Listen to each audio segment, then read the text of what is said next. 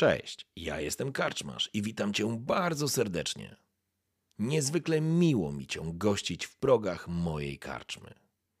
A teraz usiądź wygodnie, odpręż się i daj porwać się historii, którą mam do opowiedzenia. A jeśli spodoba Ci się to, co usłyszysz, zawsze możesz rozważyć wsparcie mnie za pomocą patronite.pl.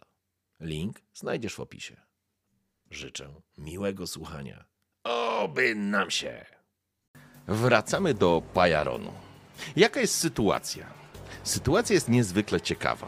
Przed chwilą dokonaliście, można powiedzieć, takiego mikroludobójstwa na, na placyku, e, właściwie pokonując. Nie, to nie jest kwestia pokonania. Wy zmasakrowaliście Iwo i jego ludzi i zaczęliście. własnej. Y, Oczywiście, e, w, z waszej perspektywy, e, zaczęliście udawać się tym, tą alejką, którą tutaj przyszliście. I to był taki moment, w którym usłyszeliście kroki biegnących żołnierzy i za waszych pleców, na początku tej alejki, pojawili się żołnierze, pojawili się strażnicy i usłyszeliście za sobą stać! I to jest moment, w którym zaczynamy dzisiejszą sesję. Jak rozumiem, Klaudiusz idzie razem z Orno, to jest ten stary dziadek. Ty go wziąłeś stamtąd, czy on tam został na tej berce, bo nie pamiętam. Tak, ja go podniosłem i go tam prowadzę, że chciałem się odsunąć od y, całej walki tego rozgardiasza. Tak, więc zakładam, że ty jesteś e, troszeczkę z przodu, e, później jest Rakard i Weles i chyba na końcu Urgo zamyka ten pochód, ale to jakby mniej istotne. Istotne jest to, że szanowni panowie, słyszycie za sobą rozkaz stać.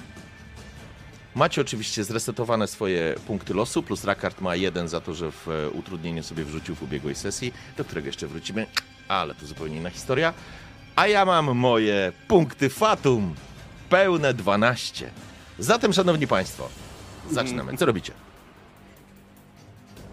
Puszczam się biegiem. Zd- zdyszani. Stoimy chyba tak, teraz jesteśmy świeżo po walce, to jest ta scena, tak? Jesteśmy w zasadzie w krwi, obtoczeni. Pierwsze Tak. co jak słyszę, to odwracam się do moich towarzyszy i mówię Panowie, nie zrobiliśmy nic złego, przecież my się tylko broniliśmy. Ci funkcjonariusze są tutaj, by nam pomóc. Nie, nie są. To jest pora, by uciekać. I Z nie niezrozumieniem spoglądam na, na mojego towarzy towarzysza e, i, i, i, i jakim, no, co tu jest nie tak? Przecież my nie zrobiliśmy nic złego. Urgo, A myślę- zaufaj mi, chociaż raz mi zaufaj.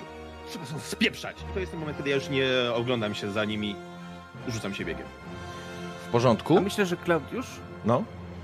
Mów. E, Klaudiusz e, nawet może nie zauważył tej całej sytuacji, tylko trzyma tego starca i, i próbuje wydobyć od niego jeszcze jakieś szczegóły, upewnić się, że wszystko jest w porządku i raczej jest e, natchniony i zainteresowany tym, że mógł poznać kawałek, jakąś nową część tego widzenia. Mhm. Tak, bo jakby jedną z tych scen po walce była jego wizja, to albo właściwie on się z tobą podzielił tym, co tak naprawdę widział. E, jakby Urgo jest zdezorientowany, Weles absolutnie nie masz żadnych wątpliwości, że ci strażnicy, którzy właśnie wsypują się do alejki, a już ich naliczyłeś przynajmniej ośmiu, oni po prostu biegną i wskazują na was palcem i na zasadzie stać! Rakard, do ciebie jeszcze wrócę. Um, ja. Czy jak daleko jestem od ludzi? Wiesz co, no odległość to jest, no przyjmijmy, że z jakieś 20, 25 metrów, może troszeczkę więcej. No weszliście, wy jesteście powoli już u wylotu tej uliczki przy drugiej stronie, przy tej głównej ulicy, więc e, macie pewien dystans. E, natomiast oni dopiero wbiegają, no ale po prostu zaczynają biec w waszym kierunku. To są strażnicy miejscy, widać dobrze uzbrojeni, to znaczy dobrze uzbrojeni. Widać na nich jakieś lśniące gdzieś tam w blasku słońca elementy zbroi, mają w rękach włócznie, mają w rękach miecze. Oni po prostu biegną do was, próbując was pojmać. Nie ma dwóch zdań. Czyli Panowie, jeśli doszło jesteśmy... tutaj... Aha, ja. dobrze. Czyli jeśli jesteśmy e, w miarę na końcu uliczki, chciałbym się gdzieś schować za róg jak, jakiegoś cienia. No i tam jakby rozpłynąć i obserwować sytuację. Rakard, jesteś łotrem. Jesteś łotrem, więc tobie będzie zdecydowanie najłatwiej rozpłynąć się w powietrzu. E, możesz oczywiście próbować i no, ponieważ jest to dzień, więc tutaj jakby po prostu chcesz się gdzieś, będziesz próbował się wtopić w tłum. Weles daje nura po prostu w, y, wprost w uliczce, w, do uliczki i zaczyna biec. Natomiast Klaudiusz trzymasz Orno, który, który bełkoce po prostu teraz, jakby nie do końca wiedział, co się z nim dzieje. No i Urgo, który jest absolutnie zdezorientowany, bo ci panowie chcą wam pomóc. Co będziecie robić? Jest tu jedno wielkie nieporozumienie. Na pewno uda nam się rozwiązać tą jakże osobliwą sytuację. Przecież nie lza tak uciekać przed funkcjonariuszami prawa. Mnie już tam nie ma. W porządku. Zatem, Klaudiusz, Urgo zostaje. Ja tak mówiłem, tak jak mówiłem. Myślę, że Klaudiusz y, jest y, bardzo zamknięty na tej przepowiedni i on nie za bardzo kontaktuje. Chciał się odsunąć od y, tamtych ciał i pewnie nawet ci strażnicy mogli mu w ogóle jakoś umknąć. On tak mocno próbuje rozkminić, co się wydarzyło. W porządku. Zwracam Zatem, się w zasadzie w stronę strażników, okej. odrzucam miecz i podnoszę obydwie ręce. W zasadzie pokazując, że nie mam złych intencji. W porządku. Zamierzam się tłumaczyć. W porządku. Oni biegną i faktycznie jest to zwarty oddział. W tym momencie Rakard i Weles, ze względu na to, że będziecie mieli więcej czasu, bo zdecydowanie Urgo i Klaudiusz zatrzymają część pościgu. Oni po prostu biegną w waszą stronę i, i faktycznie, kiedy ty rzucasz broń, oni mają przygotowaną broń i tak naprawdę stają półkolem, za nimi kroczy wyższy szarżą mężczyzna, natomiast część z nich, a ich jest dokładnie w tym momencie, w sumie jest ich tutaj 11 osób, razem z tym, z tym dowodzącym, i tak naprawdę ta grupa natychmiast wysuwa włócznie w waszą stronę. Pod ścianę! Pod ścianę! Rzućcie broń! To jest tak naprawdę pada w momencie, kiedy ty tą broń już rzuciłeś, ale prawdopodobnie masz gdzieś przy sobie jakąś, wiesz, jeszcze jakiś nóż czy cokolwiek innego. Natomiast Jak- groty włóczni świecą wam tak naprawdę przed oczami. Orna patrzy, o mój Boże, o mój Boże, co się dzieje, co się dzieje? Ja ich nie znam, ja ich nie znam, zostawcie mnie i próbuje się od ciebie Klaudiusz urwać. Jasne. Myślę, że Klaudiusz tak idzie sobie i w pewnym momencie czuje, że coś zaczyna mu się wbijać w policzek i się odwraca i widzi taką włócznię, która właśnie Okej. gdzieś tutaj go zatrzymuje y, i zaczyna się rozglądać i dopiero zauważył tych strażników. Próbuje Spokojnie. sobie w głowie sytuację. Y, Patrzę się, patrzę się na Urgo. Co się, jakby, co się będzie działo u was, już za chwileczkę do Rakarda i Welesa wrócę, to jest tak, że jakby ta grupa natychmiast doskakuje i widząc, że wy się nie bronicie albo nie, nie robicie jakby żadnych dodatkowych działań, czujecie po prostu na drzewce, drzewce włóczni, które was popychają w stronę ściany, tak żebyście stanęli przy ścianie. Ktoś słyszysz, że ten twój ciężki miecz przesuwa się po tej brukowanej uliczce.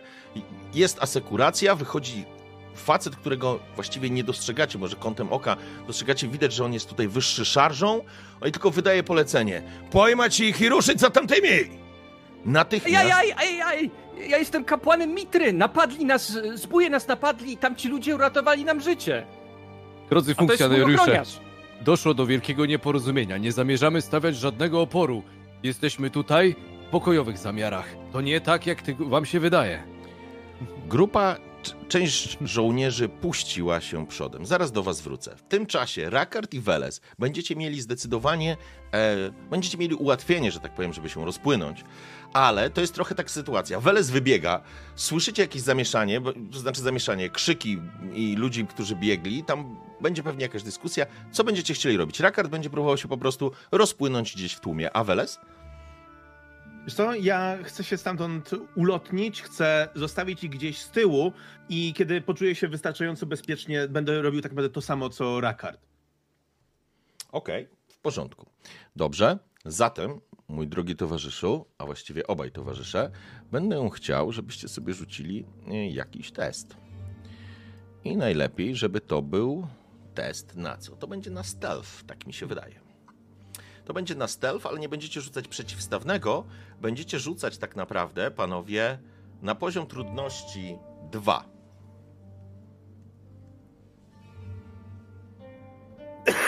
Bo macie ten czas, żeby gdzieś spróbować się, że tak powiem, wkręcić. Natomiast jeśli. y, Bo jakby oni zatrzymali chociaż na chwileczkę, spowolnili ten pościg. Dobrze więc. Cudownie! Kurde, ale zrobili ty. Trzy sukcesy. Refur? Ja mam dwa. Elegancko. To tak. To, Chłopie, zostawili nas, Klaudiusz. słuchaj, to, to jest, słuchajcie, Pozdro. więc to jest sytuacja, w której zakładam, że Rakard tak naprawdę wypadasz, ale, ale ty znasz wąskie uliczki Zamory. Ten Pajaron nie jest absolutnie, nie jest w stanie się z nim równać, ale ludzie zawsze zachowują się tak samo.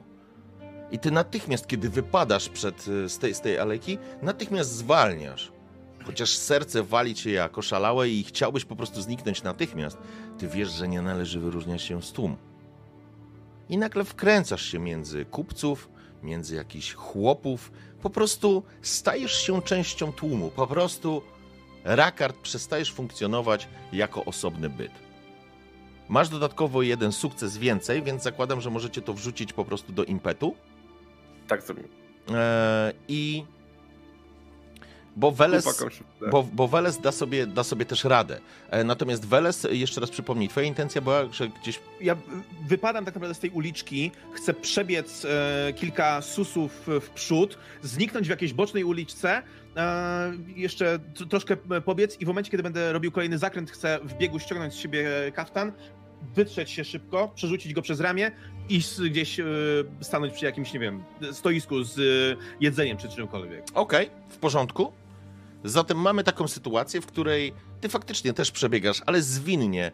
Omijasz jakiś wózek z warzywami, przeskakujesz nad jakimś leżącą skrzynią, ktoś machnął ręką, ale właściwie nic się nie stało, tylko po prostu rozpłynąłeś się właściwie w powietrzu, w, przebiegłeś, przy, przesadziłeś całą tą główną ulicę, dobiegłeś do uliczki naprzeciwko i dokładnie tak jak mówisz się wydarzyło. Opierasz się może gdzieś na jakimś, przy jakiejś beczce, czy może przy jakimś takim, niech to będzie jakaś beczka, w której woda stoi, e, w której może każdy się tam zaczerpnąć, ale ponieważ jest teraz brudna, więc raczej robią to biedni ludzie.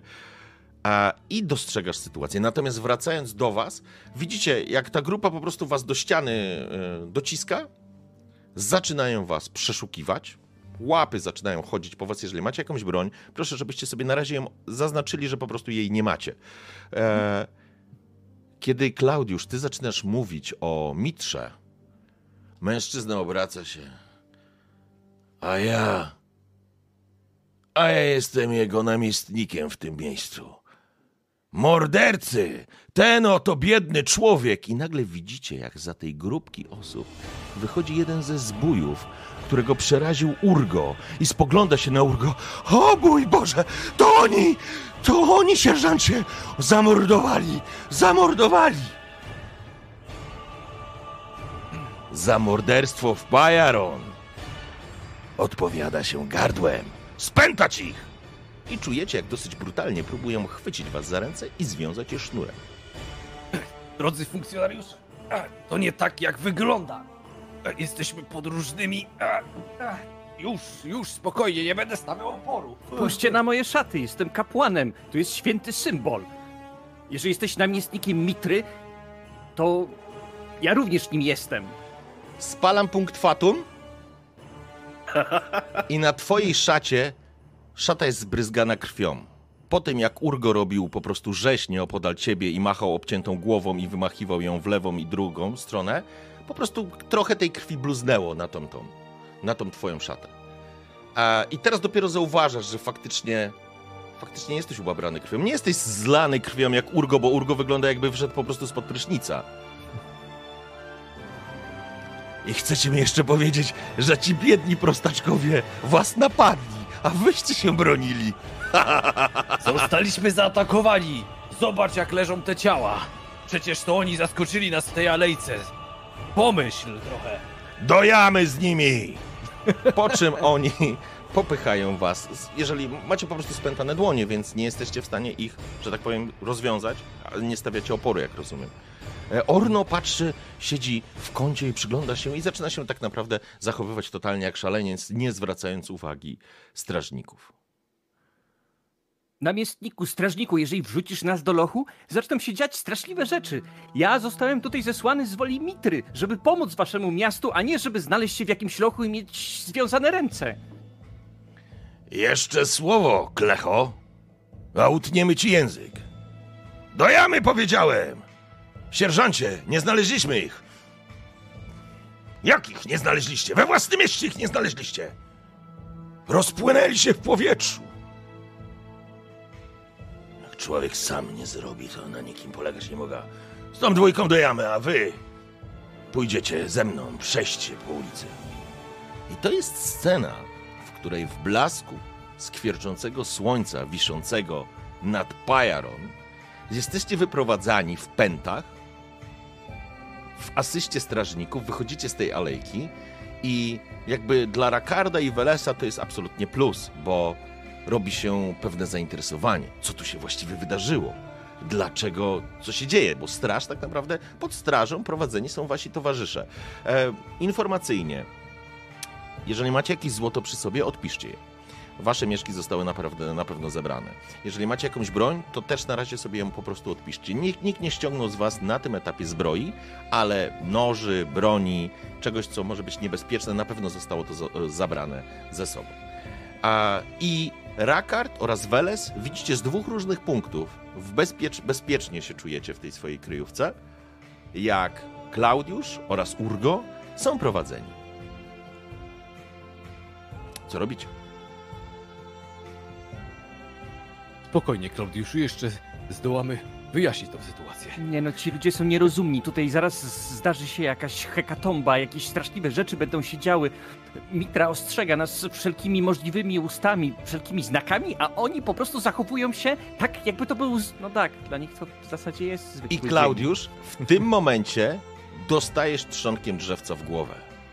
Stól mordę powiedziałem!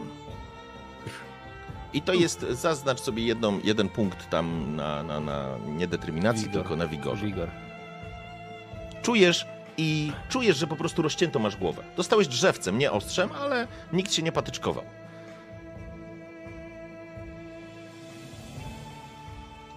Przechodzicie przez ulicę. W, no jakby w, ludzie z zainteresowaniem patrzą. Pytanie, czy dostrzegacie Rakarda i Welesa? Ja zdecydowanie w tej sytuacji nie chcę zwracać na siebie uwagę. Absolutnie. ja też bym wśród ludzi, których widzicie dookoła, nie dos- dostrzegacie ani Rakarda, ani Welesa. Najemnik i Łotr z Zamory. Teraz tak, Klaudiuszu, idziesz sobie, przypominasz te wersety o Zamorze i o tym, kogo można tam spotkać, kogo na świat wydaje się w Zamorze i Rakard idealnie pasuje, powiedziałbyś. I moje ostrzeżenia. I moje ostrzeżenia. A Urgo, ty idziesz i tak sobie myślisz, ja mu mówiłem. nie, nie, ale tak zupełnie szczerze. E, ani Rakarda, ani Welesa, ani widu, ani słychu rozpłynęli się w powietrzu. Ich nie ma. Oprócz dziesiątek twarzy, które z ciekawością przyglądają się wam. Ja jeszcze podchodzę gdzieś z tyłu i łapię któregoś z ludzi stojących, a dalej próbując e, nie zwracać na siebie uwagi. Co tu się wydarzyło? Gdzie ich prowadzą? Obraca się na ciebie jakiś miejscowy, poprawiasz taką szpiczastą brudkę. No jak to gdzie? A, widać, że nie tutejszy. Do jamy idą, do jamy idą. Nikt nie będzie się nimi zajmował. Jutro wielkie święto, Chwila, chwila. więc to, To będzie ta szybka wasza- sprawa. To jest ta wasza arena, tak? Nie, nie, jama jest zupełnie gdzie indziej. Arena to arena, będą się tam działy rzeczy. Jutro jesteś widzenie tutejszy. Przybądź, panie, zobaczysz. Jak mówicie, że warto, to będę. Ja ogólnie staram się mm, dostrzec mimo wszystko e, Welesa, żeby móc aktualnie, jak tam już pójdą dalej, e, zrobić jakieś no, podsumowanie, z- co dalej. Słuchajcie, to żebyśmy. Ja zakładam, chyba że Weles nie chce się dać, że tak powiem, ujawnić. Nie, nie, nie. Nie, ja myślę, że jakby ja spodziewałem się, co się może wydarzyć, jeśli zauważą mnie moi e, byli towarzysze. Eee, ja- jak szybko oceniam sytuację. Wiesz, jak to wie- o, o, to, tam jest Weles, on na pewno wszystko wytłumaczy. tak, z pewnością tak, Tak było. było. wy kurczę. To jest mój przyjaciel, on się zna na tych sprawach. Był tam z nami. Dobra, okej. W porządku. Ale, ale potem rzeczywiście zaczynam się rozglądać. E, nie- wiem, że nie należy wracać na miejsce zbrodni, ale e, rozglądam się za Rakardem, szczególnie, że zdaję sobie sprawę z tego, że to z nim jestem w stanie również odebrać pewne pieniądze. W porządku. Zatem Gnoje. i pakujemy dorobek i wysyłamy wam w pocztówkę. Słuchajcie, dobrze, w takim razie, e, co się wydarzyło? Jakby po chwili, kiedy tak naprawdę w konwoju strażników Klaudiusz i Urgo zostali odprowadzeni, w tym, mniej więcej w tym samym czasie również z tego, z tego zaułka, z tej uliczki wyszedł, wyszła kolejna grupa, ale już mniejsza, czterech osób i widać, że to po prostu trzech strażników i, i, i ten, ta postać, która za wami krzyczała, on ewidentnie wygląda i nosi się jak, jak osoba dowodząca, więc po prostu rozgląda się i, i widać, właściwie on się nie patyczkuje, wali w pysk jednego ze strażników na zasadzie, jakby ten nie znał odpowiedzi, a nie znał odpowiedzi. A prawdopodobnie to oni ruszyli za wami, a wyście się w bardzo dobry sposób rozpłynęli. I oni się po prostu rozchodzą tak naprawdę, trochę przerażeni, że źle wykonali polecenie. Ten sierżant e, zatyka paluchy za taki duży, ciężki, skórzany pas, wyciąga taki page, uderza go w rękę tak, tą, tą samą taką rękojeścią i widać, że jest wściekły, że umknęliście mu. Po czym obraca się i rusza również. Ale jakby jesteście na tyle bezpieczni, że nikt was nie zauważył. Jeżeli coś byście zrobili dziwnego, to tak, ale w tej sytuacji jesteście totalnie zabezpieczeni.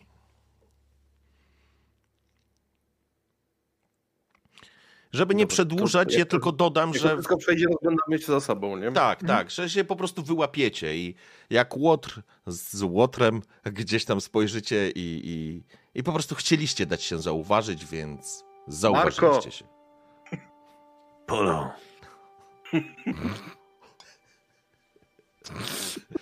Nie mogę, nie mogę. Podchodzę, do, staję gdzieś obok ciebie, em, opieram się o ścianę. Ja się No. przyglądam niby jakiemuś straganowi, tam, tamtego i właśnie...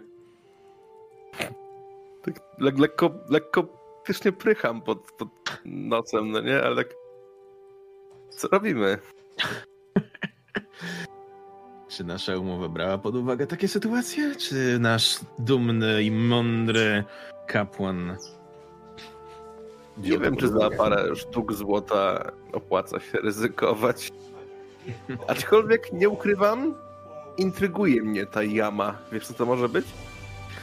Mówią, że to są te ich tutejsze sposoby na bandytów. Swego rodzaju jakieś więzienie. A brzmi, jakbym nie chciał się tam znaleźć. Wasz punkt impetu się rozpływa.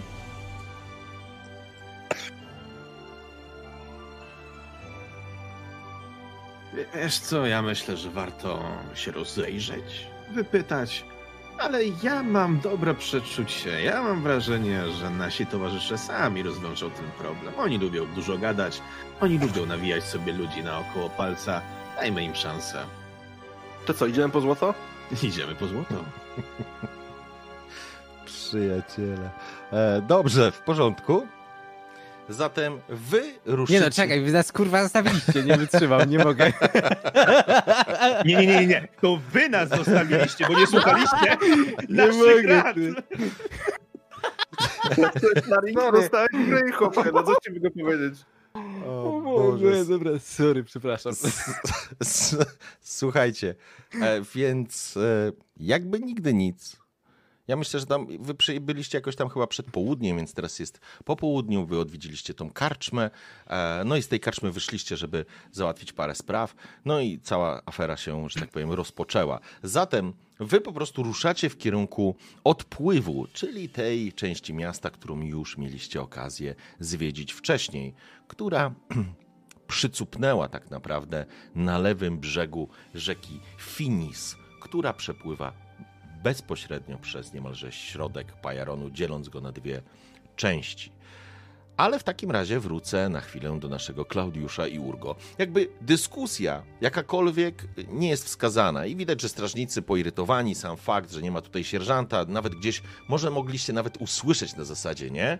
Coś takiego, rozmowę między dwoma strażnikami, którzy, którzy was prowadzą i myślę, że nawet usłyszeliście, że Izan się wkurwił. Izan się wkurwił. Będziemy mieli przejebane. Jak tym debilom uciekło tych dwóch bandytów? Mnie się pytasz? Trzymałem tego wielkoluda i, i zastanawiałem się, czy będzie problemy stawiał. Jutro. Drodzy, Jutro. chciałem Fes... się- No, chcesz, jak chcesz im przerwać, to musisz liczyć się z tym. Słyszałeś, jak Ja potraktowali sobie Klaudiusza, nie? Tak, tak, tak. Drodzy funkcjonariusze prawa, myślę, że nasze zachowanie zasłużyło, aby powiedzieć nam, dokąd zmierzamy. Do jamy idziesz! Do jamy idziesz! Morderco! Razem z tym swoim koleżką. Obrona Czym ta własna. jama jest? Czy ty słyszałeś? Widziałeś, co oni zrobili? Zarżnęli prawie 10 osób na placu. Obrona własna. na mitrę. W takich sytuacjach to Panowie raczej drodzy. my ich, a nie oni nas. Panowie drodzy, ale te wszystkie problemy i to, że wasi koledzy nie znaleźli tamtych dwóch, wszystko to można obrócić w niepamięć. Jeżeli jedną rzecz zrobicie i ktoś z was pójdzie do świątyni i przyprowadzi tu jednego z kapłanów, a wtedy wszystko minie i nie będzie żadnego problemu. Bo faktem jest, że ja kapłanem jestem. I jeżeli zrobicie mi krzywdę, to nie tylko Mitra e, może, jeżeli jesteście niewierzący, patrzeć na to jako na niezwykle czyn niegodziwy, ale też cała świątynia. Nie róbmy tego, nie róbmy sobie problemów. Jesteśmy przyjaciółmi, kochajmy się wszyscy, pomagajmy sobie. Patrzą na Pójdźcie po ciebie i widzisz na ich twarzach, na tych takich twarzach takich prostych strażników z miasta, takich no, takich zaściankowych mocno, maluje się wyraz głębokiej zadumy, co raczej nieczęsto musi się na tych twarzach malować. Oni są zaskoczeni w ogóle sposobem, w jaki do nich mówisz. Po czym wybuchają gromkim śmiechem. Ha, ha, ha! Jak będziesz miał szczęście, kudłaczu, bo ty jesteś blondynem. W przeciwieństwie do mnie nie mogę powiedzieć, że masz długie, że mam długie, piękne włosy, ale Klaudiusz ma piękną, złotą grzywę. Jak będziesz miał szczęście, blondynko, to w jamie spotkasz kogoś do kochania. Po czym wypychają was, to znaczy idą i kończą z wami jakby rozmowę, nie chcąc absolutnie dyskutować. Jasne, Ale- czy... Mhm. No, Bo się zastanawiam, czy jestem w stanie użyć jakiejś swojej umiejętności, żeby ich przekonać do tego. w tym momencie, jeżeli oni będą chcieli dyskutować, to musi być to ich sierżant. Oni dostali rozkaz i to są prości, prości ludzie. Jeżeli musiałbyś... To byłoby po prostu niezwykle trudne, żeby w ogóle ich zainteresować. Ale jeżeli chcesz... Kurczę, Klaudiuszu, nie denerwujmy tutaj funkcjonariuszy. Zagrajmy Mnie niezwykle, niezwykle trudne rzeczy interesują. Okej, w porządku. Czekaj, sprawdzę, jakie są maksymalne poziomy trudności. Testy umiejętności. Poczekaj, zaraz sobie zobaczę. Nie, bo nie pamiętam. Jak widzisz, Klaudiuszu, ci panowie są mocno zapracowani. Nie zaprzątajmy im głowę. Na pewno uda nam się wyjaśnić tę sytuację. Ja myślę, że są i mądrzy, i mają dobre serce, i z pewnością będą chcieli pomóc. Morda w kubeł! To znaczy tak, każda rozmowa jakby na tym się kończy, ale faktycznie, jeżeli masz ochotę, ja pozwolę ci absolutnie skorzystać, tylko muszę znaleźć... Kurczę, patrzę i co, nie ma tutaj? To już dziwne, żeby nie było. No patrz, a nie, tu jest! Kurde, no człowiek pod latarnią zawsze najciemniej. Słuchaj, ja ci powiem tak. To będzie poziom trudności koszmarny, czyli musisz mieć cztery sukcesy. O kurwa. Cztery Dobra. sukcesy. Pal fortunę, stary. A Pal jaka jest, fortunę. jaka jest twoja intencja, chcę tylko wiedzieć? Moja intencja jest taka, żeby przyprowadzili po prostu kapłana, który z nami porozmawia. Dobrze. Okej. A jak już będziemy wśród swoich, to moim zdaniem pójdzie do przodu. Yy, dobra, to tak. To ja spalam w takim razie jedną, jedną fortunę. To Pal zostaną dwie, stary. Zaś dwie. Nie no, musi być jakieś Stary, ryzyko. musimy mieć cztery sukcesy, musisz mieć, stary. Ja jestem musimy- zajebisty. To ty musisz mieć jedną fortunę i trzy sukcesy, przecież to jest niemożliwe. Pal dwie, mówię. Nie no, poziom trudności cztery, czyli muszę mieć cztery sukcesy. Tak, Cztery sukcesy, to fortuna daje ci jeden, a później jeszcze musisz Nie, nie, trzy fortuna, jedne. Fortuna daje mi daje dwa. tak, A, fortuna o, daje dwa. no dobra. dobra Urgo, spokojnie. Dobrze, Może weź kość to do poczekaj, tego. to wiesz co, ja podbiję, wydam punkt fatum i podbiję w takim do razie tego. do piątego, na pięć. Do... Oho, okej, dobra, to już się robi wtedy... Hmm, hmm, hmm, To już właśnie dwa jeszcze spoko, ale jak już karczmasz tutaj tak se stwierdził, że nam przeszkodzi, to taki się nazywa profesjonalny dick move tak zwany. Słuchaj, nie mam punktów losu, więc muszę się czymś pobawić. Ale możesz kupić sobie za dwa punkty fatum dodatkową kostkę, gdybyś bardzo chciał. Ja To ci ja chętnie ku- sprzedam. E, Teraz za dwa? Co? To jest inflacja? Nie, nie, przepraszam, To- za jeden, za jeden punkt fatum, sorry. sorry. To, to ja kupię tą kostkę. To ja kupuję tą kostkę. Wiesz co, Naprawdę Mitra kupisz? patrzy i się normalnie obraca w niebiosach tam. Nie, jest heroiczny, to już jest heroiczny wyczyn. To znaczy, z czego to wynika? Żeby to nie było tak, że Mhm. e, oni są po prostu koszmarnie przerażeni, oni się boją swojego sierżanta. Oni wiedzą, że już mają przerąbane i jeżeli by zrobili coś, co, co by w ogóle nie zadziałało, no to będzie klops. Oni są po prostu przerażeni. Dobra. Także dałeś mi punkt fatum, więc ja tylko informacyjnie. Masz dodatkową kostkę, mam trzy, mam sześć, Dwa dziewięć. sukcesy już masz, jeszcze Mam trzy 11. musisz rzucasz trzema kostkami. Trzy sukcesy. Pięć sukcesów łącznie. Oh my god! Rzuciłeś? Świr! Wy zro... wszystko zrobił. Czy ty miałeś poziom trudności 19 na tym? On ma 19. Mam 19. I Wow. dodaję na koniec mojego wywodu, bo wiecie, jak się pomaga świątyni, to świątynia pomaga wtedy tobie. Świątynia zawsze oddaje, to prawda.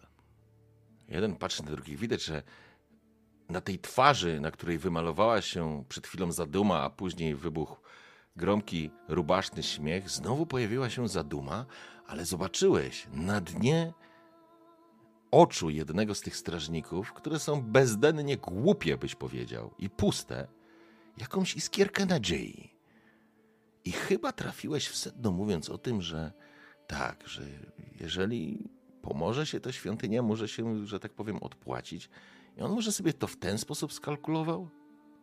Obraca się do tego swojego kolegi. Słuchaj, umówmy się tak. Ja skoczę do tej świątyni. Co ty skupiałeś? Wyrwie ci ręce. Nie, nie. Ty mnie będziesz krył. Chyba cię popierdoliło. Nie, ty będziesz mnie krył, a ja ci... A ja ci ten dług z karczmy anuluję. Potrzebuję chwili. Ledwo dojdziecie do jamy, ja już będę na posterunku. Dlatego blondasa to robisz? Głupi nie dla blondasa, ale jeżeli mówi prawdę, to może z kapłanami się dogada. Obraca na swoje ryzyko. Po czym obraca się? Jeśli mnie wystawiłeś, blondasie, to w tej jamie nocy nie przeżyjesz. Po czym obraca się i odchodzi od was. E, Tamten coś przeklnął, a wy maszerujecie dalej. No kurde. Jaki OP jest ten kapłan. Trzeba go znerfić. Nerf priest. Dobra, okej. I co Myślę, dalej? że w więzach to, to mimo to mm, idzie, yy, idzie Klaudiusz taki rozpromieniony teraz. To słońce jest, które świeci w jego twarz, która może jest jeszcze pobryzgana trochę krwią, ale dzień, dzień znowu zaczyna być dobry. Mitra jednak po prostu wystawił go na próbę. Heroiczny test zdać? Kurde, w ogóle jaka dzicz. Niesamowite. Prawdziwy barbarzyńca. Fan, fantastycznie. Dobrze, więc słuchajcie, ja tylko to przeskoczę, bo jakby ostatecznie jakby będzie ta, taka sytuacja, że przejdziecie przez jeden z kamiennych mostków, który jest zawieszony i wejdziecie faktycznie do takiego budynku, właściwie nawet nie budynku, takiego otoczonego niewielkim murem z, z jakąś tam bramą, rzecz jasna nad bramą jest strażnica, drzwi są otwarte, więc wchodzicie, jest taki kamienny budynek piętrowy z niewielką wieżą i na placu, który jest teraz rozgrzany, bo to jest e, popołudniowe słońce, jesteśmy w Zingarze, więc to jest taki klimat hiszpański, więc jest gorąco jak cholera. E, Unosi się kurz, nie ma tutaj deszczu, nie spadł deszcz teraz, więc, więc to wszystko unosi się pył i kurz i smród tak naprawdę. No i oni tak naprawdę podchodzą, wy jesteście prowadzeni, widać, że na tym placu jest taka krata położona i dwóch z nich podnosi tą kratę i was wrzucają do tej jamy. To nie jest tak, że wy spadacie nie wiadomo ile. Tam głębokość jest taka, że nie sięgniecie po prostu z góry. To znaczy, jeżeli sami zeskoczycie, to nikt was nie będzie tam wpychał. Ale zakładam, że nie będziecie robić a, teraz żadnej, ża- żadnego oporu, chyba że chcecie, to oczywiście droga Nie, wolna. Nie, nie, Spokojnie sami wej- wejdziemy. I tak naprawdę, za dużo tego naprawdę, tak naprawdę. Ostatni element, który widzi w tym momencie Klaudiusz i Urgo, zanim przeskoczę do Rakarda i Welesa, to jest ta krata, która opada na was i ten cień w ciemności, że tak powiem, jest taka kratownica na, na, na klepisku, śmierdzi tu strasznie. Widać kilku nieszczęśników porozkładanych po kątach, na jakichś barłogach, spoglądają się na was z zainteresowaniem.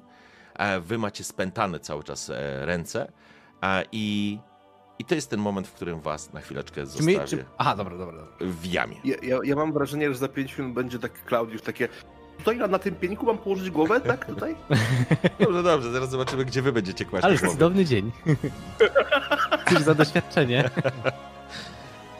Dobrze, zatem e, Rakard i Weles. Kiedy trafiliście do, do tej dzielnicy o kiepskiej renomie, coś, coś ta muzyka za, zadoniosła jest na ten moment, w którym wy jesteście, musimy to gdzieś zmienić. Tak wyobrażam sobie, że taki pies wchodzi i zaczyna się załatwiać do tej muzyki. Taki Tak, szczur przebiega taki. Tak mogłoby być, tak mogłoby być.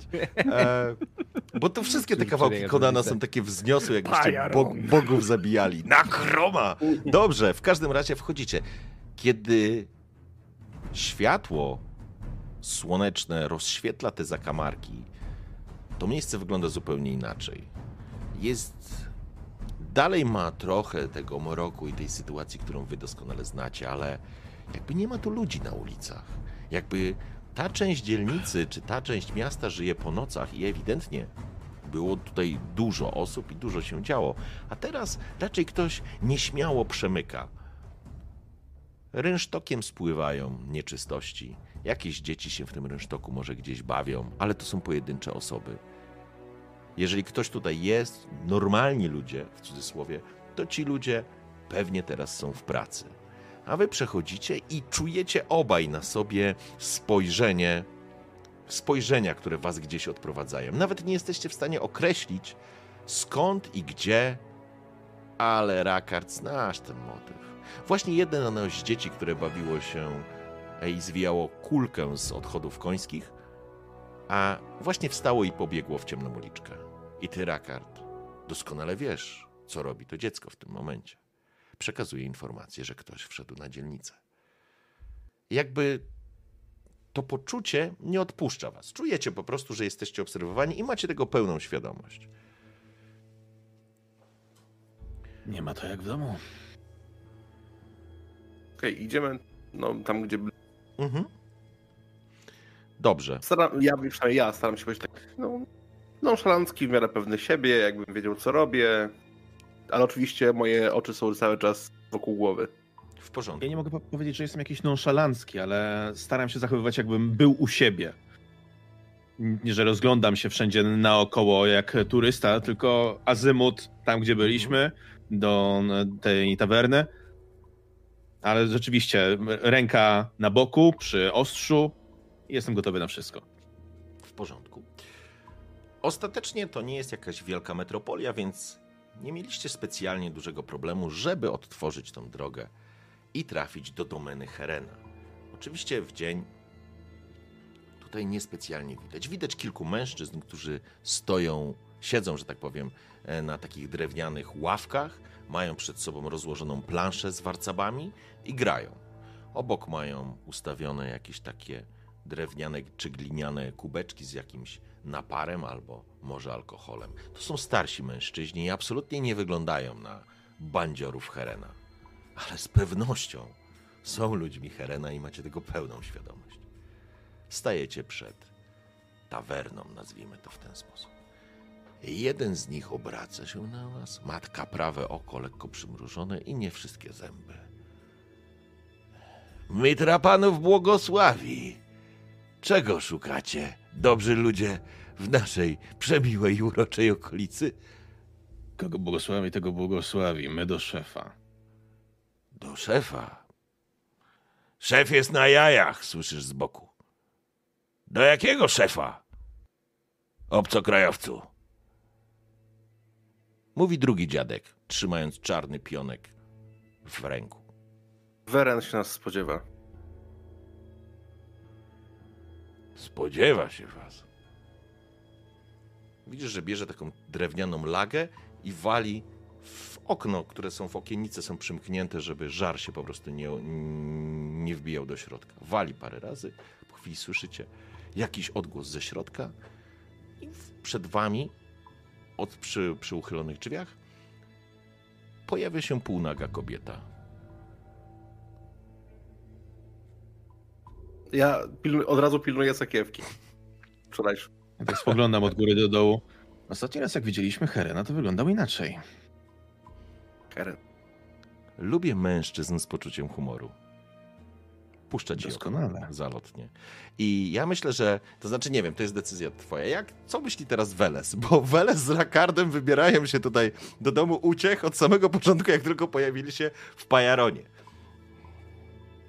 E, wiesz co, ja jestem zdecydowanie mm, otwarty na takie propozycje, ale prawda jest taka, że ja tutaj w tym momencie jestem po to, żeby załatwić pewne rzeczy i mi w głowie, głowa już pracuje nad tym, jak można by ich stamtąd wyciągnąć. I wiem, że żeby to zrobić, prawdopodobnie będziemy potrzebowali pieniędzy. Więc jakkolwiek e, na to e, puszczenie oczka mm, uśmiecham się w dosyć nieprzyjemny sposób, to bardziej jednak skupiam się tutaj na tym, żeby domknąć pewien temat. Widząc, że nie zadziałała, nie zadziałał jej urok, a urok osobisty ewidentnie jest jedną z jej silnych stron, obraca się lekko naburmuszona. Interesy, zawsze to jest najważniejsze, zapraszam. E, rozumiem, Na wszystko jest miejsce i czas. Obraca się. Uśmiecha się ponownie, jakbyś dał jej pewną nadzieję. Po czym zwraca się tylko, mam nadzieję, że potraficie się zachować. Proszę za mną. Po czym wchodzi kokieteryjnym krokiem przed wami, a w środku unosi się zapach tych palonych kadzideł, jakiś ziół i oczywiście jest gdzieś heren, którego wachluje teraz kilka kobiet, które pełnią rolę jego, może nie straży, ale na pewno eskorty a straż zdecydowanie widać również niedaleko niego. Czuje się absolutnie bezpiecznie. On rozwalony jest tak naprawdę na, nazwijmy, to nie jest kanapa. To słowo znowu mi uciekło, ale, ale wiecie o co chodzi. Trochę jak e, w Rzymie rozłożony jest w alkowie, tylko że to nie jest alkowa. Jest niemalże, czuje się trochę tutaj jak król. Nie ma absolutnie ludzi, więc ktoś tam się krząta, gdzieś ktoś sprząta, mm, ale jakby tawerna jest wyłączona. Heren wstaje w tym momencie. Dzień dobry, witam was. Jestem zaskoczony. Tak szybko. Dzień Mój dobry. człowiek Od wrócił. tego zacznijmy. Wszystko się zgadza. To nas cieszy. Możemy być złodziejami, ale mamy swój honor. Rozumiem, że przybyliście po drugą część wypłaty. Jak najbardziej. Zapraszam. Wskazuję miejsce. Ruszam w tamtym kierunku. I, słyszy, I słyszysz kobietę, która ci szepcze do ucha. Lubię mężczyzn z pełną sakiewką, po czym ty przechodzisz dalej. I wiesz co, Feles? Ja cały czas, ja cały czas pilnuję swojej.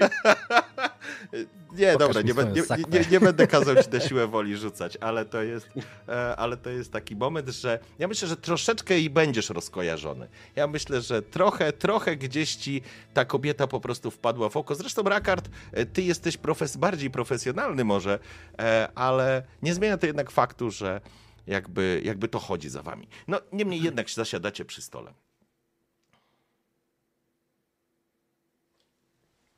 Dobrze więc. się napijecie? Kim jesteśmy, by odmówić? Chętnie. Jedna z kobiet natychmiast przynosi dwa pucharki i nalewa do niego, do nich jakiegoś wina, przyjmijmy. Mężczyzna Unoszę. sięga. Okej. Kielich w stronę Heres. Herena. Heren. Herena. Tak. W takim razie proponuję za dopięte biznesy i za to, żeby nie być nic nikomu nigdy win, winien, winnym. Uśmiecha się. Ależ oczywiście. Wasze zdrowie, wszystko się zgadza. Lubię uczciwych złodziei. Uderza e, pucharkiem o wasz, po czym popija. Popijam i pytam, zadowolony towaru? Tak, wszystko jest zgodnie z opisem, a to jest wasza część. Po czym sięga tak naprawdę ręką do takiego, takiej skrzyneczki, którą uchyla i natychmiast Rakar dostrzegasz. Tam jest dużo więcej niż to, co niż to, co wam się należy. Och, jak to się tam ładnie zalśniło w blasku jakiegoś promienia zabłąkanego, jakiś klejnot błysnął. Och, Rakardzie, tak jak przed chwilą Welesowi trudno rozminąć się z myślą tej pięknej kobiety, która gdzieś tu się przechodzi i jej specyficzny zapach perfum gdzieś za nim się unosi, tak Rakardowi złoto i te klejnoty zalśniły przed oczami. Natomiast Heron jakby jakby od niechcenia, jakby was testował. Sięga po prostu po ten mieszek i kładzie przed wami. A ja wypuszczę psa w tym momencie i wrócimy do naszych więzi.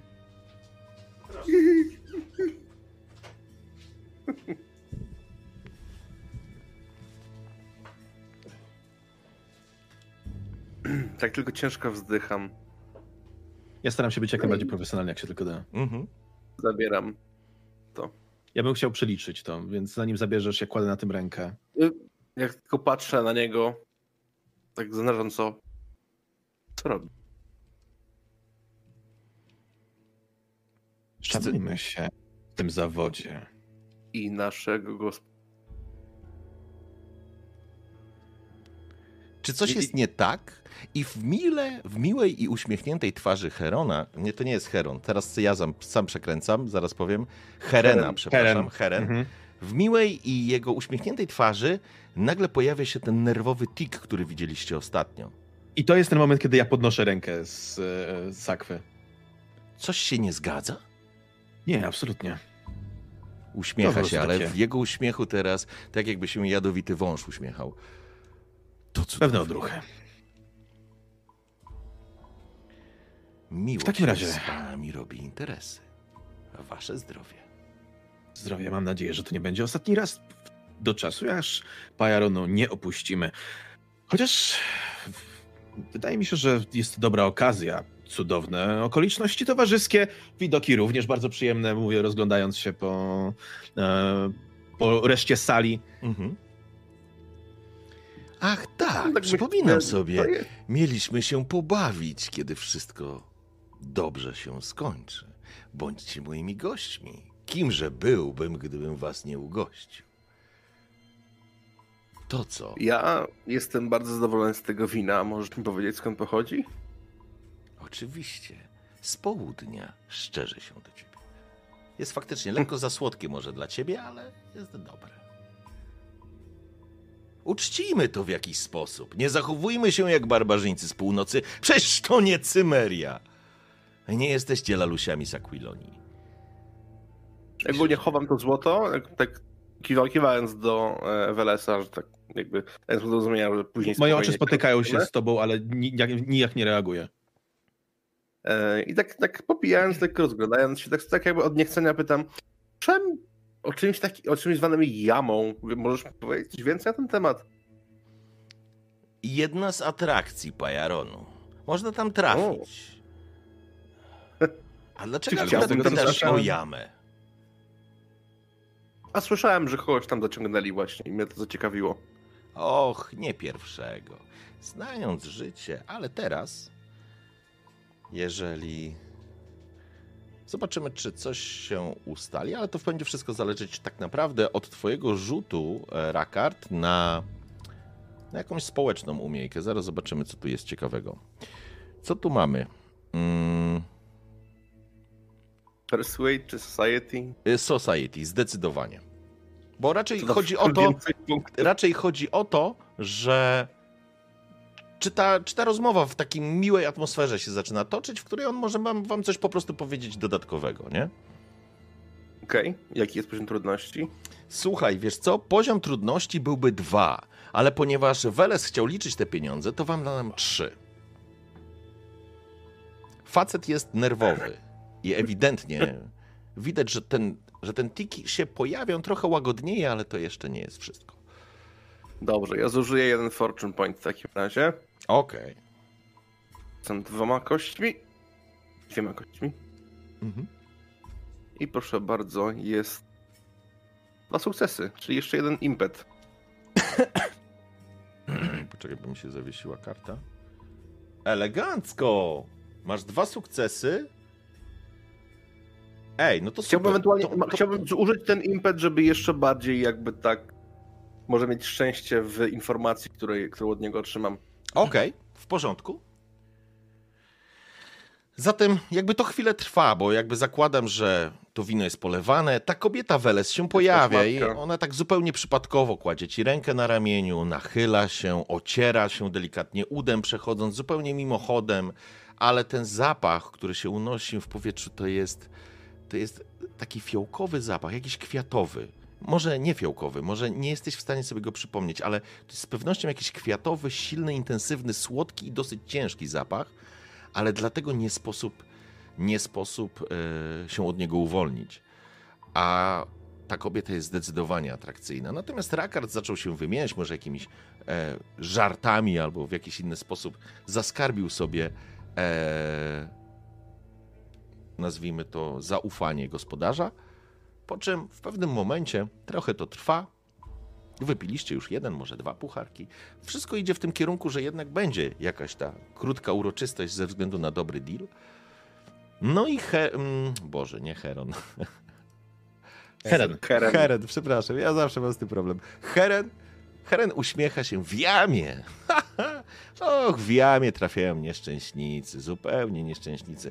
Albo ktoś ich tam zabije, albo, albo zgwałci ewentualnie, ale mają dużą szansę, mają dużą szansę. Jutro przecież są urodziny Sadika, naszego króla, więc może ktoś ich po prostu wypchnie na arenę. Ale znając przedsiębiorczego sierżanta, jestem przekonany, że sprzeda ich Dario.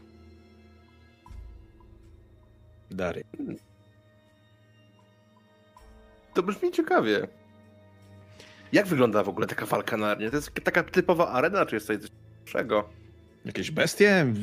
Jacyś ochotnicy? Zależy, co Dario przygotuje. To mogą być bestie, ale ja już wiem. Zresztą całe miasto wie. Wiadomo, że No tak. ściągnięto piktyjskich barbarzyńców, osławione czerwone czerepy. To będzie piękna masakra. No, pięknie. Brzmi faktycznie ciekawie.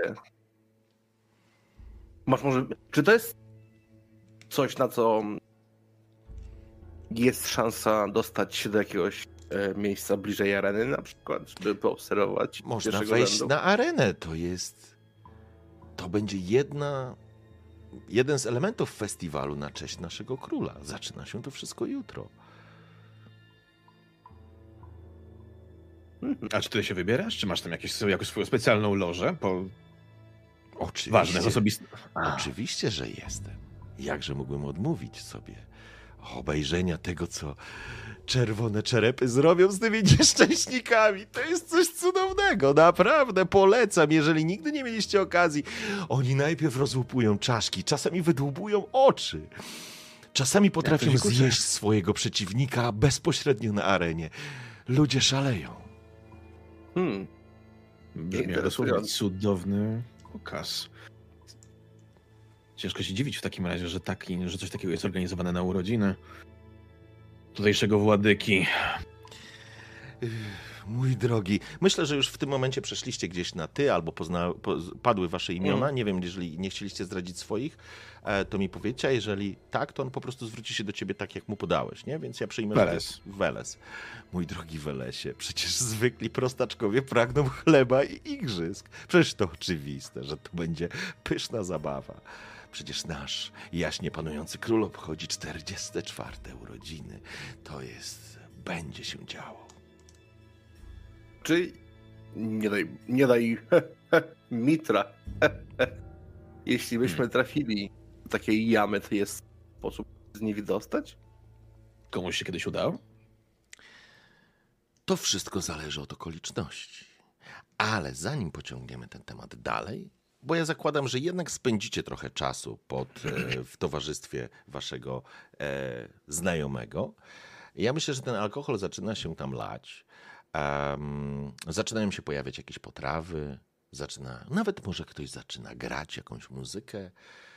Po chwili różne rzeczy zaczynają się dziać, ale takie imprezowe, takie na uroczystość, takie, na taki biforek powiedziałbym, przed tym, co się będzie działo na drugi dzień. Ale zanim to wszystko przeskoczmy do naszych przyjaciół w jamie. Gota wizja, te twarze czerwone. Co to może oznaczać? To wszystko jakoś tak się łączy, ale się nie łączy. Za mało mamy informacji, żeby cokolwiek zrobić. Ho, ho, ho! Jaka ładna panienka przyszła do jamy. Słyszycie głos spośród ciemności. Jama jest głębiej, oczywiście jest wykopana trochę na zasadzie takiej przysadzistej jaskini, więc ten snop światła wpada bezpośrednio na was. Ja rozumiem, że zeszliście troszeczkę z tego, ale te wszystkie rogi i ciemne miejsca są poukrywane. Po czym z jednego z nich słyszycie po prostu głos. Dobrze, to w zasadzie z, mniej więcej jestem w stanie dosłyszeć, z której Nie, strony to absolutnie, to w ogóle to Tak, żadna tak, no. tajemnica. Jest. Że tak to powiem, zastawiam mojego przyjaciela Mhm. i zwracam się. Klaudiuszu, Urgo, ten człowiek ze względu na moją e, wątłą i delikatną budowę ciała po prostu pomylił mnie z niewiastą. A więc Kla- dobry człowieku, przerywam, gospodarzu, jak przerywam rozumiem, ci. Klaudiuszu, Tak. czy jesteś w stanie podrapać mnie po plecach? I nastawiam ci moje ręce związane. Staję, jakby staję, masz moje plecy przede mną, stoję przed tobą i podaję ci moje rączki Mhm. do tyłu. Czy chcesz mnie podrapać? Rozumiem, że sugest... w sensie, bo jesteśmy związani cały czas, Tak, tak? macie spętane ręce i one są za waszymi plecami związane I podaję ci Okej. rączki moje. Y, Ja, o, oczywiście, nie ma problemu. Tutaj będzie dobrze? Słyszycie z boku jakiegoś szaleńca, który zagląda, tylko się świecą oczy odbijające się te światło. Natomiast z miejsca, którego, z którego padł głos, faktycznie wstaje jakiś zwalisty typ. Ale zanim wstanie, co robi Urgo i Klaudiusz? Klaudiusz próbuje mi rozwiązać ręce. Tak jak sugeruje, czy nie? Rozumiem, że sugestia jest oczywista, tylko ja też mam związane ręce, a więc pytanie, czy jestem w stanie jakoś spróbować to zrobić. Spróbować zawsze możesz Mhm. i ja zachęcam, ja zachęcam do tego, Mhm. ponieważ... Wiesz, e, ja jestem jak ściana taka trochę tak zasłaniam, nie? Co się będziesz tam kombinować. tak, ty, ty wiesz, Tylko ty, raczej szybko. Różnica między wami, postura jest po prostu w ogóle nie do porównania, więc jakby absolutnie stojąc tyłem do niego, no będzie to wyzwanie, Klaudiuszu, ale ja lubię wyzwania i ty też lubisz wyzwania, więc... Ale innego rodzaju wyzwanie. Nie, nie, słuchajcie, no stres, no stres, ciekaw jestem tylko, co się wydarzy. E, Urgo i Klaudiusz, zatem, jak rozumiem, Klaudiusz będziesz próbował rozwiązywać, jakoś szukać Zgadza się. Cicho. Dobrze, w porządku. Zatem e, dobrze. Cudownie. Zobaczmy, co możemy rzucić. Poczekajcie, poczekajcie. Gdzie to jest? Co możemy Będzie rzucić? jakieś a- agility, jakieś Coś będzie z acrobatics, agility, myślę. Nie, to nie do końca, bo to, co mamy, acrobatics, to niespecjalnie. Albo athletics. Może kraft. Brown. Słuchaj, ale ja mogę zrobić tak. Kraft to raczej nie, bo musiałbyś mieć jakieś narzędzie albo coś przy tym, z, wiesz, pobawić się przy tym. Może, a co powiecie na to, żebyś, możemy zrobić, spróbować zrobić to na dwa sposoby. Możemy spróbować to zrobić tak, że to będzie złodziejstwo na zasadzie zwinnych palców. Chyba, no, chyba, że jakieś macie lepsze. Myślę, Ewentualnie... myślę, że zdecydowanie nie powinno być złodziejstwo. Tak, Ewentualnie, No, tak, Urgo, pomagasz. jesteś potężnym Nie- typem. I ja ci pozwolę pomóc Klaudiuszowi to zrobić, bo to jest Mhm. sznur. Więc Tak. ja zakładam, że od momentu, kiedy ci związali, ty cały czas napinasz. Nie to, że ty chcesz zerwać to, ale jakby myślę, że to jest naturalne, że po prostu wiesz, Tak, tak. próbujesz trochę poluzować to. I jeżeli zdasz test na Athletics, to będziesz mógł pomóc Klaudiuszowi w jego, w jego rzucie. ruszamy. Dobra, no to co? Ponieważ, Klaudiuszu, ponieważ stawka jest taka, że robisz to na ślepo, masz ręce związane z tyłu, więc będziesz musiał grzebać przy tym sznurze, to poziom trudności na ten test, e, gdzie ja to mam? E, słuchaj, No, No dobrze. to będzie, to będzie trudne zadanie. To będzie w tej sytuacji, to jest koszmarny poziom trudności. To są cztery sukcesy. Mhm. No to nie, to raczej nie do zrobienia przeze mnie. Musiałbym spalić pamiętaj, Nawet, nawet paląc wszystkie... Ja też- ja ci pamiętaj, pomogę, że nie? Urgo ci pomoże. Mm. Urgo ci, Ja to robię na atletykę, a ja mam dosyć sporo. jeżeli ci wyjdzie atletyka, to znaczy ja to uznam, że poluzowałeś sznury na tyle, że dla ciebie, Klaudiuszu, łatwiej było znaleźć lukę. Ja tylko muszę zobaczyć. I macie jak- punkt impetu. I punkt i pozwolę wam skorzystać z tego punktu impetu. Okej. Dla mnie git. Dla mnie git. Ja nie mam, nie mam treningów tej umiejętności, a więc maksymalnie mogę, no to są trzy, suk- powiedzmy, trzy sukcesy, jeżeli spalę całą fortunę i zostanie, zostanie mi jeszcze rzut, ale rzut na yy, 1-6, nie? A więc- Fortuna, Fortuna daje dwa sukcesy z bomby. Nie, nie, nie, Możecie- nie, nie. Jak masz wytrenowaną umiejętność. Aha. Tak, bieg- to jest jeden. Ale możecie dokupić sobie dodatkowe kości. Macie jeden punkt impetu, więc masz kość od razu. Możesz dokupić dwie kolejne kości, do trzech maksymalnie. E, za i- za możesz fatum. wydać fortunę. Albo dać fatum, nie? Mi. I jak ty wydasz fortunę, to wtedy ty będziesz mieć, bo masz, jeżeli masz atletykę, to wtedy ty będziesz mieć minimum dwa sukcesy yy, i będziesz rzucać jedną kostką i to są potencjalnie trzy i wtedy ja wydam jedną fortunę i wtedy będziemy mieć całkiem niezłą szansę. Pamiętasz, pamiętasz, jak pomoc działała? Bo nie mogę znaleźć tego Tak. w podręczniku. Rzucasz jedną kostką, i, ale możesz dorzucić sobie też samemu jeszcze fortunę do Mhm. tego. yy, I, I wszystkie potem, sukcesy są zliczane. Jeżeli mi się uda. Tak, tak, to wiem, że ty musi się udać. Dobrze, w porządku, ja jestem na tak. To Więc co, ja palę Fortunę w takim razie. najważniejszy rzut jest Klaudiusza tak naprawdę, bo on decyduje, czy, czy, czy w ogóle to wyjdzie. Bo jak jemu nie wyjdzie, to, to, to jakby twoja pomoc jest spalona na, e, wiesz, to No napad co, to ja mam najpierw na pomoc rzucić? Rzucasz Najpierw. jedną kostką, tak. Tak, No to rzucę atletykę moją. E, Dice 1, tak? tak. I dla ciebie to będzie prosta sprawa. Jakby poziom trudności tutaj nie będzie, nie będzie kłopotem. Będziesz miał tylko poziom 2. To jest przeciętny. A nie, przepraszam, nawet jeden tak naprawdę. To nie będzie kłopot, bo ty jesteś kawał chłopa i tutaj jakby No, no już zresztą dałem radę, no. Rzuciłem Dobra. już, nie? Okej, czyli Y- tobie się udało i masz jeden sukces. Ty z fortuną trzy sukcesy. Tak, jeżeli Tak. spaliłeś w punkt fortuny, to wtedy masz trzy Spalam. sukcesy. Okej? Mam trzy sukcesy. I ja też spalam i wtedy mamy już pewny sukces i najwyżej wygenerujemy sobie jeszcze Jeszcze, masz tą impet. kostkę z impetu, to trzy kostki masz. Wie, wiesz, nie będę rzucać, bo mam super małą szansę, a więc rzucę tylko tym, co mam w podstawie i spalę fortunę. Dobrze. Zatem, zatem możemy tak to zrobić. Wy możecie również punkty losu jakby skorzystać. Pamiętajcie o tym, że tutaj O to jest kurwa! dobra podpowiedź z czatu. Trzy sukcesy ja wygenerowałem i łącznie sześć sukcesów mamy. Słuchajcie, e, czyli bez palenia fatum od chłopaków? Oni sami stamtąd wyjdą. Yy... Tak, tak, tak. tak. Nie, z Fatum jeszcze żadnego. Nie, i tak, impetu nie zużyliśmy, do impetu, impetu, dodaliśmy nawet. Okej, czyli to- macie w puli jeden punkt impetu, a teraz masz sześć sukcesów, tam było cztery, czyli macie dwa dodatkowe punkty. E, kurczę, to ja powiem ci tak. Spal jeden punkt impetu i zrobicie to bardzo szybko. Do tego stopnia, że tak naprawdę Urgo będzie mógł już zareagować z wolnymi rękoma, jak to coś z tamtej, spod tamtej ściany po prostu podejdzie do was. Chyba, Jeszcze że wolicie a, nie. Tylko w sensie po, po, powyżej mamy- tych ma- sześciu jeszcze spalić? Czy w Mamy nie, trzy nie, nie. impety. Bo- Pięć. Mamy trzy impety, jeden impet Dob- spalmy. Dobra, to robimy to. to robimy Dobrze? To. I jeszcze Zatem- dwa nam zostają impety. Zatem macie w puli dwa impety, szanowni panowie, i to jest moment, jak ty tak naprawdę, Urgo, bo ty tylko ty widzisz, tak Mhm. naprawdę Klaudiusz jest obracony tyłem, więc czujesz jego ręce, które po prostu latają po tym sznurze, Ja szukając z zębami to muszę robić. Ja, ja myślę, że tam albo zębami, gada do tego okej. człowieka. Ten, szla, ten szlachetny pan pomylił mnie po prostu pewnie z jakąś niewiastą i nie ma na pewno żadnych złych zamiarów. O! I na pewno jest bardzo dobrym człowiekiem, który kocha Mitrę, a Mitra kocha Fu, jego. I to, I to jest moment, w którym ty, Urgo, widzisz jak... Stary, ta, ta scena tak... Tak, a ty...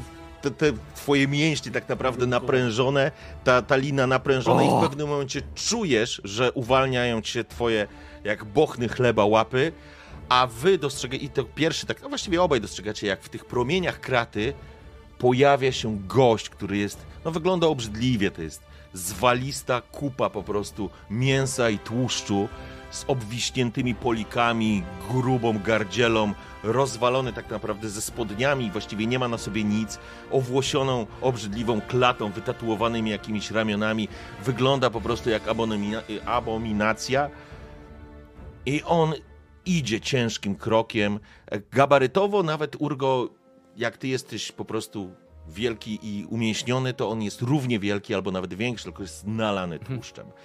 I on po prostu idzie w waszą stronę. On jest mój. Po czym idzie, ale to jest moment, kiedy ty, Urgo, masz już wolne ręce. No to wiesz, na, napinam się w zasadzie. Mhm. E, stoję cały czas. E, on idzie w moją stronę. Mhm. I- Słyszysz i spoko? chcia- i- i chcia- Ktoś krzyczy, I nie? chcia, chciałem powiedzieć, po prostu mówię, wiesz, donośnym głosem.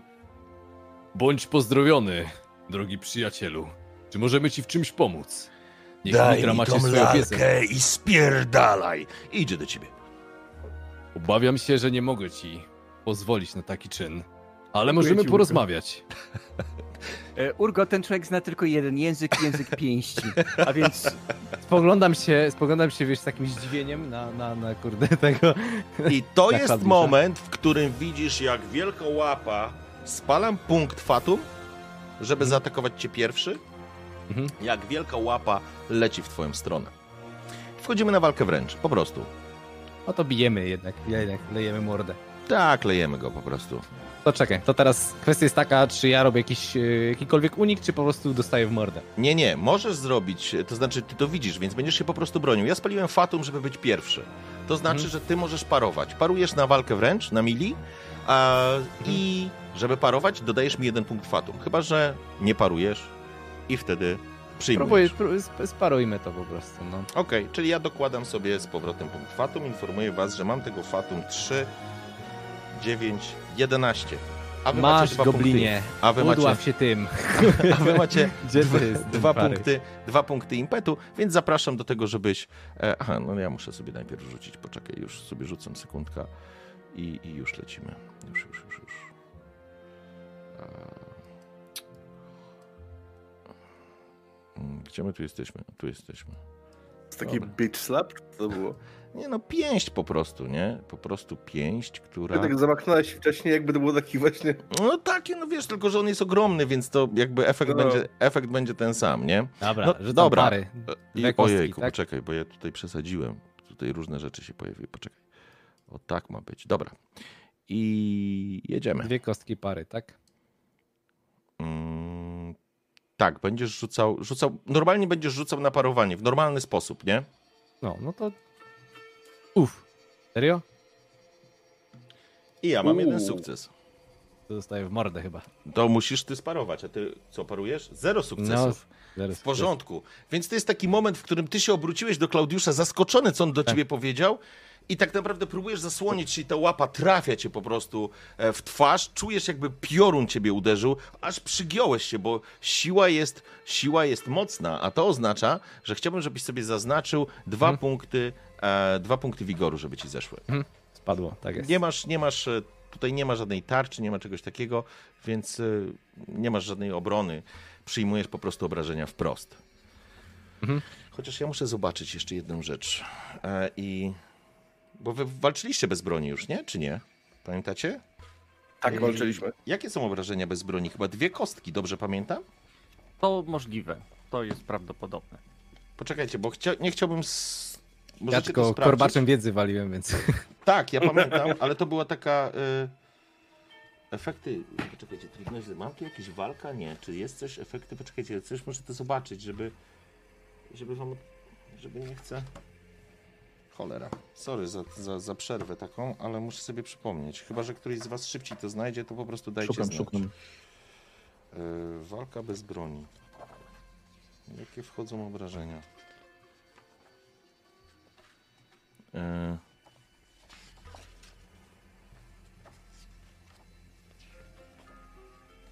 Ale on spróbował parować, tylko mu nie wyszło. Mhm, tak, tak. Walka, walka, walka, walka. Jest dziecka. Shit, sorry za taką przerwę, ale kurczę, nie pamiętam teraz. Mechanika. Ajajajajaj. Zawsze ta walka bez broni w pewnym momencie się pojawi. A może będzie w obrażeniach, y, w cechach broni, może będzie tam pozycja bez broni. Zaraz, broń improwizowana. Obejmuje walkę bez broni. Dobrze, zasięg 1, dwa, dwie kostki obrażeń. Dobrze, to są po prostu dwie kostki obrażeń. E, Przepraszam, czyli nie dostajesz dwóch obrażeń, tylko dostajesz dwie kostki obrażeń. A to oznacza, że ja rzucam po prostu, tu jest damage, będzie 2. Ja wpiszę sobie tak, sorry. I już Mhm. jedziemy z koksem i ja rzucam na obrażenia w takim razie. I to są, słuchaj, no przyjmijmy, że prawa noga, ale to już jak powiedziałem, że dostałeś w twarz, to po prostu No. dostajesz w twarz, nie?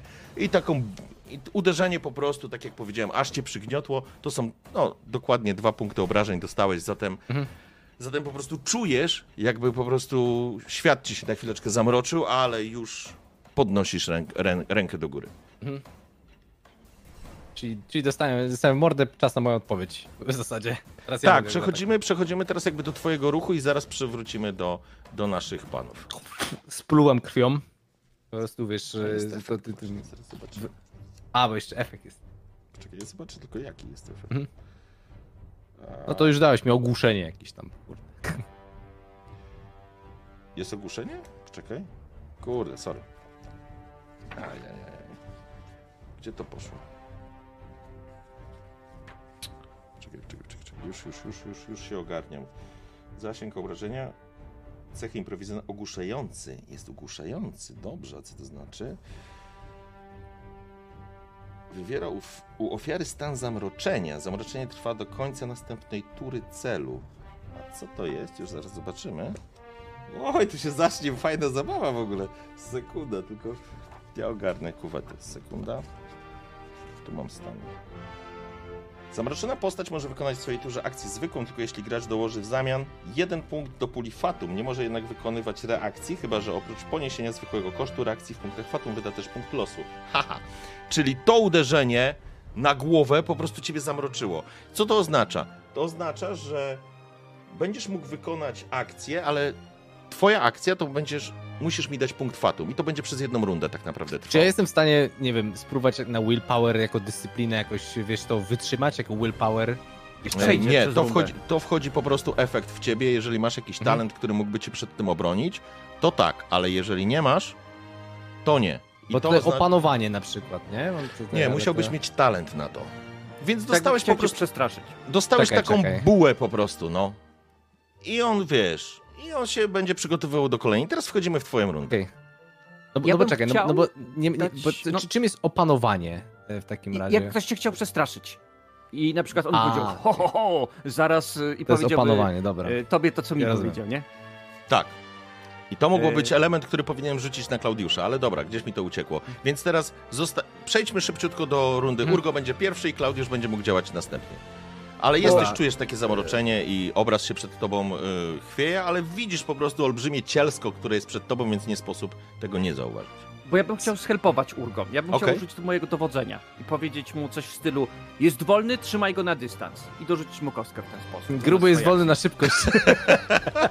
Dobra, to rzucaj. W takim razie, Klaudiusz, e, ty musisz rzucić chyba jeden sukces, tak? Czy jak, to- jak będzie działać? Rzucam jedną kostką. A, po prostu. Ale on musi trafić, nie? Żeby, żeby dodać sobie ten, ten... Czy po Tak prostu jest. dostaje? No to rzucaj.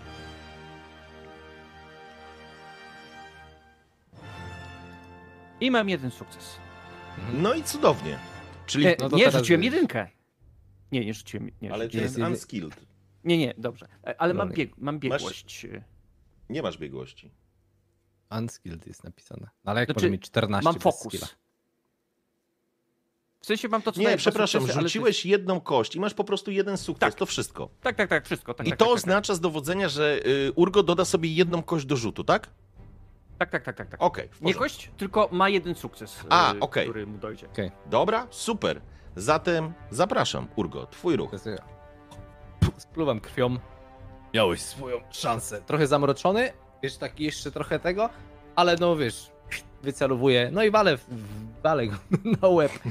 Tyle co mogę powiedzieć, czyli Dobrze. melej po prostu To, ci ładujemy, da, tak? to mi. Y, pamiętaj, że masz dwa, dwie, dwa, dwa punkty impetu. Twój atak po zamroczeniu generuje mi jedno fatum. Zapraszam. Jedziesz. Dobra. I Dwie- pal- Dwa, dwa dice'y i palę te impety chyba, czy, czy jeden impet spa- do, dorzucę. A impet dodaje mi kość, tak? Tak, za impet możesz kupić na przykład kość. No to, jedno, to, to jeden impet rzucam trzema kośćmi melej. Zapraszam. O kurwa, o Jezu. O, ile sukcesów wyszło. Ale Cudownie. przyjebałem. Dobrze, stary. Czyli masz tak. Ile masz tych sukcesów? Będziesz miał cztery sukcesy. sukcesy. Masz, Cztery sukcesy. Jest w zielonej ramce, to znaczy, Nie, że rzuciłeś 1-2 y, na wyniku. E, Czyli to jest chyba 6 sukcesów, 7 sukcesów. masz bo ile- 4, 5. Ty, ile ty masz biegłości w, w mili? 17. Nie, e, fokus. Tak. Fokus. Czekaj. Masz 5 chyba, co? 5, tak. O I fuck, czyli 7 sukcesów. stary, to ty masz 7 sukcesów w tym momencie. 7 sukcesów. Co Słuchaj, za... dałem mu szansę. On, on, się, on się nie broni. On się nie broni, więc y, rzucasz na obrażenia. Dobra, to teraz tak, to będzie... Ile damage będzie? E, rz- Rzuć sobie, zrób sobie pozycję walka bez Tak, broni, y, to jest damage pięć. 2. 5, damage 2, one-handed. E, Słuchaj, no, To damage. Tak, dobrze rzuciłem? To, to dobrze to zrobiłem? tak. I to jest, słuchaj, i ty go trafiasz, i ty go trafiasz, i tak naprawdę możesz władować te 6 sukcesów, czyli 5 sukcesów możesz władować stary w obrażenia. No to ładuję, to mam total damage 4. Co chcesz z nim plus zrobić? efekt. Ja ci zadam pytanie, co ty chcesz z nim zrobić? Słuchaj, po prostu no to jest lekkie zamroczenie, natomiast przez chwilę jakby widzę i jakby widzę tą, tą mordę, paskudną świńską mordę, obleśną i zamierzam po prostu mu tą mordę trochę przerobić na takiego mielonego kotleta. Na zasadzie ta pięść, ona uderza, ale ta twarz jeszcze się nie rusza. Ona się, ta pięść wchodzi w tą twarz i dopiero po chwili widać ten odrzut, czyli po prostu no miażdżę mu ryj. W porządku. Więc To jest Urgo, mi- mucka. pod tą twoją hebanową skórą, te mięśnie jak tłoki, zamroczony, odwinąłeś się i słyszycie tylko, s- właściwie Klaudiusz słyszy i reszta mieszkańców jamy, słyszy uderzenie i słyszy obrzydliwy chrupot łamanej żuchwy i zawył, olbrzym zawył, ale to jest takie po prostu jak, jak w Rokim, po prostu taki wy, wyprowadziłeś cios, jak po prostu, kurczę, Iwan Drago, niszczący przeciwnika, po prostu wciskasz tą, niemalże żuchwę wbijasz mu w czaszkę, on po prostu z chrupnięciem i zniknięciem, jak, jak drzewo po prostu przewala się, Klaudiusz, aż zatkałeś uszy od tego obrzydliwego dźwięku. Słychać z boku, jak ktoś ha, ha, ha, i ktoś z boku krzyczy Król jamy, król jamy, król jamy, król jamy. I zaczynałem skandować Król jamy. A mężczyzna z łomotem i z chrobotem po prostu zwala się na te klepisko, na to klepisko. Nieprzytomny. Czy jestem w stanie okazać jeszcze tej kurde ryk jakiś kurczę tak Ale proszę cię bardzo. Stary, wychodzi ze mnie ta dzikość, wiesz, ten trochę tak zamroczony jeszcze, wiesz, niby, niby jest ta prawość, niby jest, jest to takie, ta moja wiara i bycie ten, ale jest jeszcze ta strona jednak, wiesz, strona południowa bym powiedział, Zapraszam. która gdzieś wychodzi, wiesz, a, wiesz, robię, robię ryk. E, czy jestem w stanie jakoś to, nie wiem, rolować, bo ja nie, nie To wiem. znaczy, wiesz co, ja Ja żeby, myślę, wiesz, wszystkich tu dookoła, wiesz, jeszcze podkreślić swoją pozycję. To znaczy, jakby Pokaz. pokaz. w tej sytuacji, ja już nawet nie będę chciał, żebyś rzucał. To, co ty zrobiłeś, w tej sytuacji stoisz się bohaterem tych wszystkich tutaj ludzi, którzy siedzą. Jest ich niewielu, ale po prostu oni w tym momencie skandują król jamy, nie? Dla nich jesteś kimś, kto pokonał po prostu e, to coś. I jakby jak zaczynasz ryczeć, to myślę, że to nawet trochę przycicha, bo oni nie wiedzą, co się teraz będzie działo. Czy ty chcesz ich pozabijać, więc oni się kulą może gdzieś w tych ciemnościach pod ścianą, w tych swoich barłogach, zasypując się resztkami rzeczy. Stoję po prostu, wiesz, taki napompowany, taki... I nagle, wiesz, tak, tak z- odwracam się, w- taki napompowany w stronę, kurczę, z- mojego przyjaciela Klaudiusza. Tak patrzę na ciebie, z taki, wiesz, na... Wy, wygrałeś tę dysputę. Wygrałeś. I nagle, wiesz, i nagle tak łagodnie, tak po prostu wszystko pff, schodzi ze mnie. Klaudiuszu, muszę ci pomóc. I wiesz, podchodzę i, i mu zaczynam rozwiązywać Mhm. te, te jego rączki wątłe. Dziękuję ci, dziękuję ci. W porządku. I, I to jest moment, gdzie wrócimy na chwilę do naszego Rakarda i Welesa, bo oni w przeciwieństwie do was nie muszą walczyć o życie albo o godność. Oni świetnie się bawią. To znaczy, panowie, ja chcę wam powiedzieć, muzyka zaczęła grać, pojawiły się tancerki, pojawiły się, e, pojawiły się jakieś przekąski, pojawiło się jedzenie. Wasz towarzysz, z którym Rakard po prostu nawiązał bardzo dobry, bardzo dobrą relację. Jest niezwykle gościnnym człowiekiem. Heren wita was i gości was jak przyjaciół.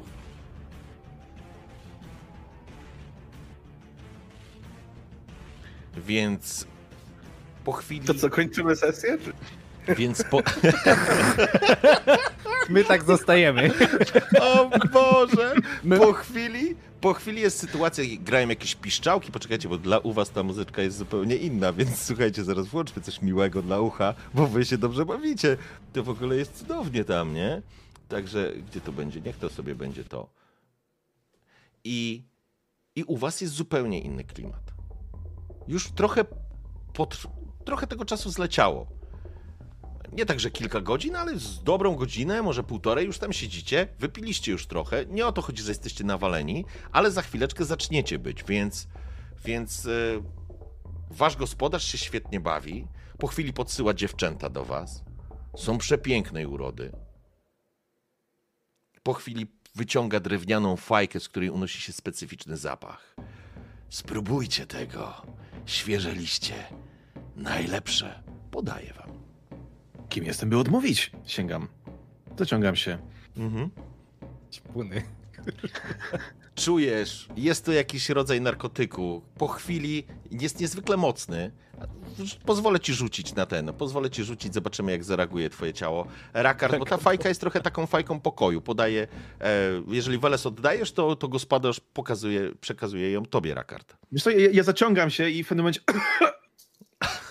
tego, te, te, tego jeszcze nie paliłem. Co Tak, to jest? Jest wyjątkowe. To są specjalne liście tutaj na górze. Chłopi je uprawiają, a my to sprzedajemy. Będziemy wprowadzać zupełnie nowy towar. Nawet w zamorze tego nie próbowaliście. Spróbuj, Rakardzie, towarzysz. Podaję ci. On też pali, żeby nie było. To nie jest tak, że wiecie, podaje wam truciznę, nie? Okej, właśnie, właśnie miałem to pytać. Ale dobra, tak, tak lekko, y, więc ja Lekko. znacznie mniejszego bucha biorę niż, niż. Dobrze. Dokładnie. Słuchajcie, e, to ja w takim razie poprosiłbym tylko. e, Co ja bym tutaj poprosił? Chyba będzie resistance. Idealnie na to pasował, tak mi się wydaje. To jest ta odporność fizyczna, więc e, chciałbym, żebyś rzucił na resistance i to będzie na poziomie, słuchaj, poziom trudności będzie dla Welesa 3, ale dla? Rakarda też będzie. Nie, dla Rakarda zrobię 2, bo wziął tego mniejszego bucha i zadeklarował. Dobrze. E, ja generalnie. ja zużyję punkt losu w tym e, momencie, bo generalnie rzecz ujmując, ja coś mi tu nie pasuje. Ja. Mimo tego, że ja chcę się dobrze bawić, ja trochę rozglądam się wzrokiem za e, tą jedną dziewczyną, która tak bardzo na mnie zwróciła uwagę, co szczególnie biorąc pod uwagę wczorajszą sytuację, nie jest dla mnie czymś e, oczywistym. e, No Ale ja dobrze, dalej Rakard wziął małego buszka, ale... Uuu, się dzieje. Znaczy Rakard, pierwszy F, rzućmy jeszcze i zobaczmy, to może jeden opis będzie dla was dwóch, żeby to było szybciej. O, ale dwa.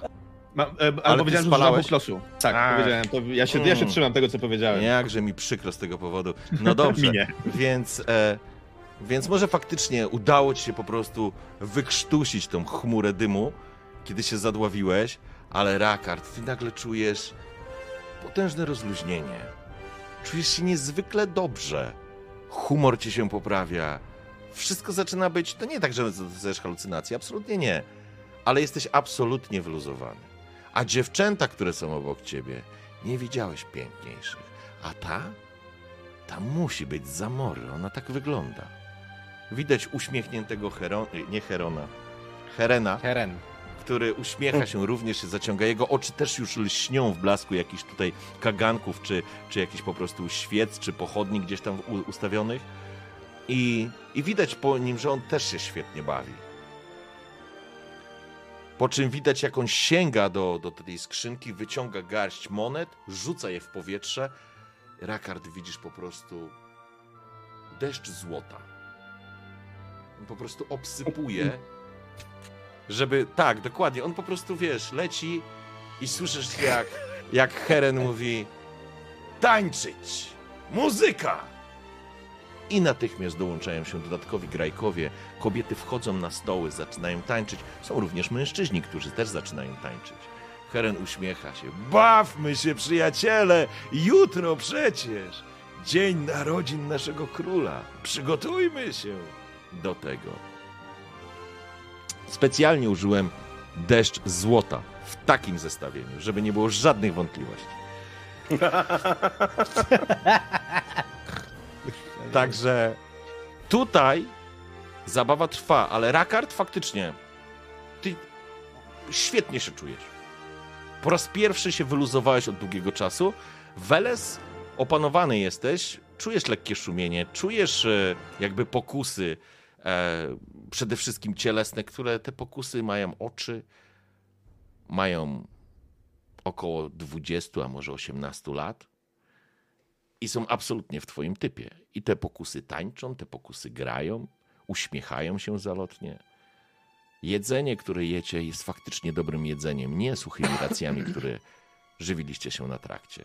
Jakby Rakard zupełnie już zapomniałeś o Klaudiuszu i Urgo w tym momencie. To jest w ogóle nie twoje zmartwienie. Ty w tym momencie widzisz złote monety, które się sypią z powietrza. I, i, i tancerki, i życie, którego może zawsze kiedyś gdzieś pragnąłeś. Ale Weles jest tutaj bardziej, jest bardziej opanowany. Pytanie, jak długo? Co robicie? O pary wele. Pary, pamiętam. No Wiesz ja co, jakby rozkoszuję się sobą, mówiąc w wielkim skrócie, no nie? Może nie, nie ciągnę więcej z tej fajki, już tak powiem, ale jem, tańczę, śpiewam, dobrze się bawię. Wiesz co, ja też chcę się dobrze bawić. Eee, ale też szukam, e, szuk, szukam trochę sposobu, żeby mm, opuścić tę sytuację, móc e, ominąć nawet alkohol, czy ten, e, czy ten wędrujący naokoło dym. Eee, I ale jest jeszcze drugi głos w mojej głowie, który przez chwilę myśli sobie, to jest życie, którym powinieneś żyć. To jest splendor, to jest władza i to jest to, co powinno być twoją codziennością. I ja się rozkoszuję przez chwilę w tej chwili. Wiesz co, ja łapię jedną z tych dziewczyn. Ja nie łapię tej, która nas przywitała. Mhm. Kładę ją sobie na kolanie. Popiskuję zalotnie. Jak patrzę na drugą część naszego streamu i twarz Klaudiusza i Urgo siedzących w jamie, jest mi przykro, ale, ale tak, u was to się nie da porównać, co się dzieje. Wiesz co, nachylam się do niej do ucha i szepczę, czy jesteś w stanie sprawić, bym zapomniał? Uśmiecha się do ciebie. Jestem w stanie sprawdzić, sprawić, że nigdy nie będziesz chciał o tym zapomnieć. Po czym łapie cię za rękę i próbuje się z tobą oddalić do jakiejś alkowy. Ja na to pozwolę. Ja proponuję, żeby tu zrobić fade out, chyba że jak jakiś Nie, oczywiście, nie, nie, nie, nie, nie, nie, nie, nie. Ale ja bym chciał s- Ja skończyć tę scenę opis. tylko... Nie, Ja nie, chcę opis są pewne rzeczy. Gdyby wam nie poszło e, w jamie, też bym nie robił żadnych opisów. Nie, nie, nie, nie. Nic Rol z tych rzeczy by się nie wydarzyło. E, Mamy zdrowy rozsądek. Ja rozumiem, Weles, tylko in... Ja, ja bym chciał tylko... Ostatnie zdanie z moich ust brzmi spraw, bym, za, że, bym zapomniał, że żyję. w porządku.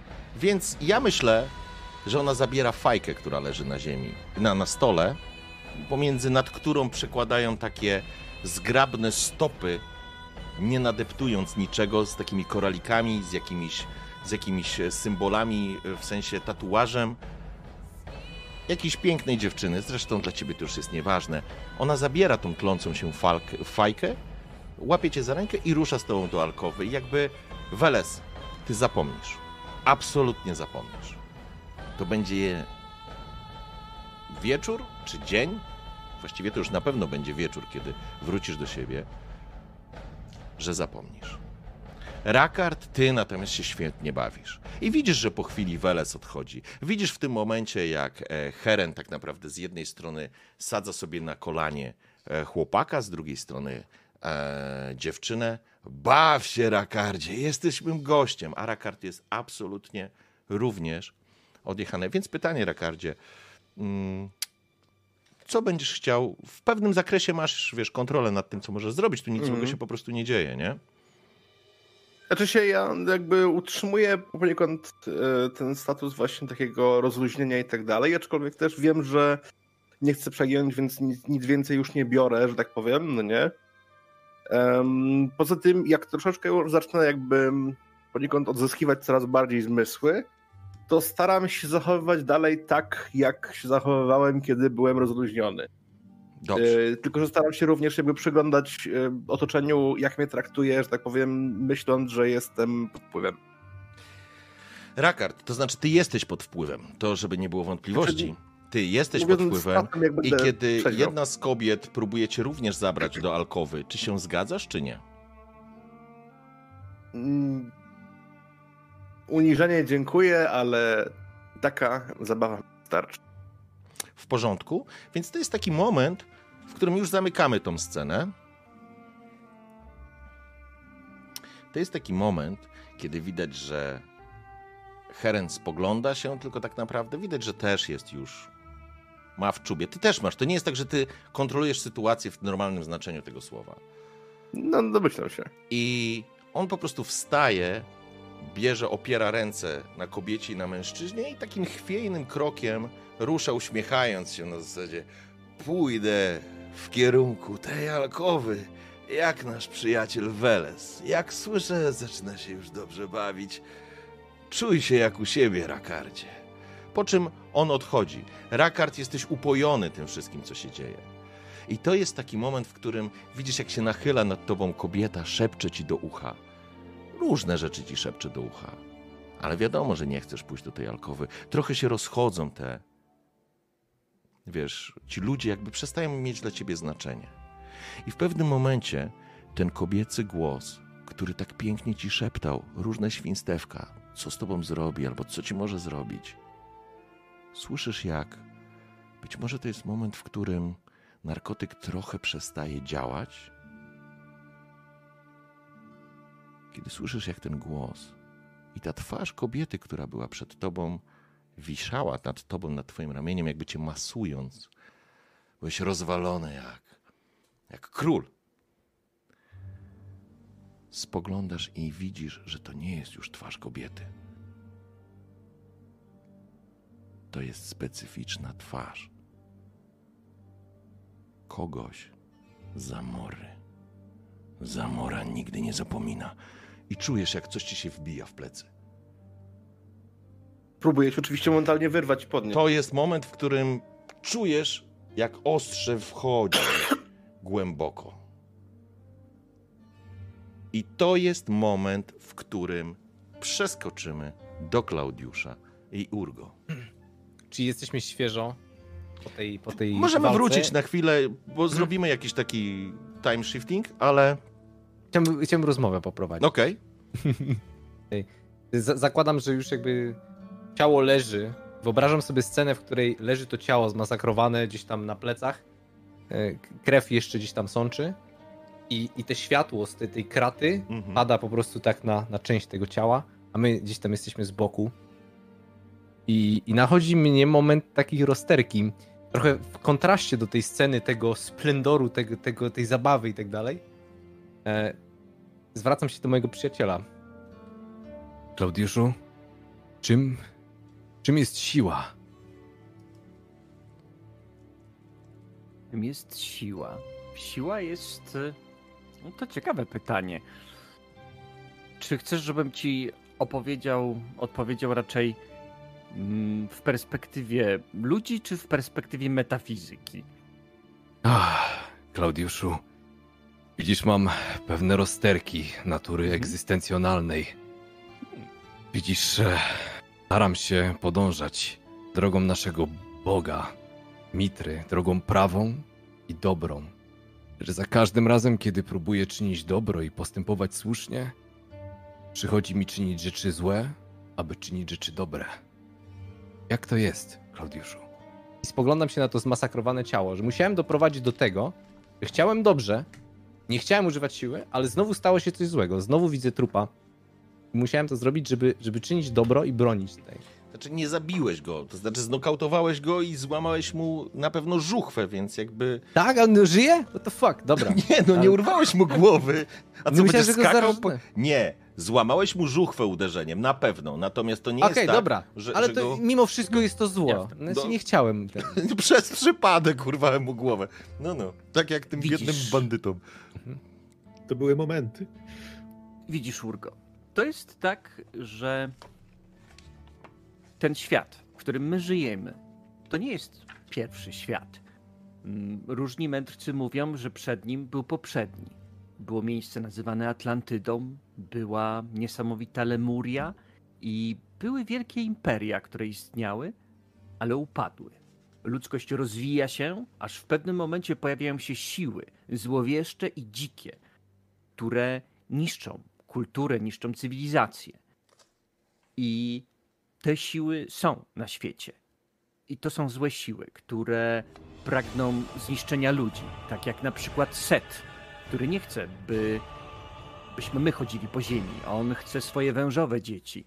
Czasem niektórzy czarnoksiężnicy służą mu i współ- współpracują z nim, ale jeżeli my, ludzie, którzy chcą żyć w pokoju, nie będziemy mieć własnej siły, zostaniemy przytłoczeni przez siły zła.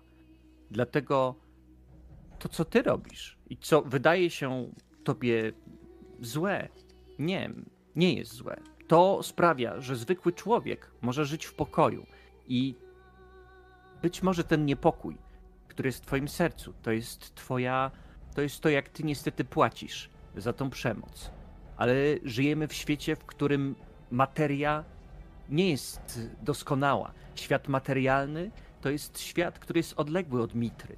My przez światło mamy dostęp do niego, ale tutaj jesteśmy skazani na to zło i często musimy chwycić również za groźne narzędzia, by przed tym złem się obronić i mieć szansę, by dostąpić łaski mitry.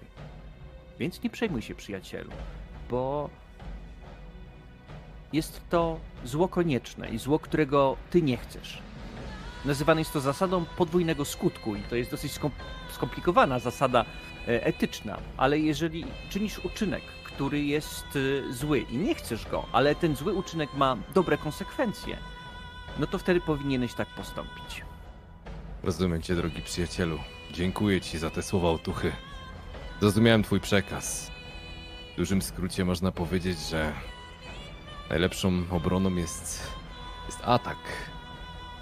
Niejednokrotnie musimy posunąć się do takich czynów. Ale rozumiem przekaz i dziękuję ci za to. Ale uważaj, bo to jest bardzo, to jest bardzo cenne, co czujesz, że jest w tobie odraza do przemocy. I patrz uważnie na siebie. Czy czasem nie przyjdzie moment, że zaczniesz czerpać z tego radość? Bo to będzie moment, w którym możesz stać się częścią tych sił, które pragną zagłady cywilizacji. Klaudiuszu, chciałem ci jeszcze raz przeprosić za tą całą sytuację. Ale Miałem. nie- No. Miałem ciebie strzec, a wylądowaliśmy w tym oto miejscu i nie wiem, jak potoczą się dalej nasze losy. I pięknie mnie strzeżesz, to jest wspaniałe miejsce. E, Poznaliśmy nowych przyjaciół, e, śmiejącego się pana, e, cichego, śpiącego naszego gospodarza, który chciał mnie ugościć. Nie jest tak źle. Szczerze mówiąc, nie wiadomo, co by było, gdybyśmy poszli razem z Rakardem i, i razem z Welesem. Może oni trafili znacznie gorzej niż my. Twój optymizm, przyjacielu, jest jak zawsze powalający. Powiedz mi, myślisz, że to jest świątyni się o nas upomni? Nie sądzę, że świątynia tak pozostawi swoich wiernych. I wpadłem na pomysł. Wiem, dlaczego w ogóle tutaj trafiliśmy. Mitra nie chce, żebyśmy sz- szli tam daleko. Nie chce, żebyśmy szli do, do Walbony. Tylko to, co ma się wydarzyć, moim zdaniem, y, ma się wydarzyć w tym mieście. Pajaronie. Tutaj mają się zadzieć te rzeczy. To, że Mitra nas zatrzymał i być może wrzucił nas tutaj, może to jest związane z tym, że nie przeczytałem tych znaków i od razu powinniśmy właśnie tutaj zacząć y, patrzeć, co się dzieje, bo coś tu się wydarzy, moim zdaniem. I to właśnie jest to miejsce. A więc świetnie. W ogóle to jest najlepszy bieg wydarzeń, jaki mógłby, e, jak, jaki mógłby świat przyjąć. Przyjacielu, zdradź mi jeszcze, o co chodzi z tymi tajemniczymi szeptami, wizjami, które doświadczyłeś oraz zobaczyłeś w tym starcu. Przyznam, że niezbadane są dla mnie wyroki Mitry, ale jest to głęboko fascynujące. starzec mówił coś o ludziach o czerwonych twarzach, o krwi, która wszystko zaleje. I tutaj Klaudiusz przytacza te rzeczy, które Mhm. usłyszał od starca, bo niestety nie wszystkie teraz y, pamiętam. Była tam jakby kontekst, nie? Bo jakby nie zacytuję, ale kontekst był taki, że twarz Mitry zostanie, na twarz Mitry zostanie rzucony cień. Wśród ciemności ty się pytałeś, czy to ma jakiś kształt, czy tam pytałeś się, czy to ma kształt węża, to coś, co rzuca cień, czy, czy, czy ma kształt pająka.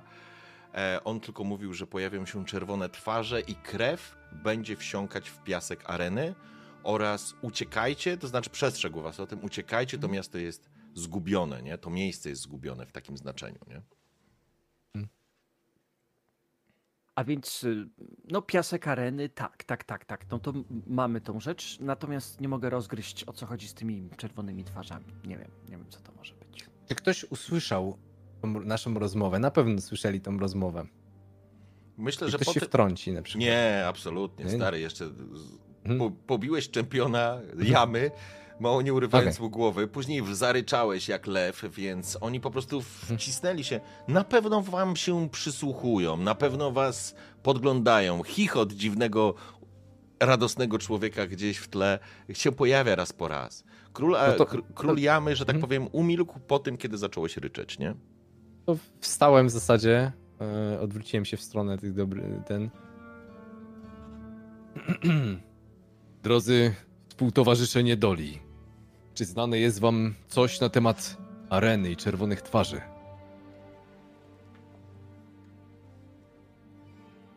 I rozglądam się, patrzę po tych twarzach, Okej. powitych ciemnością, bo są gdzieś tam po kątach pochowani. E, dobra. No mówi nowy król jamy, zatem masz duże, dużą szansę na to, żeby ich przekonać do tego, żeby zaczęli z tobą rozmawiać, o ile wiedzą. Dobrze. Czerwone twarze? Czerwone twarze. Nie czerwone twarze, królu. Widać, że nie stąd jesteś. Tacy jak ty to raczej na polach uprawnych pracują u wielkich panów. Ale ty jesteś naszym królem.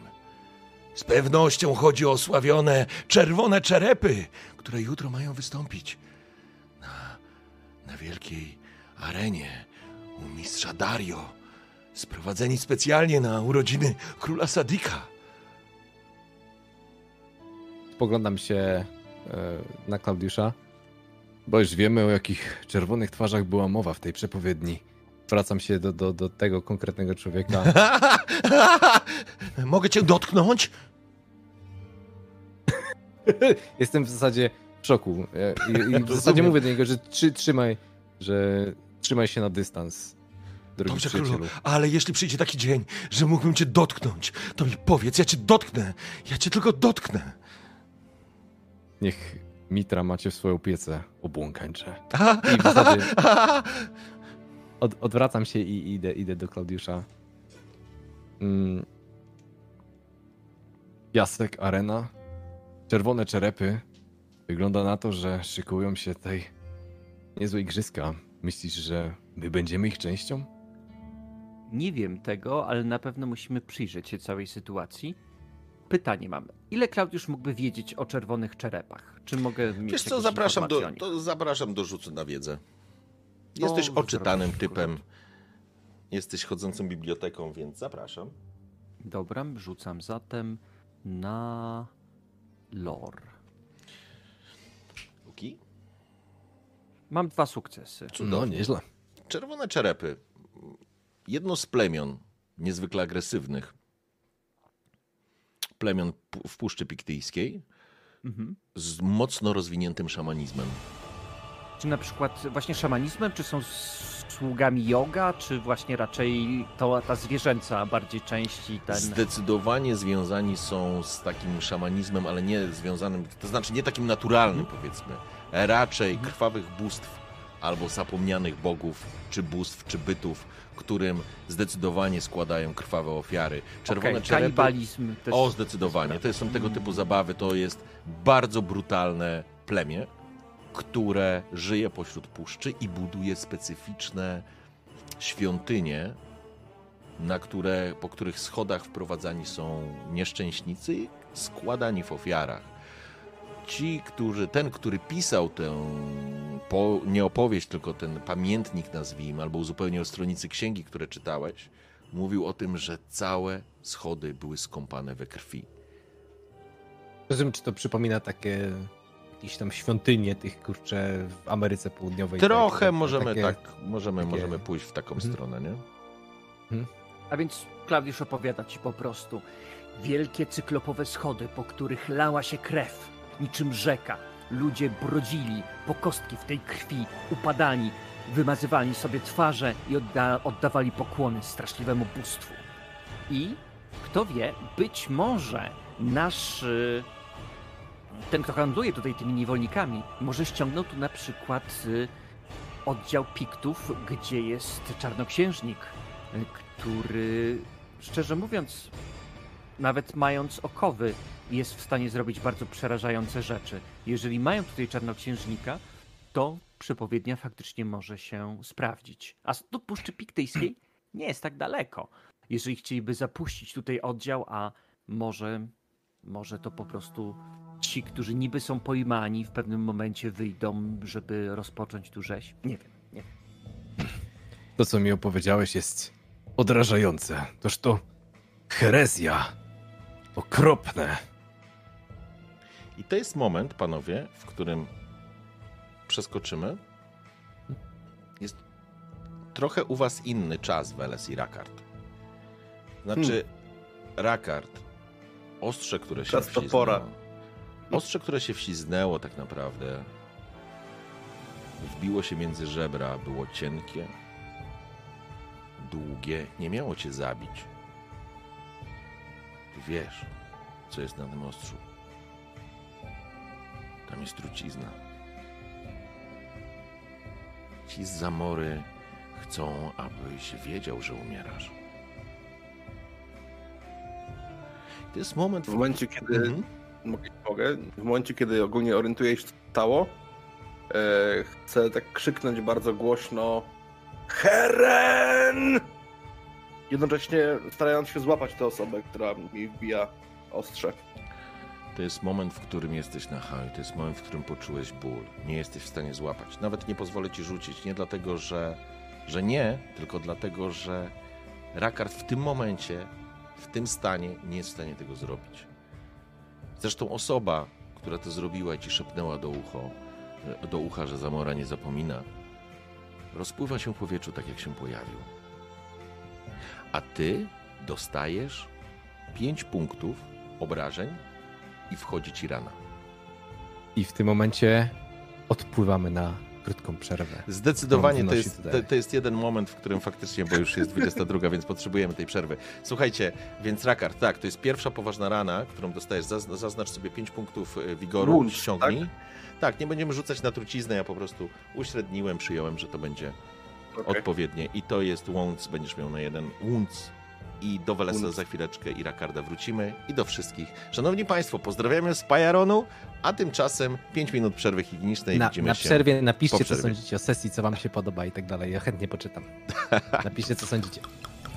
Dobra. Witamy po krótkiej przerwie. Jesteśmy znowu z wami.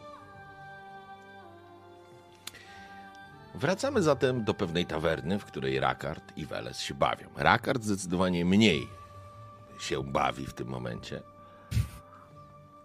To jest, ja myślę nawet, Rakard, że to jest taki moment, w którym, kiedy ty próbowałeś najpierw go złapać i on się jakby rozmył, przez chwilę miałeś taki, w głowie pojawiła się taka myśl absurdalna, że może ty sobie to wkręcasz, nie? Że jesteś na haju i, i może to sobie wszystko wkręcasz.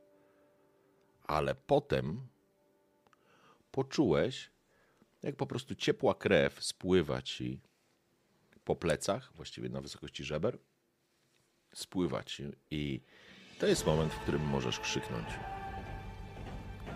No i właśnie krzyczę Heren! rozbija się echem. Spłoszyłeś kilka osób, które natychmiast, wiesz, które natychmiast, wiesz, obracają się. Co się dzieje? Alkowa jedna i druga jest zajęta. Weles... Wiesz co? Ta dziewczyna cię nie okłamała. Ty naprawdę zapomniałeś. I z tej twojego miejsca, w którym, w którym teraz jesteś, trochę lewitujesz, trochę jakbyś nie miał poczucia czasu i przestrzeni, jakbyś był zawieszony w próżni, jakby te dźwięki dochodziły z takiego, z jakiejś grubej ściany, ale czujesz się niezwykle komfortowo i dobrze z tym wszystkim. Jakby ta ściana okazała się ze szkła, a wrzask Rakarda po prostu jak taran ją rozbija i wdziera się bezpośrednio do twojej głowy i słyszysz, i pierwszy raz słyszysz tak przerażony głos Rakarda. Wiesz co, ja myślę, że jeszcze przez chwilę ja jestem w tym stanie uniesienia tak naprawdę i, i moja, mój mózg do mojej po- podświadomości dociera to, co krzyczy Rakard, ale do mojej świadomości jeszcze nie. I ja się podwijam krzycząc Ojcze! Po czym rozglądam się, Mhm. jak, jak, jak bardzo jestem e, ruszony przez ten narkotyk? Wiesz co? No jesteś ruszony, ale za, ja zakładam, że to trochę czasu minęło. Tam wy spędziliście tak naprawdę u Herena ładnych parę godzin. Ja myślę, że może być nawet wieczór tak naprawdę z waszej Mhm. perspektywy, więc to jest, jesteś na takim delikatnym zjeździe, na lądowaniu, krótko mówiąc, nie? Dobrze, no to ja w takim razie podciągam e, jakiekolwiek ubrania, jestem w stanie na siebie i wytaczam się lekko z tej alkowy, opierając się jedno, jedno z drewnianych e, przęseł, które podtrzymuje dach, czy cokolwiek, e, wyglądając stamtąd. Okej. I dostrzegasz bladą twarz, wykrzywioną w grymasie bólu i przerażenia trochę, Rakarda. I to jest moment, w którym odsuwają się obok alkowa, odsuwa się, staje w nich nagi Heren. Rakardzie, coś ci brakuje? Ktoś mnie zaatakował w twoim domu! Podchodzę do ciebie le... nie, jeszcze nie do końca składnym krokiem i przyklękam, łapiąc cię za twarz. O czym ty mówisz, człowieku? I zaczynam się rozglądać za raną. I Rakard nie kłamie. Ja się tak przetaczam lekko na bok, Mhm. mając się to miejsce. I faktycznie widać cienkie ostrze, coś, coś o cienkim ostrzu musiało po prostu zostać wrażone w bok Rakarda. Krwawi, po prostu krwawi. I Weles, czy ty masz jakieś e, leczenie? Ym, Nie, nie mam. Absolutnie. Ja się odwracam i. Nie masz, ale poczekaj, to ja ci jedną rzecz e, pozwolę rzucić. Pozwolę ci zrobić rzut na leczenie. Ja wiem, że nie masz, więc rzucasz tylko z, z będziesz rzucał z cechy. Ale możesz rzucać na umiejętności, które mają zero. Fortune, fortune, Ile, ile fortune. czasów potrzebuję? Wiesz co? Ja myślę, że. Ja myślę, że trzy. Spizgany typ będzie cię opatrywał. Jest super. Nie, to nie chodzi.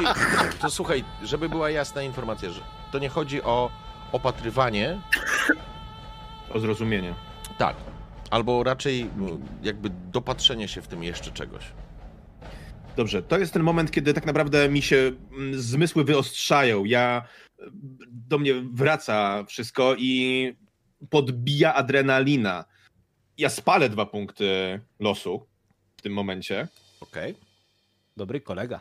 Eee, czy mamy coś jeszcze z impetu? Jest jedna kość impetu.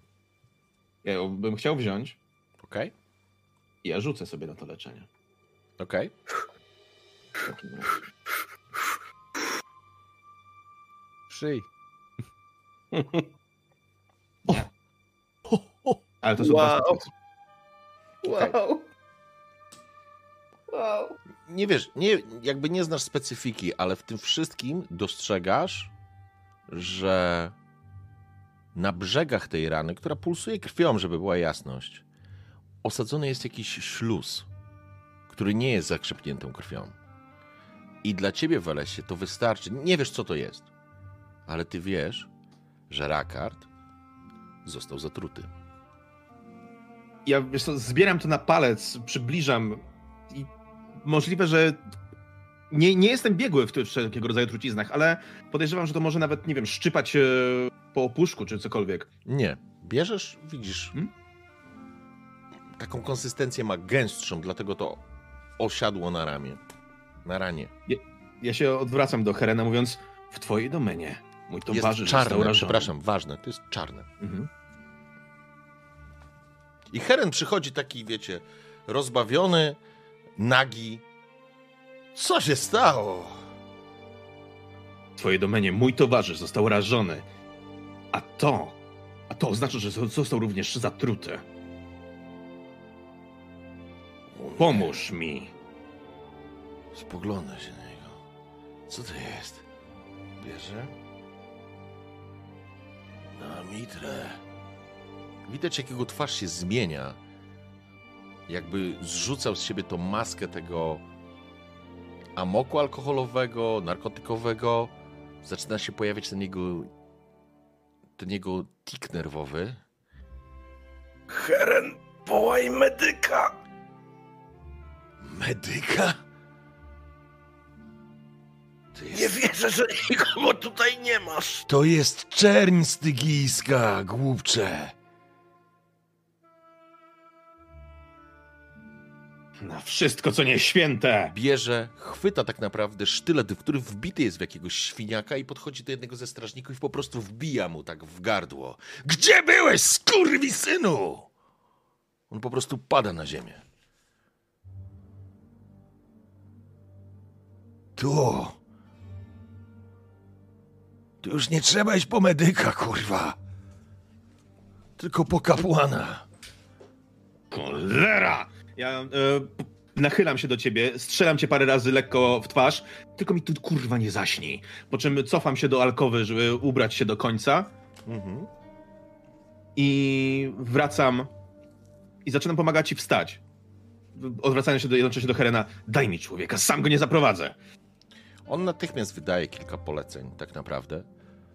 I ja myślę, że nawet, bo tutaj jakby konia nie będzie, ale e, jakiś taki wózek, który będzie po prostu, no, go położyć po prostu na wózku. Będzie wygodniej go po prostu przeciągnąć, ten wózek, wiesz, na taką dwukółkę małą, na którego można po prostu rzucić, trochę jak taczka, no może nie do końca, ale po prostu jest wygodniej go tam zatargać, niż go po prostu ciągnąć i szarpać, nie? Więc, e, więc to, będzie, to będzie wasza sytuacja, jak rozumiem. Co chcecie? Rozumiem, że po prostu będziecie chcieli udać się do, do, do świątyni, żeby szukać tam pomocy, tak? Tak. Okej. Ja będę chciał pójść. do- I, I ja się udaję prosto do świątyni e, z, z tym rekardem na taczkach, e, rozglądając się za czymkolwiek, co mnie e, może w tym momencie za, zaatakować, zwrócić e, się do mnie i ja to staram się ignorować. Ja biorę azymut na świątynię, ale w drodze ja się orientuję, że w tej sytuacji pomoc jest jedna. Ja nie wierzę w bogów, ale ja widzę, kiedy dzieją się rzeczy niesamowite. I prawda jest taka, że Klaudiusz dokonywał rzeczy, które można nazwać cudami, i wiem, że ja idę do świątyni prosić o pomoc, żeby wyciągnąć cudotwórcę z jamy. Okej. Więc ruszacie do świątyni i zostawię was w sytuacji, kiedy tak naprawdę dwóch osiłków trzyma ten wózek, ty kładziesz rakarda, rakard ty odczuwasz efekty tej trucizny, ona cię po prostu powoli trawi. Będzie cię trawić, bo ja dorzucę do tego fatum i przedłużę działanie tej trucizny. Uff. Ale wróćmy teraz do jamy. A, a w jamie tam kółko różańcowe, wszyscy śpiewają piosenkę. Kumbaya, my lord, kumbaya i taki szczęśliwy Klaudiusz przechodzący się kumbaya. Dobra, okej. W porządku. Zatem, co się dzieje? Jakby trochę przyspieszę wydarzenia w jamie, bo po walce, po waszej dyskusji trochę czasu minęło i w pewnym momencie widzicie, to jest ładnych parę godzin tak naprawdę minęło, bo widzicie po promieniach światła, które wpadają do środka, że zaczyna już zmierzchać. I słychać jakieś zamieszanie na zewnątrz. Słyszycie jakieś głosy. Po czym słyszycie głos kobiety. Podobno w waszej jamie znajduje się jeden z kapłanów Mitry. Tak nie może być, to nie do pomyślenia. Z jakiego powodu przytrzymujecie kapłana? Takie były rozkazy, kapłanko. Co mi... to idź po swojego dowódcę. Natychmiast. Po chwili słychać jeszcze jakieś zamieszanie. Po czym krata jest unoszona. Ej, blondas! Do góry! Wyłazisz! Idę do przodu. Myślę, że opuszczają. Co mogą opuścić? Mogą opuścić taką drewnianą, e, chamską drabinę. Drabinkę tak jest. No, Mhm. no. Zrzucają ona, tuf, pada na ziemię. Spoglądasz na Urgo, który spogląda na ciebie. Ja mówię, Klaudiuszu, idź i powiedz, co się stało. Za chwilkę cię wyciągnę, nie obawiaj się. Myślę, że już w zasadzie wszystko jest na dobrym torze. Wchodzę na górę. Okej. Kiedy wychodzisz, tak naprawdę dostrzegasz, że faktycznie już zapadł zmrok. Jeszcze nie jest, nie ma całkowitych ciemności, ale to jest ten ale moment przełomowy tak naprawdę między dniem a, a wieczorem. Zmierzch zapada po prostu. I dostrzegasz przed sobą stojącą kapłankę w prostej szacie. Ona przygląda się, ma włosy spięte w taki kok. Niewielki symbol, rzecz jasna, mitry. Lekko wyniosłą twarz, jakby, jakby cała jej postawa jest lekko wyniosła. Obok, niego, obok niej, przepraszam, stoi ten sierżant, który jest strasznie taki no, wkurzony jest ewidentnie i to widać na jego twarzy. On się nie do końca zgadza, ale chyba nie może więcej podskoczyć. Natomiast. Natomiast kapłanka spogląda się na ciebie. Na, Mitre, mam nadzieję, że wszystko z tobą w porządku. Podchodzi do ciebie i, i wiesz, i po prostu wita się z tobą, ale jakby próbując dostrzec, czy faktycznie z tobą wszystko w porządku. Błogosławieństwo Mitry po prostu, że spo, spotykam ciebie, szlachetna kapłanko. Zdarzyło się jakieś nieporozumienie, po prostu je, i ja razem z moim przyjacielem trafiliśmy do więzienia, ale nie szkodzi. Absolutnie nie szkodzi. Tutaj szlachetny kapitan po prostu jest... Jak się pan nazywa, szlachetny kapitanie? On się spogląda tak naprawdę, mierzy cię wzrokiem. Nie jestem kapitanem, jestem sierżantem. Nazywam się Izan. Skąd mogłem wiedzieć, że jest kapłanem Mitry? Absolutnie nic się nie stało. Ona się panie obraca, taka sierżancie. furia w niej rośnie w tej, w, w, w tej kobiecie. Jesteś ślepcem i jesteś głupcem. Przekażę królowi Sadikowi, jakich głupców zatrudnia w straży miejskiej, skoro nie potrafisz dostrzec i rozróżnić zwyczajnego bandyty od szlachetnego kapłana. Spójrz w te oblicze i powiedz mi, że jest bandytą. Nie, nie spogląda się wcale na ciebie. Absolutnie dobrze się z tym nie czuje.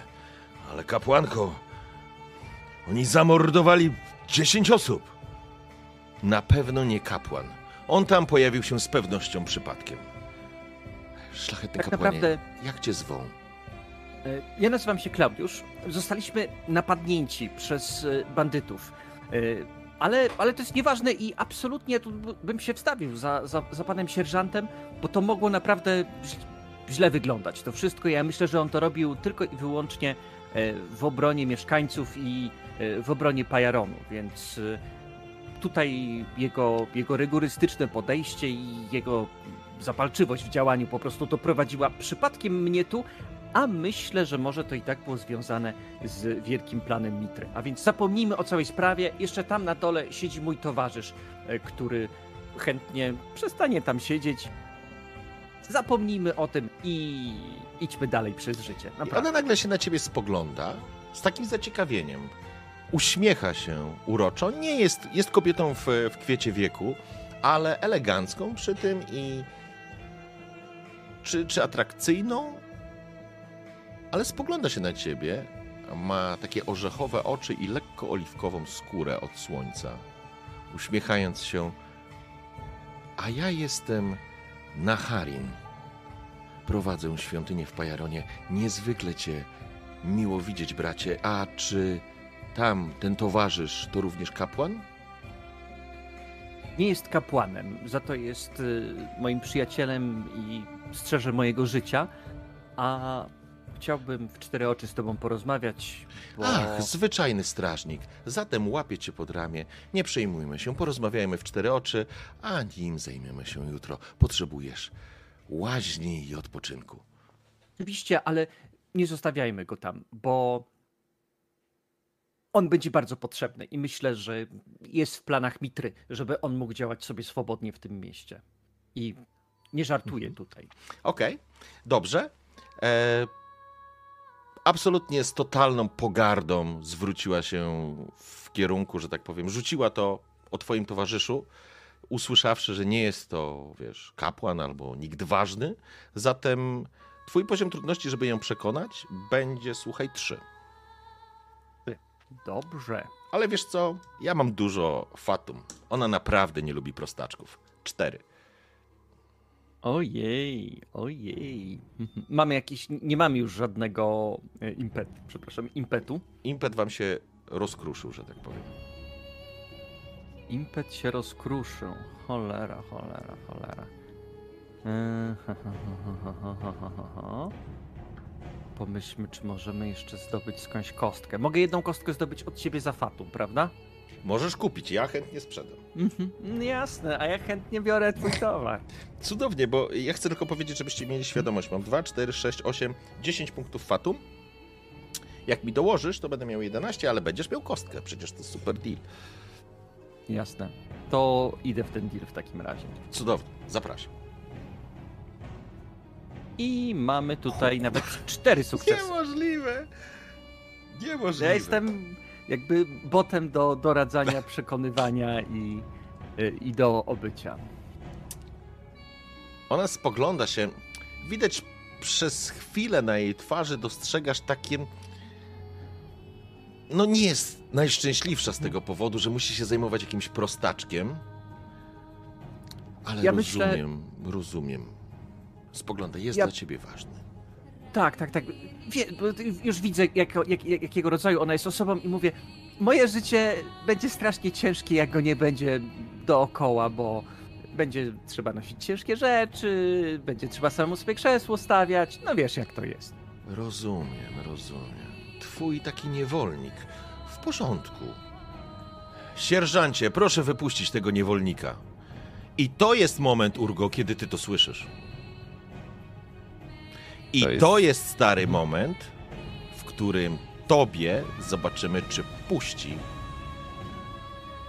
opanowanie, bo nie słyszałeś słowa niewolnik od lat. Czyli co? Dyscyplin, willpower. Dyscyplin i to byłby poziom, to jest twój e, taki element historyczny, nie? To Mhm. znaczy, to, to nie jest zaszłość, nie traktujemy tego jako ostatecznie zaszłość. Czuły moment. Nie, wiesz co, ale ja ci powiem, potraktujmy to jako zaszłość. Dostaniesz Mhm. punkt losu ode mnie za to. Jeżeli chcesz. Dobrze. Dobrze. Bo to jest moment, w którym ty się odpalisz, chyba że się powstrzymasz.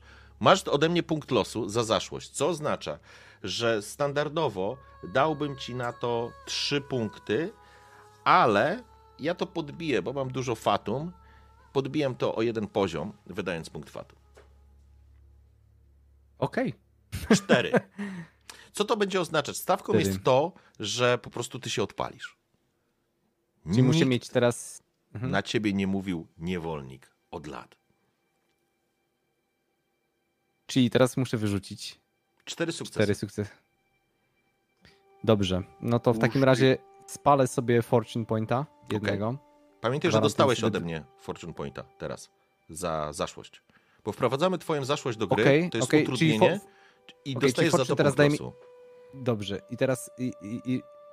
Czyli ja dostaję... Jak teraz mam dwa, mam trzy, czyli Tak. mogę go zużyć. Czy ja już go Tak. automatycznie używam? Nie, nie, Dobra. to jest, ty decydujesz, kiedy go wykorzystasz. Ja, ja, ja go użyję e, i teraz jeżeli mam dyscyplin wyskilowany, znaczy, że mam już, już mam dwa sukcesy. Tak? E, tak, a masz, jaki masz poziom na dyscyplin? 12 i XP 1, Focus 1. No to cudownie, to jedynka daje ci dwa sukcesy, zdecydowanie. No to spróbujmy, spróbujmy. Rzucam dwie kości, rozumiem, tak? Pamiętaj, że rzucasz dwoma kośćmi, ale możesz dokupić za fatum dodatkowe kości, do trzech dodatkowych kości.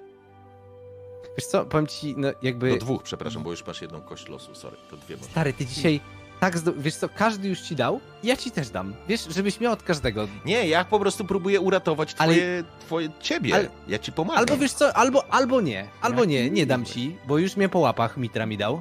Nieładnie, nie można brać od nie, nieznanych cudzych panów. Dobra, Okej. słuchaj, dwie kości, dwa sukcesy muszą być. Jak nie, to nie. Dobrze. Jedziemy. I stary, jest jeszcze jeszcze, więcej. Jest komplikacja. Jak pięknie. No dobra, jestem, jestem, jestem na to gotowy. Jest, o, ale to będzie piękna scena, ja już to czuję. Masz komplikacje, rzuciłeś 20 i 18. W normalnej sytuacji mógłbym skupić e, twoją komplikację, anulować ją i wziąć sobie dwa punkty fatum, ale mam tego fatum tyle, że nie potrzebuję. Wolę komplikacje. I teraz tak.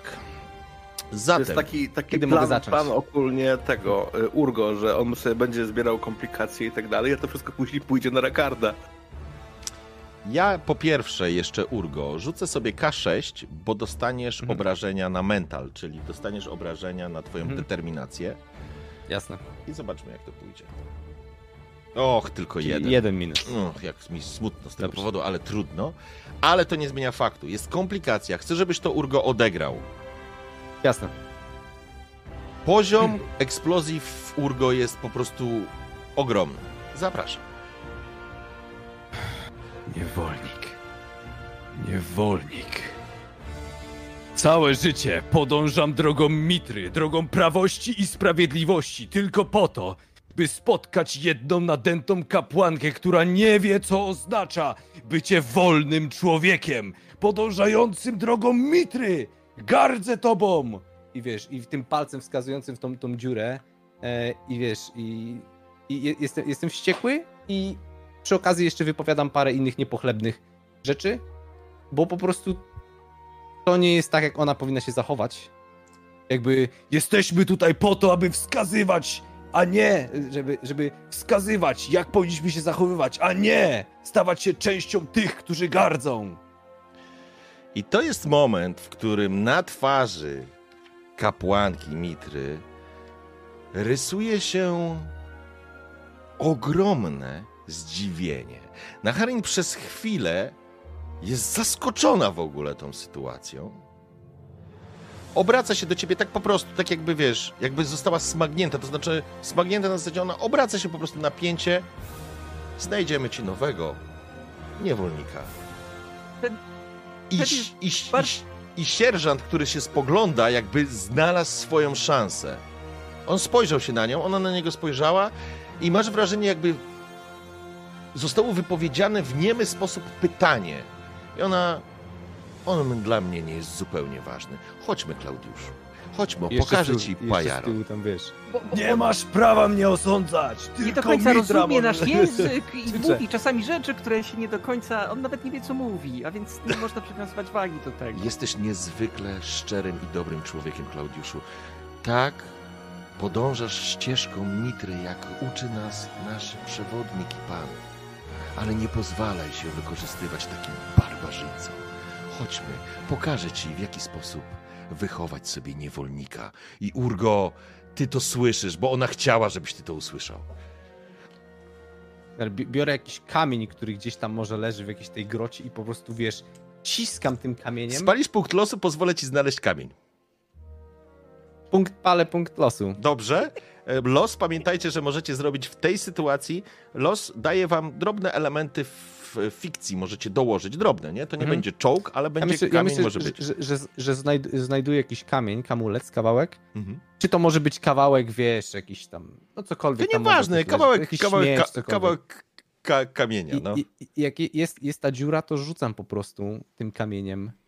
Słuchaj, e, więc to I- będzie na trafienie jej. Mhm. E, poziom dam ci... Słuchaj, dam ci cztery, bo to jednak rzucasz z dołu, ona nie wychyla się, tylko oni już odeszli, Mhm. więc musisz cisnąć. To będzie, to nie będzie heroiczne, ale to będzie Mhm. niezwykle, to jest koszmarny poziom. Jasne. E, znaczy ja wiem, że ja nie trafię, ale to jest po prostu, jest, to jest furia, słuchajcie, to jest jakby, jest, jest no, przy, mgła przed oczami, nie? Jest, jest to jest ten czuły punkt. Czym mam rzucić, powiedz mi? Czy muszę zrobić na, na, ten, na, y, masz ten test y, i już wracamy do was. E, melee? Nie, nie, to nie jest mili, to jest, y, to jest rzut, rzut, rzut, E, rzut, ranged, Z- ranged weapon. Range, Ranged ranged weapon, no. weapon. Odrzucam dwie kości, to tam Dobra, jeden zapraszam. unskilled sukces. Jest jeden, ale niestety kamień po prostu Mhm. furknął, przelatując nad zamykającą się, s- e, zamykającą się, e, wiesz, kratą. I ja spalę punkt fatum, Mhm. Żeby ona to zauważyła, Klaudiuszu, żebyś nie miał już żadnych wątpliwości, że ją przekonasz. ja, ja nawet mam taki pomysł na Mhm. scenę, y, że jak ty rzucasz tym kamieniem, to Klaudiusz jeszcze tak się zrywa, żeby powiedzieć Urgo, wrócę po ciebie i staje nad tą kratą i ten kamień trafia w czoło Klaudiusza, bum! I Klaudiusz jak już miał powiedzieć, wrócę po ciebie Urgo, dostał tym kamieniem, tak, że może mu pękł kawałek czoła i że krew mu zaczyna Mhm. tutaj spływać i widzisz w oczach Klaudiusza, Ja niekoniecznie to jest, ale masz wrażenie, tak jakby on spojrzał na ciebie jak na dzikusa. Nie, mnie coś, w tym momencie mnie tak coś złamało. W tym momencie jest tak, wiesz, ta, ta niemoc i, i aż niedowierzanie, co się w tym momencie stało. Jakbym się obudził dosłownie. I Klaudiuszu, I jest krzyk. Sierżancie! Klaudiuszu! I ona podbiega. I wiesz, jaka jest scena? Ty trzymasz się za głowę. Urgo mówisz do Klaudiusza. Mówisz tym swoim głosem. Takim przyjacielskim Klaudiuszu. I nagle twój głos jest przyciszony, ponieważ słyszysz jej głos. Klaudiuszu i on się nakłada.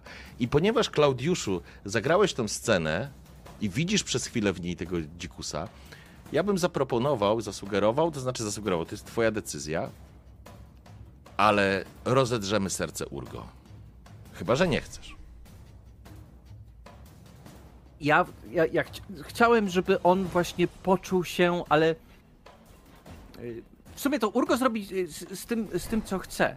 Y, Czy, Okej? czy to jak Klaudiusz się na niego, bo, bo to jego wzrok był, to nie, był- to, to nie był taki wzrok jakiś, w sensie, to, to nie było intelektualne, tylko zabolało go, Okej. nie? I przez to nic nie powiedział i się spojrzał, na, no tak jak człowiek, który został przez kogoś zraniony. Mhm. I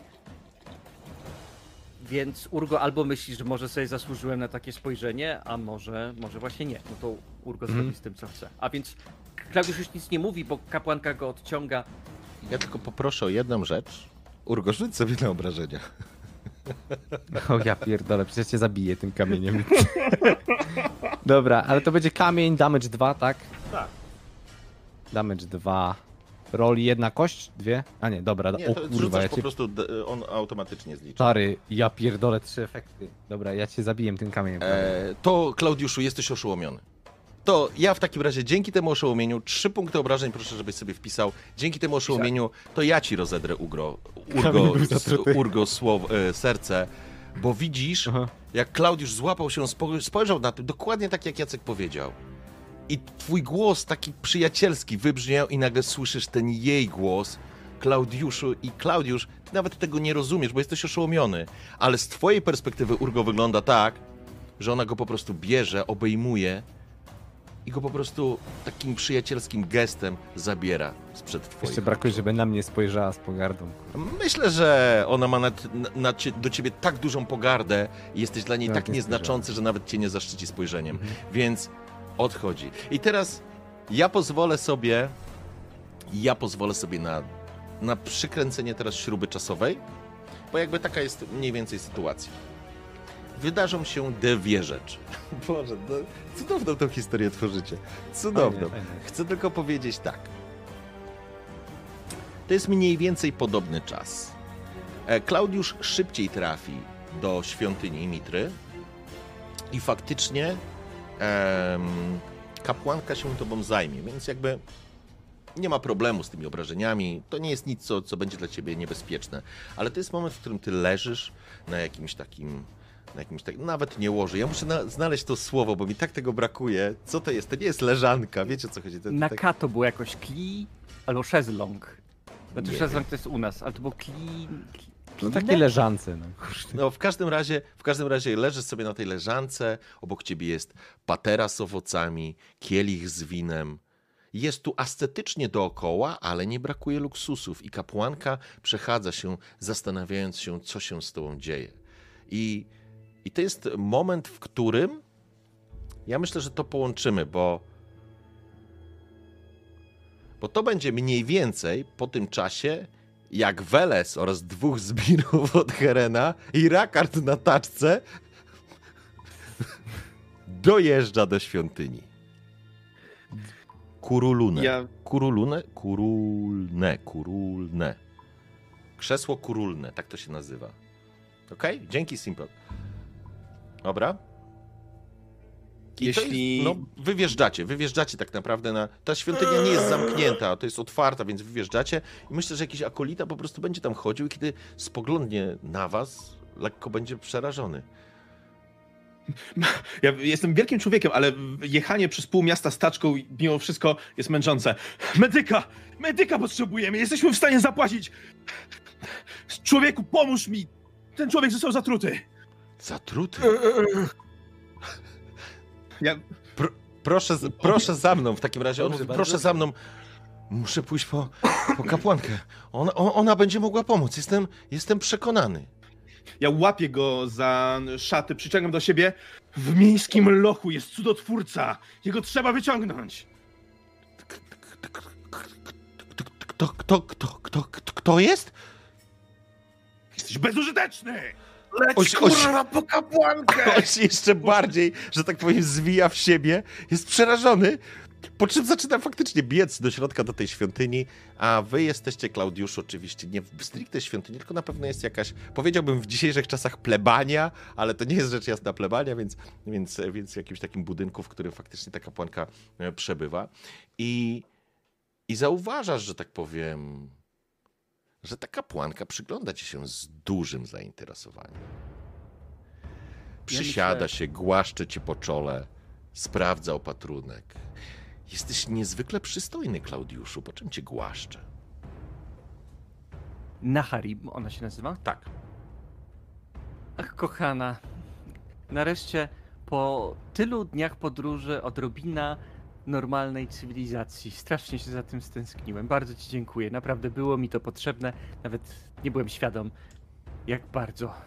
Ona się... Działy się rzeczy Mhm. nie, Mów, mów, sorry. niezwykłe się rzeczy działy. Po prostu. Nie będę ci nawet wchodził w szczegóły. Łowcy niewolników, yy, bandyci, ale.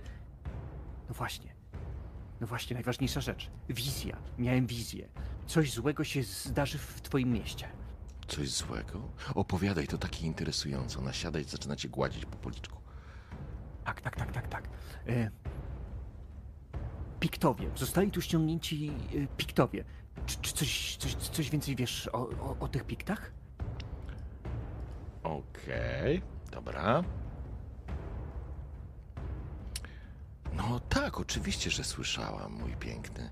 Przecież jutro mamy.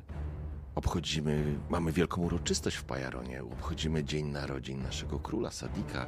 Czerwone czerepy zostały pojmane i kupione przez naszego Dario, władcę areny, właśnie ku wielkiej uciesze naszego króla.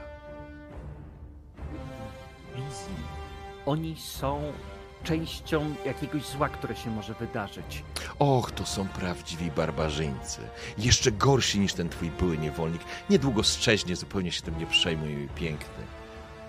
Jesteś taki... Ja po prostu... Ten umiera, teraz się role odwróciły. Cudownie. Ona po prostu spogląda się na ciebie. Tutaj, w tej zaściankowej prowincji, tak rzadko mogę spotkać inteligentnych i wykształconych ludzi. Ona jest zauroczona tobą, ale ale kiedy powiedziałeś to, co powiedziałeś. Nie. Chciałbym nas. y, Boże, ja nie. Na, na, zaraz powiem. Na tę społeczną umiejętność. Obycie? Na obycie, tak, rzucasz na obycie. Zobaczymy, gdzie, gdzie będziesz w relacji z, z Nahari. Dobrze. Tam Rakard. Kurde! Zaraz wrócimy do ciebie, Rakard. I zaraz wrócimy do Urgo, rzecz jasna. Klaudia. Tylko jeden sukces i konsekwencja. Uuu. No, no. Uuu. Wreszcie mu coś nie wyszło. Kończyło się! Jacy koledzy! Jacy koledzy. Wiesz co? Ja zakładam, że próbowałeś stworzyć. E, albo inaczej, jakby ta relacja, jakby ta atmosfera była stworzona do tego, żeby ty chciałeś, mogłeś może się czegoś po prostu dowiedzieć. Ale na Harim jakby już nie chce z tobą rozmawiać. Jakby nie jesteś tu po to, żeby z nią rozmawiać. Więc ona, ona już, ona jest taka trochę poirytowana. Klaudiuszu, porozmawiamy o tym później, a teraz. Teraz chciałabym cię poprowadzić ścieżką mitry. Zamknij oczy.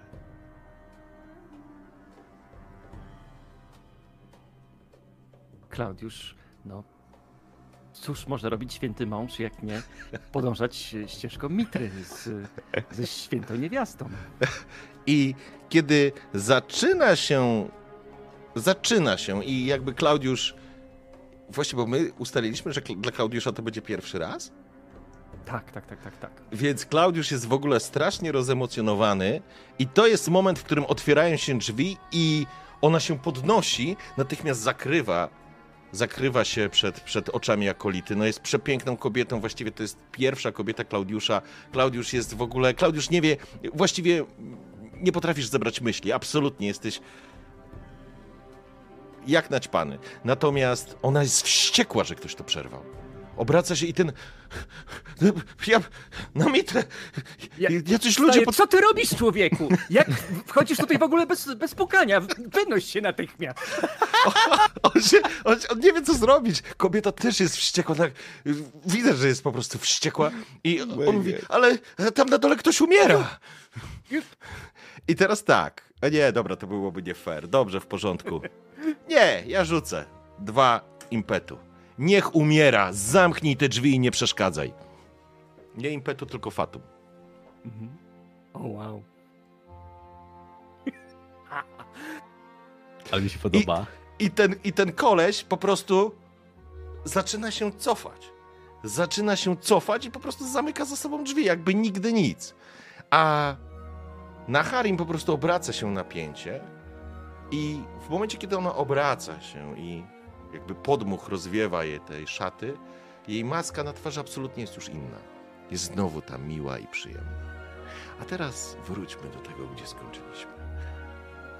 Tak ro, rozerwany stoi Klaudiusz, tak bo padło to słowo do ucha, ktoś tam na dole umiera i z prawej strony ona, e, ale e, na Harim może, może jednak poczekajmy 20 minut i uratujmy mu życie. Okej, dobrze, bawmy się dalej. E, Kurczę, nie wiedziałem, że życie Rakarda będzie zależeć od bzykania. Dobra, e, Klaudiuszu, w takim razie... Klaudiusz, ja-. No, Ju- już Wales do ciebie wracam. Jedną tylko Okej. rzecz. E, Będę chciał, Klaudiusz, żebyś e, przekonywanie, albo ty możesz używać tej swojej super, hiper umiejętności, więc będziesz potrzebował, słuchaj, ona bardzo, ona bardzo nie chce opuszczać tych komnat i zajmować Ja się jakimś prostakiem. E, jeżeli ty nie chcesz, to zaraz jeszcze podniesiemy ten poziom, bo działasz wbrew przeciwko sobie, ale ja uznaję, że to są stary cztery sukcesy, które będziesz potrzebował. I ja, w, byłyby trzy, ale wrzucę ten, wrzucę jedno fatum, niech będzie cztery. Ale fajnie, Boże, nie mogę wytrzymać. Ja, ja chętnie zaraz się do tego jeszcze dodam. Tak, i zaraz, zaraz przejdę do Welesa, tylko e, Klaudiuszu, e, mój drogi, co będziemy robić? No cóż, Klaudiusz bardzo niechętnie wydaje swój ostatni punkt losu. Myśli sobie, o Mitro, oby ten człowiek był coś wart. Oby ten człowiek był coś wart. Okej. Czyli ty masz jaki poziom trudności, mówiłem? Trzy czy cztery? Cztery. Cztery. Wydajesz punkt losu. Okej. Czy kupujesz jakieś kostki za Fatum? Może kup, bo to Y- ważne, bo Rakar tam szczeźnie. Nie kupuj, Nie no, bo to jest fajnie. Je, się dzieje. jeżeli wyrzucę dwudziestkę, to znaczy, że Mitra stwierdził, że to, co się dzieje w tej sypialni jest ważniejsze. Okej, zapraszam. Piękny rytuał życia. Uwaga. Kurde, co za sytuacja w ogóle. O, O, jest I jedyna. to jedynka! Mitra przemówiło, przemówił! A Uratuj ty co tam się Rakarda! A ty niewierny, co się tam odzywasz? Ty? Dobra, słuchajcie, żeby już to, y, czyli masz jedynkę, czy- elegancko, czyli masz, słuchaj, trzy sukcesy. Trzy sukcesy plus dwa, masz pięć sukcesów na cztery wymagane, masz jeden impet, więc y, możesz zos- wrzucić go do puli, albo jeszcze, że tak powiem, dobitniej wpłynąć. Sposób, który nie zrazi jej do ciebie, ale przemówisz w jakiś sposób, który może trafić. Myślę, że szybko kalkulując sobie w głowie, Klaudiusz mówi Naharim, przez tą informację o tym, że on jest tam na dole i umiera, ja nie mógłbym się skupić. Załatwmy go szybciutko i wrócimy tutaj zaraz. I będzie wszystko y, Masz tak rację. Przez tego akolitę cały czar prysł. Musimy to koniecznie naprawić. Zgadzam się. A teraz wracamy do Welesa i Rakarda. E, stoicie tak naprawdę przed tą świątynią. Rakard leży i faktycznie zaraz będziemy tam sprawdzać, jak twoje obrażenia sobie rzucisz, bo tam się będą działy rzeczy, cały czas się dzieją, ale no dogorywasz. Tych dwóch bandziorów stoi obok i tak naprawdę, wiesz, y, nic nie robi, nie? Jeśli tylko wróciłby, jeśli tylko wraca do nas ten em, akolita i mówi nam o tym, co się dzieje, ja chcę go złapać, Ale oczywiście on wrócił i on jest przerażony i jest jeszcze bardziej Dobrze. przerażony niż był stąd wychodząc. I, Dobrze. I, I spogląda na ciebie i wie, że jest w fatalnej pozycji. I, I ja, czy ja jestem w stanie, czy ja widziałem, gdzie on poszedł? E, tak, on wszedł, nie Dobrze. wszedł do świątyni, poszedł Mhm. obok, wzdłuż świątyni i tam są faktycznie takie zabudowania, są budynki. Jest jeden duży, pokaźny budynek, nie jest jakoś specjalnie, wiesz, e, ozdabiany, to nie jest żaden pałac, nie? Z zewnątrz wygląda dosyć prosto, ale no kurczę, no bez jaj, bez problemu jesteś w stanie określić, że jest to swego rodzaju e, część mieszkalna dla tych kapłanów tutaj, nie? Ja chcę go złapać za te szaty i zacząć ciągnąć w kierunku tamtych zabudowań, mówiąc, prowadź mnie! Nie, ale, Do cholery! ale ja, ja nie mogę, teraz nie mogę. Wielka kapłanka jest teraz niezwykle zajęta. O, Religia miłości! Pierdolenie! Ja chcę pójść do tych drzwi i z okrzykiem na ustach w lochu miejskim jest cudotwórca waszej wiary! Kopnąć się. Rakard tych dwóch po prostu... jest religia miłości. I no. ta, ta, ta, ta, ta dwukółka tak skrzypi. E, ty się tak dobrze nie bawisz, bo jakby trucizna działa. E, I ja bym chciał, żebyś sobie rzucił. E, rzuć sobie, mm, drogi Rakardzie, już ci powiem, co bym chciał, żebyś sobie rzucił. Drogi Rakardzie, e, jak ty tam w ogóle wyglądasz? Sobie tylko zerknę. E, uch, jak ty źle wyglądasz, Rakardzie. Uuu, ty jest naprawdę źle karmitra. wyglądasz. Rakardzie, ja będę chciał, żebyś sobie rzucił jedną kostkę obrażeń. O, panie. Robi tego? Po prostu rzuć tam damage, wpisz jeden i rzuć.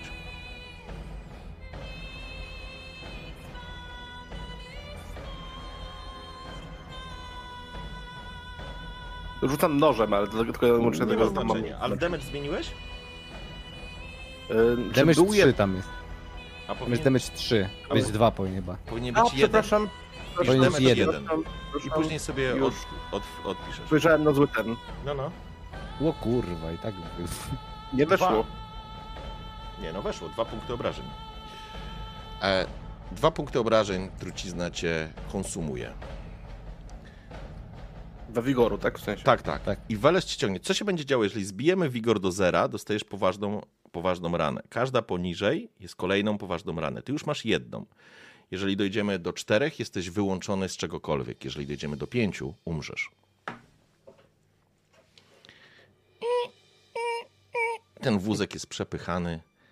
I to jest Weles, który ty po prostu szarpiesz, już się nie pierdolisz, po prostu szarpiesz, ten facet jest przerażony, on chyba nawet nie do końca słyszy, jacyś inni akolici wychodzą, zastanawiają się, co się dzieje. Tu nie jest jakoś, to nie jest jakiś klasztor, że tutaj jest 50 kapłanów. To są pojedyncze osoby, jacyś służący czy, czy, czy, czy, czy robotnicy. I to jest moment, i w tym momencie to jest taka chwila, kiedy ty idziesz, jesteś zrozpaczony. Rakard, faktycznie, ty już zaczynasz dusić się w pewnym momencie, trudno ci oddech. Wiesz, że stygijska czerni po prostu cię zabija. I ty to wiesz, i ten, który ci to zrobił, on doskonale wiedział, co robi. Jest już ciemno, widzisz piękny księżyc, który wyrasta za chmur. I to jest moment, który w drzwiach staje. Nie, nie oceniasz tego w postaci urody. Kapłanka i uwaga, obok niej, rozpalony jak cegła, Klaudiusz, któremu blond włosy kontrastują z czerwienią na twarzy, bo jestem przekonany, że Klaudiusz ma aż wypieki. Robię Szata takie... się nosi, słuchaj. No. Rakard umiera. O, Ona się obraca. Znasz ich? Tych prostaków? tak. Tak, tak, tak. Są bardzo ważni w misji. Y, szybko, y, lećmy do tego, y, do tego pro, prostaka. O. Ja kompletnie zbity z tropu robię krok w tył w tym wejściu, robiąc przejście i nie wiem, co mam powiedzieć w, tym- tak naprawdę w tej sytuacji. Czy, czy może mnie pan już puścić? Bo ty trzymasz cały czas tego typa, nie? Tak, puszczam go z impetem na drugą stronę framugi. Wpadł. Na mitrę, na mitrę. Czy, czy mam powiadomić straż? Nie, wszystko w porządku, prawda? Zależy ci na życiu towarzysza, to będzie wszystko w porządku, prawda? Spogląda się na ciebie jej twarz zmieniła się zupełnie. Nie jest miłą twarzą, Klaudiuszu, który widziałeś, którą widziałeś jeszcze przed chwilą w sypialniach, czy właściwie w tych pokojach jej. Jest bardzo zimna i bardzo wyrachowana, jakby dostosowywała tą twarz w zależności do kogo, do sytuacji i do osób, z którymi przebywa. Tak, tak, tak. To ważny człowiek, ważny człowiek. Zatem sprawdźmy, co się wydarzyło. I tu was zostawię, bo Urgo, ty też się nie będziesz nudził.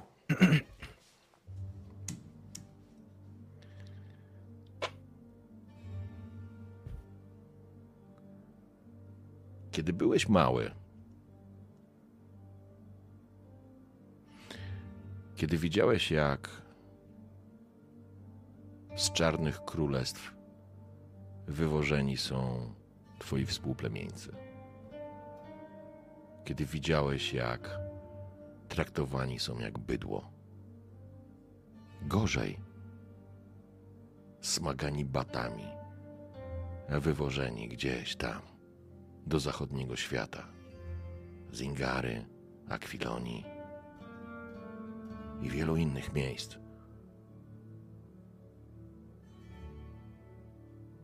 Pamiętasz jedną scenę, kiedy do wielkiej drewnianej klatki wpakowywano tam ludzi i ładowano tak naprawdę, załadowywano ich na okręty czy na statki, które przybijały do pobliskich portów, czy zakuwano ich do galer. Różne rzeczy z nimi robiono. Z kobietami, z mężczyznami, z dziećmi. I to nie tylko tak, że biały człowiek to robił. Nie, nie.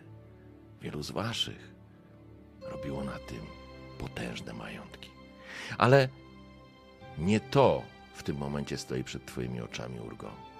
Tylko stoi przed twoimi oczami na takiej, na nabrzeżu, przygotowane do załadunku, wielka skrzynia ze stalowymi prętami, właściwie klatka, nie skrzynia, w której uwięziony jest potężny lew. Dziki, którego widziałeś. Co potrafią te dzikie koty robić? Że one są prawdziwymi królami. A ten lew ryczał zamknięty w klatce i był bezbronny. Widziałeś zakrwawione łapy, bo wyrwali mu szpony. Widziałeś spiłowane zębiska. Ktoś tam, bogaty z zachodu, zamówił sobie kolejną zabawkę. I widziałeś, jak to zwierzę się ciska w amoku. I ponieważ zagraliśmy kartą Twojej zaszłości, to jest moment, w którym Urgo łapiesz się na tym, że chodzisz po tej jamie wściekły, uderzając pięścią w ścianę, jakby się nie zgadzając z tym. Ludzie, którzy z tobą tam siedzą, są skupieni w jednym miejscu, przerażeni i w ogóle starają się zniknąć z twoich oczu.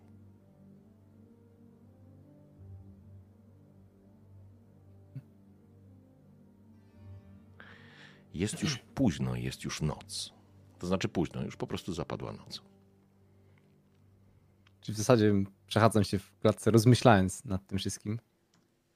Do, dobrze rozumiem. Mhm. Tak, tak. To są takie Mhm. wspomnienia, które ci naszły po tej całej Mhm. akcji, która miała miejsce.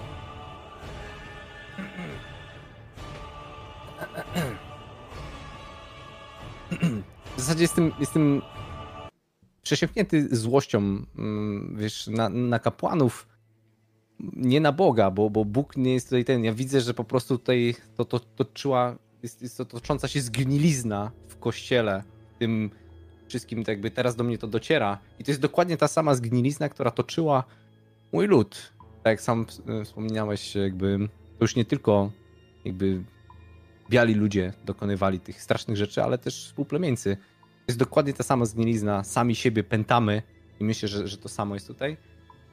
Rozchodzę i po prostu uderzam e, tą pięścią, pięścią rzeczywiście. Próbuję się opanować, natomiast e, nie idzie mi to. I po prostu w którymś momencie zaczynam fukać na tych ludzi, którzy ta, tam są. Mhm. I co? Wy też widzicie we mnie niewolnika, tak? nie, mogę cię dotknąć?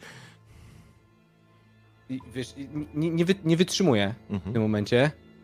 I. i... I on tak wyciąga I te- rękę, te- wiesz, tak, mogę cię dotknąć? I teraz ja dotknę ciebie po prostu. I, i po prostu, no, no uderzam go. Nie, nie rzucę. do, o, nie od, rzucaj, od, nie ma odlatuję. On po prostu uderzenie, pum, on po prostu pada na tą, na ścianę tej ziemianki, zalewając się krwią. dotknij mnie, dotknij mnie. Mhm. Czy ktoś jeszcze z was widzi tu niewolnika? Czy ktoś jeszcze chce nieprawości? Wiesz, no, no, jestem, jestem wkurzony Mhm. i, i spoglądam na nich. E, ale raczej wątpię, że tutaj jakikolwiek e, jest. E, Oni są przerażeni, tym bardziej po tym uderzeniu oni w ogóle rozpierzchli się, wiesz, jak stado kurcząt, które zostało, wiesz, Mhm. czy ptaków, które zostało wystraszone. Wiesz, wskazuję każdego po kolei. Ty! A może ty, ktokolwiek? Wiesz, i no nie, nie widzę odzewu. Nie, Widzę, że się absolutnie, boją. absolutnie. Są przerażeni. I w zasadzie nie wiem, co, cofam się po prostu. E, I padam na kolana, wiesz, tego takiego, takiego mentalnego Mhm. wycieńczenia.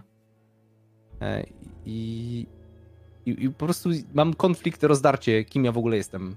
Okej, I, I te dwa światy się gdzieś tutaj ścierają. rozumiem. I nie do końca potrafię sobie z tym poradzić. I to jest moment, w którym słyszysz, jak ta krata się unosi ze skrzypnięciem. Spoglądam. Widzisz na tle tak naprawdę nocnego nieba i księżyca, który przybija. Niebie jest bezchmurne niebo, więc, więc taki srebrzysty blask, żeby nie powiedzieć trupioblady, wpada do środka i widzisz głowę tego sierżanta. Słuchaj, duży człowieku, będziesz sprawiał kłopoty? Czy wyjdziesz z jamy i będziesz grzeczny? Nie odzywam się. Bo kiedy my Ciężko zejdziemy na dół, nie będziesz już miał wyboru. Dalej się nie odzywam. Ciężko oddycham. Mhm. Wyłaś! Słyszysz, jak drewniana drabina opada i uderza o ziemię. Wstaję, spogląda, spoglądam na niego. Jakby, jak, jakie ma emocje? Jakby co, co... Spogląda się na ciebie z zainteresowaniem. Na zasadzie, wiesz, no, na pewno wzbudzasz respekt samą swoją posturą, więc. Więc to jest Mhm. dobra, to znaczy dla ciebie dobra informacja, ale z drugiej strony jesteś przekonany, że oni są przygotowani. W związku z tym, Mhm. a ty nie masz broni. Ale mężczyzna spogląda się na ciebie. Dam ci wybór. Możesz zgnić w jamie, albo możesz Możesz zdecydować o swoim życiu poprzez walkę. Chodź, wielkoludzie. Dla mnie jesteś cennym towarem. Dogadajmy się.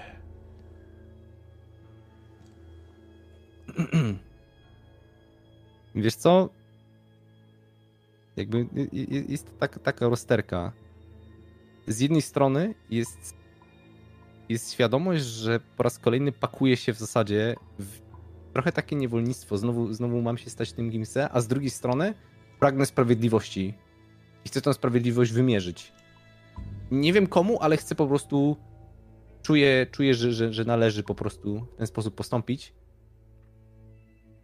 i chwytam po prostu tą drabinę i zaczynam wchodzić. Mhm. Raz jeszcze nie, nie, mówiąc, nie mówiąc nic. Okej.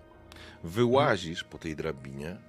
Dostrzegasz, że faktycznie sierżant się cofnął, nie dając ci szans na to, żebyś go złapał, cokolwiek.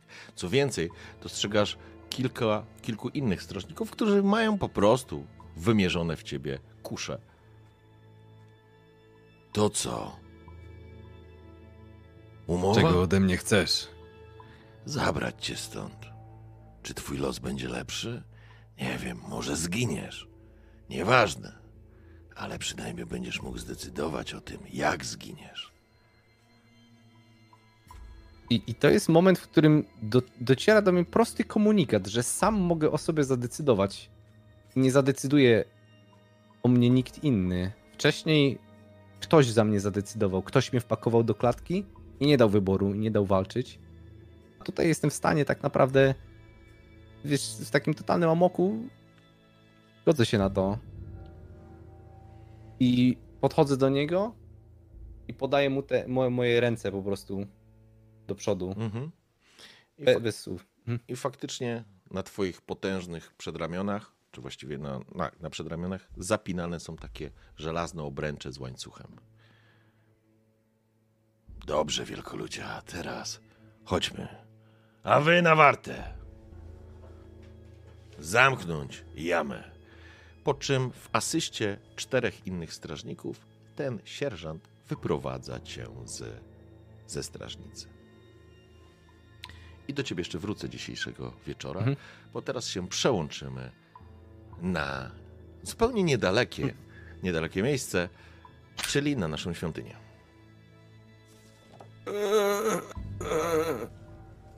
Rakard jest blady, jest spocony, jego usta są sine, oczy załzawione. Masz wrażenie, że jego tęczówki zaczynają tracić blask. Ma problemy z oddechem i jest. Ty w ogóle nie musisz rzucać, że wiesz, że jest to trucizna. Na Harim również podchodzi i sprawdza gdzieś tak najp- najpierw, wiesz, w ogóle bez żadnego. Ona właściwie rzuca polecenie, obróćcie go, nie? Na tej zasadzie. Ja ten, trzymam się z tyłu, ja nie pcham się do przodu, bo wiem, że tutaj nic nie dam od siebie, oprócz tylko tego, że mówię, to czerń stygijska. Obraca się. Widać zaskoczenie na jej twarzy. Ernstykiska tutaj. Jesteście w stanie coś z tym zrobić? Kim jest ten człowiek, że ktoś wydał majątek na czerń stygijską? No cóż. To nie jest teraz ważne. Tak, trzeba działać bardzo szybko. Dobra. E, tak, muszę sobie przypomnieć. Czerść, stygiska, tak, tak, dobra, tak, e, ładne piersi, zaraz tak dobrze tutaj, tak, tutaj podejdziemy, zaraz. E, tak, gdzie ja miałem A nie rozkojarzony. Skup się, Klaudiuszu, skup się. Mam cię zimną wodą oblać, to się da załatwić. W każdym razie, słuchajcie, ja myślę, że w ogóle za, jesteście zabrani z tego dworu, tak naprawdę wprowadzeni, czy wniesiono Rakarda do środka, do tego domu e, kapłana, nazwijmy to w ten sposób. E, Położono was, położono właściwie Rakarda w jakimś lazarecie. E, Naharim zaczęła przygotowywać coś i ugniatać pewne mikstury, które prawdopodobnie mają w jakiś sposób złagodzić efekt trucizny. Natomiast rzuca tylko do ciebie, żebyś opatrzył ranę. I to będzie na pewno zabawa w leczenie. Robimy to po raz pierwszy, więc muszę sobie przypomnieć, jak to było. wydaje mi się, że jak jest jedna rana, to muszę mieć jeden sukces, jak są dwa, dwie rany, dwa sukcesy i tak dalej, i tak dalej. Na pewno na ra- w ogóle rana jest poważnym tematem, więc jakby mechanicznie jeszcze to wyjaśnię, mamy mało czasu, ale tylko wyjaśnię, że rana Rakard zostanie z tobą do końca tej historii. To znaczy, że ona zostanie zaleczona. Teraz jak masz ranę, do wszystkich testów za jedną ranę masz minus jeden. Do wszystkich fizycznych testów. Jakbyś miał dwie rany, byłoby minus dwa, trzy, minus trzy i tak dalej. Natomiast po zaleczeniu poważnej rany nie masz tego minusu, jest ok, ale jeśli dostaniesz jakąkolwiek inną ranę, tylko ranę, nie zbicie wigoru, to wtedy otwierają się wszystkie, które miałeś zaleczone. Czyli miałbyś na przykład trzy rany w tym momencie, ktoś cię rani, czyli zada ci pięć punktów obrażeń albo zbije twój wigor do zera, to wtedy otwiera ci się tak naprawdę, dostajesz czwartą i te trzy się po prostu otwierają. O. Ale jeżeli będzie zaleczone, to jest ok. Ja tylko sobie zerknę w ten. Yy, Już, już, już, już, już, już. Cechy broni, rzucanie zaklęć, impet, stany.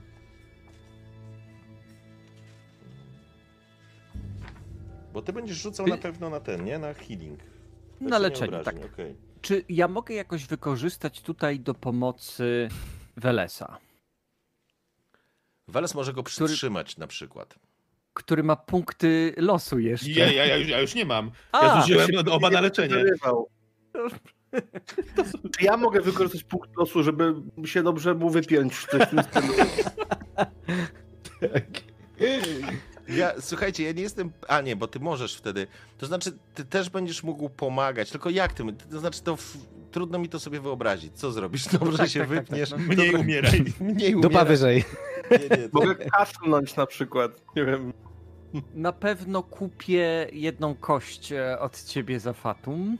Ja oczywiście już sobie dokładam, a ty masz dodatkową kość. Eee, poczekaj, z punktu trudnych, dobra, dzieje się to automatycznie. Aha, to tak naprawdę punkty wigoru pojawią się, tak naprawdę będziesz pracował nad raną poważną, żeby ją zaleczyć, bo punkty wig- wigoru wam się i determinacji odradzają same po odpoczynku, krótko mówiąc, więc to nie jest żaden problem. A, a teraz tak, usuwanie urazów wiadomości przez zaleczenie leczenie. Dobra, aby przystąpić do zaleczenia należy określić, jakiego rodzaju urazu postać będzie się zajmować, następnie wykonać przeciętny test. Przeciętny test to jest T1, czyli słuchaj, to jest, y, musisz mieć jeden sukces. Tak jest. Tak, więc wystarczy ci jeden Mam sukces. pytanko. Bo Trzy mi brakuje sukcesy. tylko jednego wigoru mniej, żeby mieć drugą poważną ranę. Czy on na przykład miał, mając dwa sukcesy, mógłby to całkowicie wyleczyć?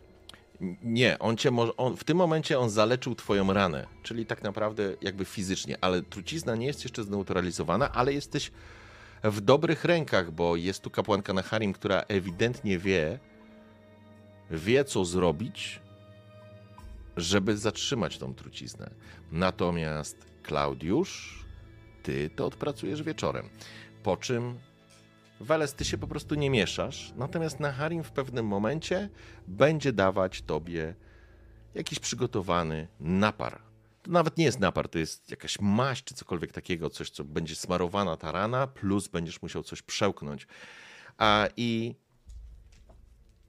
i żebyśmy, ponieważ będzie to antidotum, to ja będę chciał, żebyś rzucił sobie jedną rzecz, Rakard, bo ostatecznie to twój organizm będzie musiał przezwyciężyć tą truciznę, ale w tej sytuacji będziemy rzucać rzecz jasna na resistance i ponieważ masz podaną odtrutkę, ja ten poziom trudności obniżę. Nie będę ci dokładał kości, tylko po prostu obniżę ci poziom trudności. To będzie łatwiejsze dla ciebie, ponieważ jest to czerń, więc to będzie dalej dwa sukcesy, które będziesz musiał podać, żeby To twój ja organizm sobie wykorzystuję poradził. Fortune Point w takim razie, już mam dwa sukcesy. Okej, ale musisz rzucić. Eee, I A nie, nie rzucę. musisz. Znaczy, Poczekaj, tak. musisz czy nie musisz?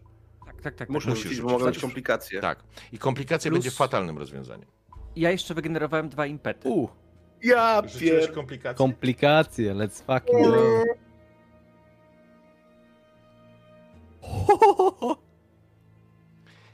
Co się Pada dzieje? ci noga.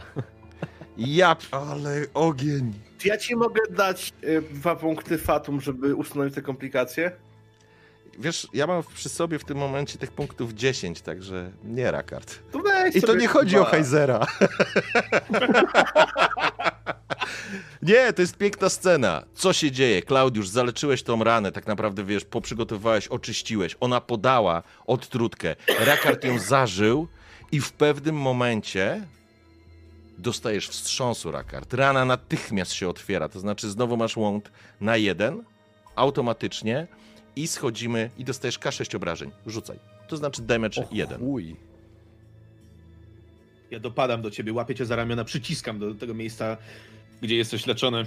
Jeden, O, jeden. jak dobrze, że rzuciłeś jeden, stary. Oj, shit, Jak stary. ja się cieszę. Ile masz jeszcze wigoru? No teraz właśnie mi brakuje jednego do drugiej ciężkiej rany. Czyli masz jeden jeszcze, tak? Tak.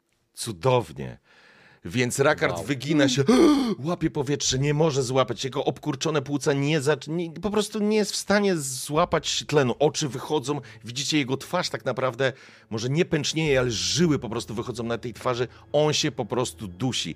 Na Harim przychodzi od razu, Gweles, ty go łapiesz. Klaudiusz, e, opanowanie chciałbym, żebyś sobie rzucił. Ty takich rzeczy nie widziałeś. A co więcej, Klaudiuszu, pobawmy się, przecież daliście mi tyle, e, tyle cholera e, tego e, fatum. Więc tak, rzucasz, e, będę chciał, żebyś sobie rzucił na discipline, Mhm. e, ponieważ widzisz swojego towarzysza, który w agonii się wije. I normalnie to byłby poziom 2, ale ja kupię sobie jeden poziom trudności, więc to będzie poziom 3. Trzy. To wysoko. To na pewno wydam sobie impet jeszcze. Ja się nachylam, A, bo jest trzymając, Okej? nach- nachylam się trzymając mocno, mówię trzymaj się czarcie, to nie jest koniec twojej historii. Bo wygenerowałem dwa, dwa impety. Jeden zostawię na wszelki wypadek, bo może się przydać bardziej Rakardowi.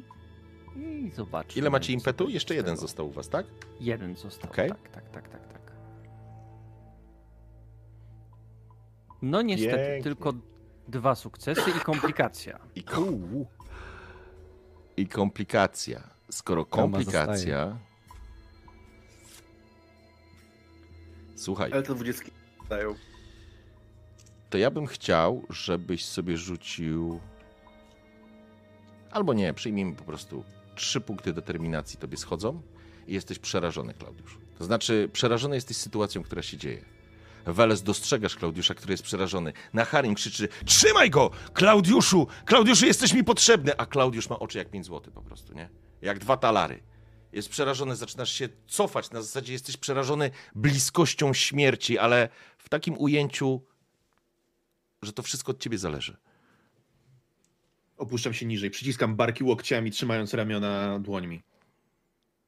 On się zaczyna wić, on zaczyna się dusić. Trzeba udrożnić. Wstać i taki drewniany kołek włóż mu między zęby. Taki kawałek, wiesz, drewna, żeby po prostu nie przyciął, nie odgryzł sobie języka, nie? To, ja, czy on? No tobie to daje, bo Klaudiusz się cofa tak naprawdę, jest Dobra. przerażony. Łapię i wciskam mu e, w zęby, trzymając. To tak nie powinno, to tak nie powinno wyglądać. On już w Nie tym obchodzi mnie, jak to powinno powinien- wyglądać. W tym Działaj! momencie p- powinien już. y, Rób co twoje! Już powinno być le- lepiej w tym momencie, to zupełnie, nie wiem, to, to tak zu, zu, zupełnie nie powinno tak działać. Zu, zu, zu, zupełnie Rób co twoje, ja będę robił co moje. Trzymając łokciami barki, z, zaciskam ten... Na podewieńko też do ciebie krzyczy, Klaudiuszu. I Weles, chciałbym, żebyś w takim razie sobie rzucił na, na doradzanie. To jest zdecydowanie umiejętność ulubiona Klaudiusza. Rzucasz doradzanie, dostajesz ode mnie dodatkową kość od e, Naharim, która nie ma czasu specjalnie przekładać do Klaudiusza jakiejkolwiek większej uwagi poza krzykiem, żeby się po prostu wziął w garść, bo on po prostu umiera. Więc jeżeli ci się uda rzucić ten test, to Klaudiusz przełamie ten swój strach. A jak nie, to potrwa jeszcze jedną rundę. I nie będzie mógł pomóc Naharim.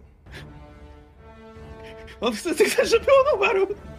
Nie, absolutnie. Trzymam za was kciuki. Ty widziałeś, ile ja mam tego? Doradzanie? No, no tak mi się wydaje. Tak, doradzanie jest na, na e, wchodzi na Council. mentalne. No, to jest council. I, ile mam mieć sukcesów? E, wiesz co? Nie, tutaj już nie będziemy, chociaż mam dużo fatum, ale nie. Wiesz co? E, ja ci powiem tak. Ja ci rzucę, ja ci dam dwa, żebyś miał. To będzie wymagający, bo on jest przerażony. Ale tylko dwa sukcesy. Ja poproszę kostkę. E, to masz tak, jedną kostkę ja ci daję za Naharim, drugą kostkę Okej. kupujesz za... Możesz kupić za Fatum, to masz drugą Yes, kostkę. please. I masz impet, który możesz wykorzystać. Macie jeden punkt Yes, impetu. please. Dobra? Masz To trzy kości. kostek w takim razie. Jedziesz z koksem. Yeah! Oh shit. I komplikacja. Komplikacja! O, po- ale jest komplikacja. Co jest grane z tymi dwudziestkami dzisiaj? Cudowny, ale co, w Stary, ogóle, stracisz nerkę. co tu się w ogóle dzieje? Nie, to znaczy Weles, ty w tym momencie wrzeszczysz na Klaudiusza. Widzisz, że o, on nie czai. To znaczy, tu, tu właściwie musisz coś więcej zrobić, niż do niego krzyknąć. Na Harim jest absolutnie, wiesz, pochłonięta Dobrze, jed- praca. Musisz go jedna ręka zaciska się na tym. To będzie I wiesz co? komplikacja. Wiesz co, nie, ja na chwilę wyciągam ten, y, to drewienko z ust Rakarda, łapię cię za szaty, przyciągam cię do siebie, rób co do ciebie należy, wiem, że dasz radę, wiem, że to umiesz, ty też musisz nas zrozumieć i cię strzelam tym drewienkiem. I dostajesz puf, w łeb i e, Weles, rzucaj sobie, rzuć sobie Nie, jeden, ale ja jeden nie chcę mu K6. zrobić krzywdy. Jeden, ja wiem, ale to jest jeden K6 tylko rzucisz, no. Jasne. Pozabijają się tam. kurde. Cztery. Dostałeś, dostałeś takiego strzała, Klaudiusz, w drugą stronę. Dzisiaj, nie wiem, biją cię po tej głowie cały czas. E, ty po prostu dostałeś, ale czujesz ból i myślę, że ten ból cię otrzeźwia.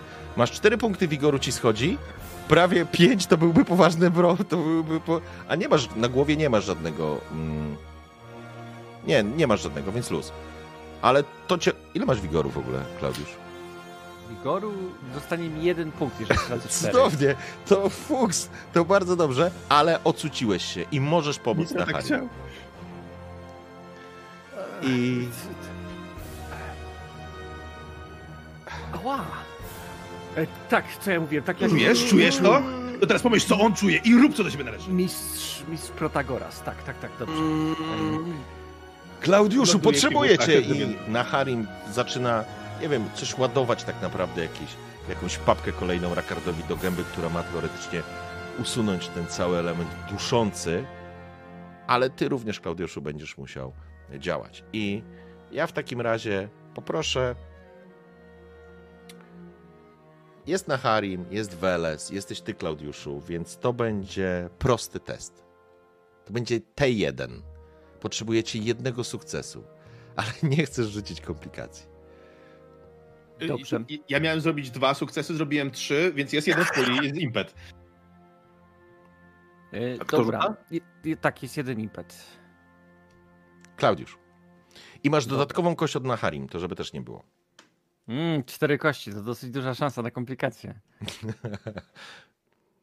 Dobra. I, a jest potrzebny jeden sukces. Tak, tylko jeden. Ja tylko patrzę, Mm. czy będzie komplikacja. Hmm? Nie będzie, prawda? Naprawdę nie chcę, żeby było. Już nie chcę, żeby było. To ja się zastan... No nie no, każda kostka to jest 5%, tak? O, już przestań liczyć, przestań liczyć, liczy kurku. Klaudiuszu, rzucaj, bo on umiera. Bo będę fatum sobie dokładał, dawaj. O, w Na końcu. zielono. Jest. Na zielono. Trzy sukcesy i chyba Pięknie. jeden podwójny. Cztery tak, czyli sukcesy. cztery sukcesy. Słuchajcie. Klaudiusz, po tym uderzeniu, chociaż twoja krew z rozbitego łuku brywiowego zaczyna, zaczyna cię lekko oślepiać, ale ty doskonale wiesz. Jak mówiłeś mistrz, jak? Protagorius? Protagoras. Protagoras. Tak, opisywał, co należy zrobić w takiej sytuacji. Nawet wiesz, jaką mieszankę ziół podaje właśnie Naharim Rakardowi, żeby umożliwić mu oddech, żeby przywrócić te funkcje oddechowe, żeby opuchnięte czarne niemalże gardło zaczęło pompować powietrze. Rakardzie, chcę cię poinformować, że twoja rana zostaje zaleczona. Po tej sytuacji odpływasz, po prostu tracisz przytomność. Jest sytuacja, w której Weles, Klaudiusz oraz Naharim spogląda, stoicie nad nie ciałem Rakarda, tylko nad Rakardem, który śpi. I, I to jest moment, w którym przeskoczę do Urgo. Urgo.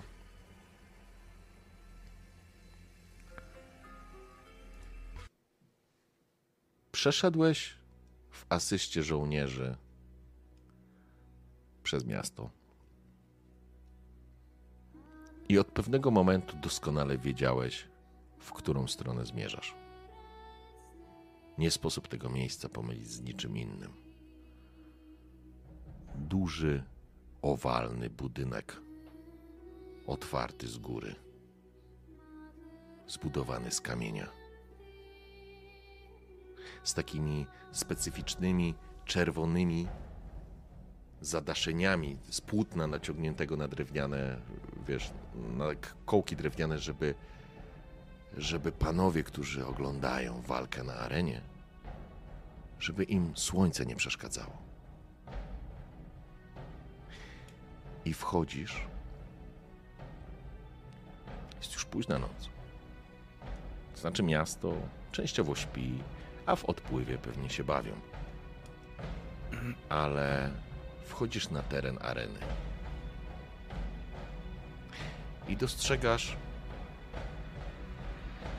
jakby czekającego na was, siedzącego przy stoliku, potężnego mężczyznę. Jest ogromny, ale ta jego ogromność nie jest wielką, nalaną, spasioną ogromnością tego czegoś, co spotkałeś w jamie tylko to jest po prostu potężny mężczyzna. Faktycznie jest już nalany, jest gruby, ale to widać, że, że musiał być niezwykle silnym osobą i z pewnością nadal jest. Jego szeroka gardziel wisi jakby delikatnie drgała, kiedy w jego potężnej, rę, w jego potężnej dłoni tak naprawdę puchar z jakimś napojem wygląda jak zabawka dla dzieci. Mężczyzna jest łysy, obwisłe policzki i bystre oczy. Złe spojrzenie? Nie. Ubrany w szaty, które są niezwykle gustowne, z drogich materiałów. Obok niego stoi potężny drugi mężczyzna, potężny. Wszyscy są kurczę potężni, ale faktycznie ci, z którymi masz do czynienia od paru godzin, tacy właśnie są. I to jest człowiek, którego natychmiast rozpoznajesz. To jest ktoś z czarnych królestw. O skórze czarnej jak heban. O włosach spiętych. Warkoczyki takie po prostu jest spięte i ta kita opada na, na ramiona. W lekkiej tunice, ale również zbroi. Mężczyzna stoi obok niego, ma przy pasie miecz, z drugiej strony nóż. Zdecydowanie wygląda na, na ochroniarza tego mężczyzny. Wielkolud wstaje. Wielkolud. Powie, nazywajmy go Grubas na potrzeby tej sceny. Grubas po prostu wstaje, odkłada ten kielich. Przy pasie wisi mu szpada. Spogląda się z podchodzącą na podcho- do was, na was, którzy podchodzicie. Twój sierżant, twój, twój jak twój. Mężczyzna, który cię tutaj przyprowadził, czyli nasz towarzysz. E, pa, pa, pa. Zaraz mi to gdzieś uciekło. Izun? Izun, chyba on się Izun nazywał, nie pamiętam teraz. Nie mogę znaleźć, ale dobra, przyjmijmy, że Izun. Uśmiecha się, wychodząc naprzeciw. Dobry wieczór, panie Dario. Przyprowadziłem niezwykle cenny nabytek. Kogoś, kto może uświetnić jutrzejsze igrzyska. Dario spogląda, jest wyższy od niego, szerszy dwukrotnie. Spogląda się na ciebie. Kim on jest? To morderca. Dzisiaj pojmaliśmy. Nikt nie będzie po nim płakał. Ale wiem, co potrafi. Zresztą wystarczy spojrzeć. Jest dokładnie taki sam jak tamten. I mężczyzna, który stoi za Dario, spogląda się na niego i widzisz w spojrzeniu coś, co powoduje, że sierżant się kurczy. Mamy ten sam kolor skóry, ale nic więcej nas nie łączy. I sierżant skończył dyskusję.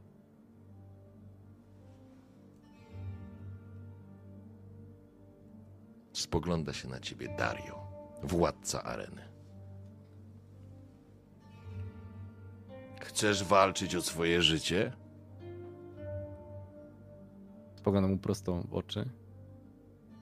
Przyszedłem tu po sprawiedliwość. Niczego innego nie chcę. Czy jesteś w stanie mi to dać? Jestem w stanie ci dać bardzo wiele pod warunkiem, że przeżyjesz. A będziesz miał okazję to udowodnić już jutrzejszego dnia. A potem, kto wie, może sięgniesz po tę swoją sprawiedliwość. Kiwam głową w zasadzie. Mężczyzna, tego zapomniałem dodać, bo jakby jest z Ingary, więc to jest, tak jak mówiłem, taki element trochę Hiszpanii, więc ma jeszcze taki zakręcony wąsik podciągnięty do góry. Ten wielkolud, Dario właściwie. Ile za niego chcesz? No to, panie Dario, to będzie twardy, twardy, twardy wojownik. Masa pieniędzy może być dla pana. No i nie podobasz mi się. Panie Dario, ale. No ale jakże to tak? Umówiona stawka. A jeśli przeżyję jutrzejszą walkę, to zastanowię się nad premią. Czy tak może być? Będziemy przyjaciółmi. Panie Dario, rzecz jasna, oczy, oczy, oczywiście. Mężczyzna sięga do pasa, odpina sakiewkę i rzuca mu jak kość psu. Sierżant nie złapał, ona spadła. Widzisz taką upadlającą scenę, jak ten mieszek wpada w ten żwir, w ten, w ten, w ten pył, w ten piach. I ten człowiek po prostu rzuca się jak głodny pies. Sięga. To jesteśmy umówieni. Dobrej nocy. Po czym odchodzi. Dario spogląda się na ciebie. Rozkuj go. Jak cię nazywać? Nazywam się Urgo. Dobrze, Urgo. Powiesz mu Bali, czym walczysz. Jeżeli przeżyjesz jutrzejszy dzień, twoje życie może się zmienić. I jeśli się skończy na piachu tej areny, i tak będzie ci już wszystko jedno. Czarnoskóry mężczyzna przychodzi i rozkuwa kajdany, które masz na ręku. I to jest moment, w którym. Czy chyba, że coś jeszcze Urgo chcesz dodać? W zasadzie, wiesz co, to jest moment, w którym trochę mi... Chcę powiedzieć trochę wszystko jedno. Na zasadzie zostałem zdradzony, miałem swoją świętą misję, zostałem odrzucony. Wszystkie moje ideały w zasadzie prysły tak w tym jednym kurczym momencie. Jeszcze y, jakby mój towarzysz, jakby na mnie trochę takiej nie ma nadziei. Dwu, dwójka, kurde, łotrów pozostawiła nas. W zasadzie zostawili nas, zostaliśmy, zostałem zdradzony po raz pierwszy. Następnie trafiłem, kurczę, do lochu, w którym jakby stanąłem w obronie mojego brata. Chciałem mu pomóc, a on mnie zostawił w ten sposób i zostałem zdradzony po raz drugi.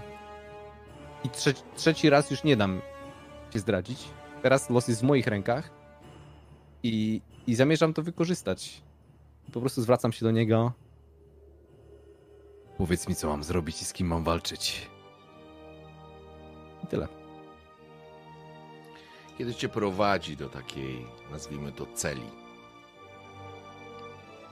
Będzie zamknięta, więc ona ma faktycznie charakter celi, ale, ale nie ma to charakteru, powiedziałbym, więzienia. Nie traktuje cię jak więźnia tak do końca, chociaż oczywiście nie można powiedzieć, żebyś był wolny.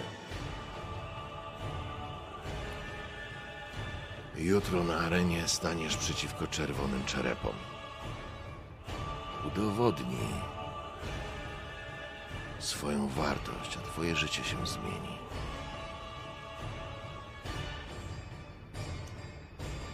Czym walczysz? Miecz.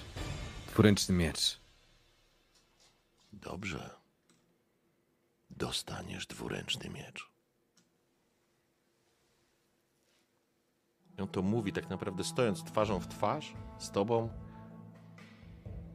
Przygląda się tylko. Masz wrażenie, jakby też testował, jakby chciał trochę cię podpuścić, żebyś zrobił jakiś głupi ruch, ale ty wiesz to. Nie jesteś desperatem. Oczywiście, że cię bada, oczywiście, że cię sąduje. Ale może znalazł coś na dnie twoich oczu, co pozwoliło mu coś zrozumieć. Jutro dostaniesz miecz. Czym te drzwi przed tobą się zamykają.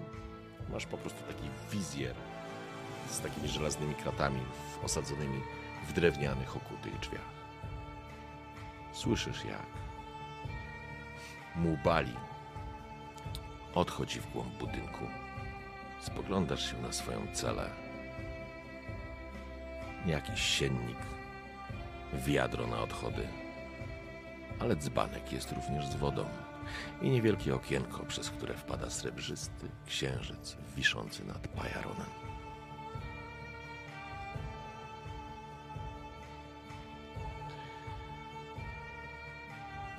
I na tym bym zamknął tą scenę i przeskoczył na ostatni element dzisiejszego wieczoru. Rakard dużo dzisiaj nie pogadał, bardzo mi przykro z tego No. powodu. Ta scena, kurczę, tak jak te drzwi się zamykają, tak kamera odjeżdża tylko z, tych, z tego okienka, tego Oczy. twarz widać. Tak. Oczy, nie? I to jeszcze tak, to fajne, faktycznie te oczy w tej czarnej, ciemnej oprawie, tej chyba nowej skóry, po prostu te białka, no. Dobra. A tutaj mamy Rakarda, który tak naprawdę leży, śpi. Śpi, no bo po tym, co przeżył, na pewno musi przespać się. I jest taki.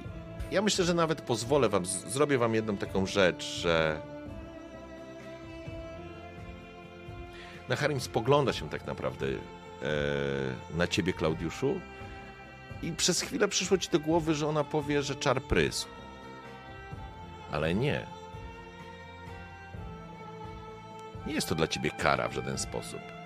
Ale widząc, że znasz się z Welesem i z tym człowiekiem, któremu życie uratowaliście przed chwilą, wiesz, gdzie mnie znaleźć i nie każ mi na siebie długo czekać.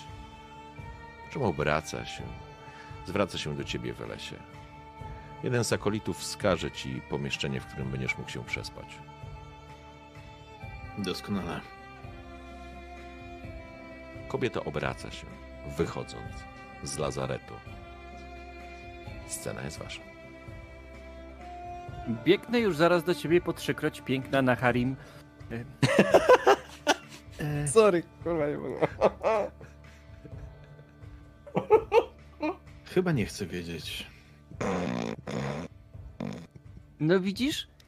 Jakbyście poszli z nami, trafilibyśmy po prostu do spokojnego miejsca i byśmy wyszli i wszyscy bylibyśmy teraz wolni. A teraz wszystko się poprzewracało. Gdzie wy w ogóle poszliście? Klaudiuszu, gdzie jest Urgo? Urgo to jest w ogóle rzecz, którą będzie trzeba teraz zrobić i nie będzie prosta. Będziecie musieli jakoś wydostać go z więzienia. Nie wydaje mi się, żeby Rakard był w stanie kogokolwiek wydostać skądkolwiek. Jedyne, co wydostaje się z niego, to teraz jest w stanie zrobić tylko ciche. Spokojnie. Ale Mów, mów, mów, mów. po tym, jak nie posłuchaliście naszej rady, musieliśmy zgubić trop. Zajęło nam to więcej niż chcieliśmy. No, rozumiem, i się wam udało, tak? I wskazuje ręką na Rakarda. Jakby wszystko poszło zgodnie z planem, Eee. spędziliście miły czas, tak? Wiesz co, to był ktoś inny. Nie, nie widziałem sytuacji, ale Ja, ja Tro, tro, trochę już chodzę po tym świecie i ja sobie zdaję sprawę z tego, że to nie było połączone. Znaleźliśmy miejsce, w którym możemy się skryć. Ubiec przed e, pościgiem. Ale tu się wydarzyło coś, czego nie do końca jeszcze rozumiem i bardzo chciałbym zrozumieć. Widzisz, mógłbyś zrozumieć, jakbyś wierzył w bogów. Bo to nie jest tak, jak mamy takiego złego człowieka, który ma ten zatruty nóż. Ten człowiek niekoniecznie musi służyć mrocznym bogom, ale przez zło, które żyje w jego sercu, staje się ich narzędziem. I ponieważ tu ma się wydarzyć coś bardzo złego, ten człowiek stał się narzędziem, który uderzył właśnie w jedną z osób, która mogła przeciwdziałać tej tragedii, która się może wydarzyć. Więc Kapłanie. to jest połączone. Kapłanie, nie będę ci mówił, w co masz wierzyć. Nie będę ci mówił, jakiej wiary masz oddawać cześć, ale mnie do niczego nie nakłaniaj. Moja sprawa jest moją, a bogowie, gdyby chcieli mi w jakikolwiek sposób pomóc, zrobiliby to już dawno temu. Zbliżam się do ciebie. W sposób, który może cię trochę przerazić, bo widzisz gniew e, w oczach Welesa. Normalnie tych e, zimnych, niebieskich oczach. Nie mów mi, w co mam wierzyć. Bo ja zostawiłem bogów tak, jak oni zostawili mnie. Ale powiem ci więcej. Powiem ci coś, co nie przejdzie mi łatwo przez usta. Sam kreuję swój los. I bogom od niego wara.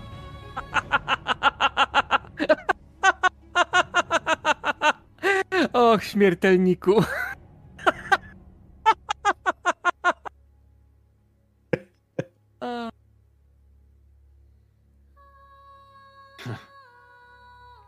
Cudownie. Wiesz co? No cóż, Ja nie spędzę nocy tutaj. Nie mam już ochoty. Bawcie się w swoje zagrywki, róbcie co uważacie za słuszne. Przyjdę tu rano, zobaczyć co z Rakardem. Pamiętaj, że mamy miasto do uratowania. Ty masz miasto do uratowania. Wedle tego, co mówi, mówią ci głupcy na rogach ulic.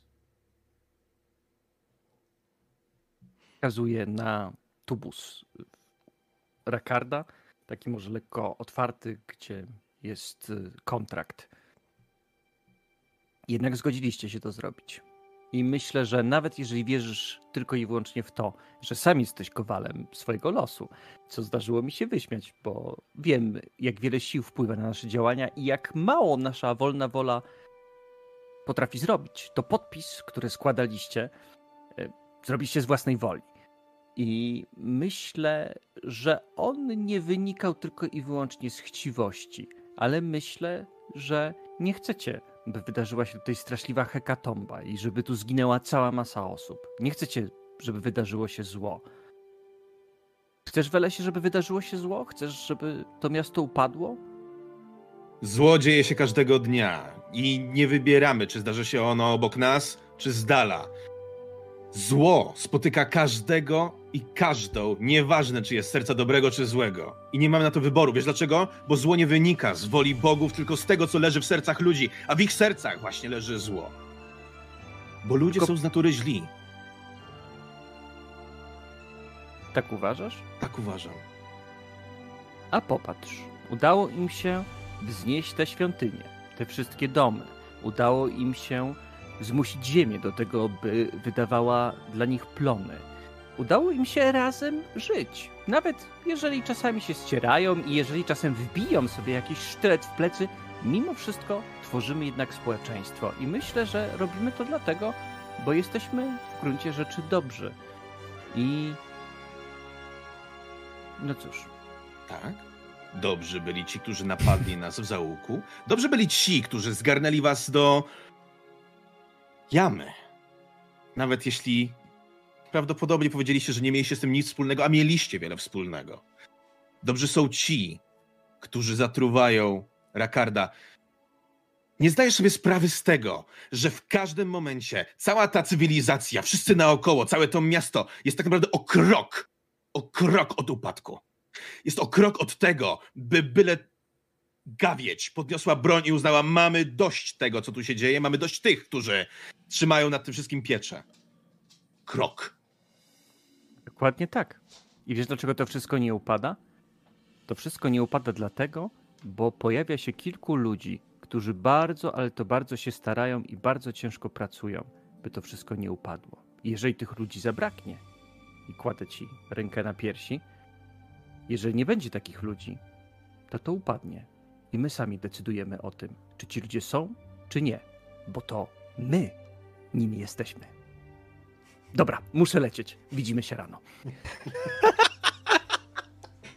Nie no, skisnę. Nie mogę. O Boże. I faktycznie, Klaudiusz jak powiedział, tak zrobił. W dużym, w dużym rozgorączkowaniu i pośpiechu po prostu opuścił lazaret, a ty zostałeś sam z Rakardem. I teraz, mój drogi, Guys, can I play now? e, Rakard, wiesz Nie co? ma grania.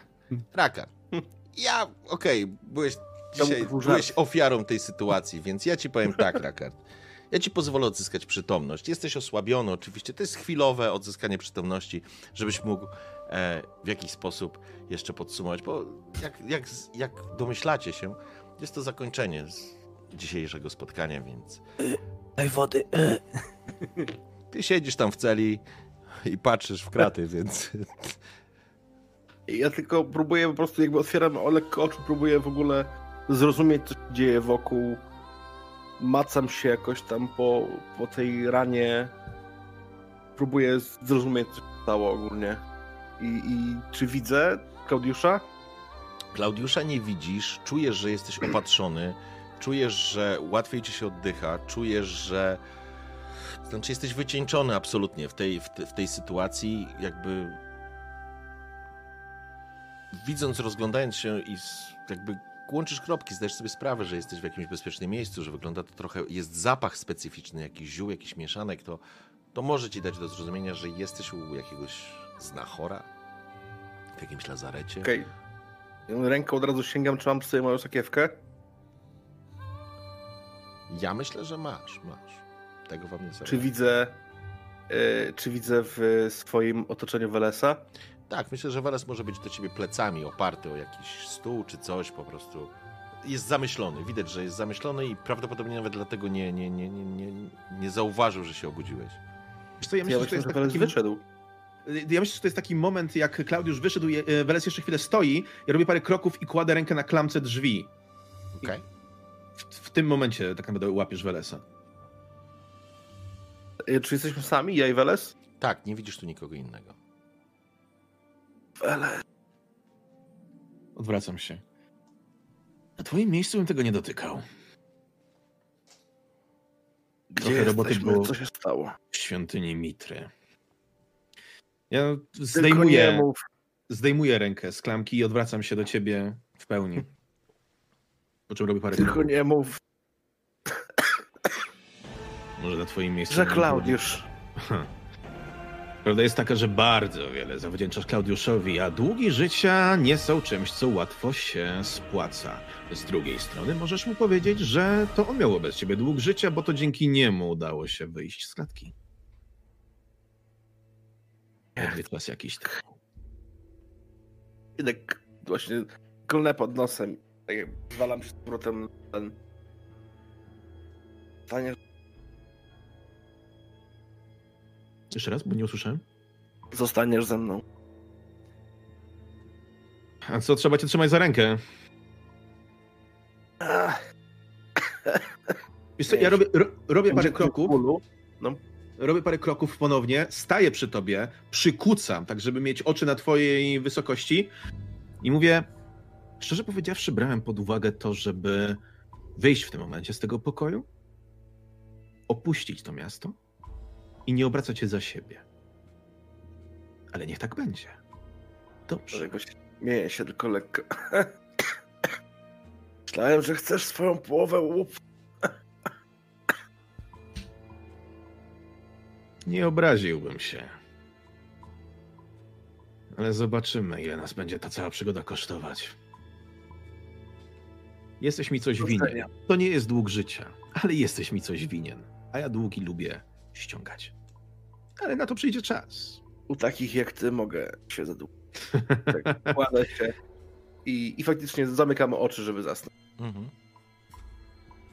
Spuszczam wzrok zrezygnowany, po czym rozglądam się za jakąś, e, jakimś meblem, na którym mogę tak naprawdę pójść spać w tym W pomieszczeniu. porządku, jakby z tego, co zdążyłeś zauważyć, jak wcześniej ci powiedziała, to znaczy jak na Harim wydała polecenie, to jakby twoja, nazwijmy to, gościnna komnata czy cela, cichutko molenka, e, pies jakiś szczeka gdzieś na zewnątrz, e, jest, e, jest zupełnie niedaleko, nie? I tam faktycznie możesz się przespać, nie? Tam przynajmniej możesz chwilę się odświeżyć czy cokolwiek innego, nie? Ale jeżeli chcesz przespać się tu, to możesz to zrobić, oprzesz się, wiesz, Tak. położysz się na ziemi czy coś takiego. E, ale to możesz przynajmniej jakieś sobie koce wziąć czy coś takiego, bo zakładam, że zakładam, że rzeczy takie jak jakieś wasze mm, broń pewnie wzięliście, ale jakieś plecaki ze z takimi rzeczami, one zostały prawdopodobnie u tego, u jak on się nazywa? E, Hen... Znaczy dobra, ja, ma, ja mam masę e, fatum, więc ja wydam fatum, na pewno zostały. Mhm. Po prostu opuszczaliście tamto miejsce i i tyle, nie? Jasne. Ale to luzik, Dobrze. jeż- jeżeli chcesz, to po prostu możesz sobie to wziąć i tyle, nie? Tak, no ja wez- wezmę sobie te, te rzeczy z tego pokoju. Ja skorzystam z luksusu, gdzie przez chwilę będę znowu sam ze sobą i ze swoimi myślami. Przez chwilę cofnę się do tego wszystkiego, co wydarzyło się tego dnia.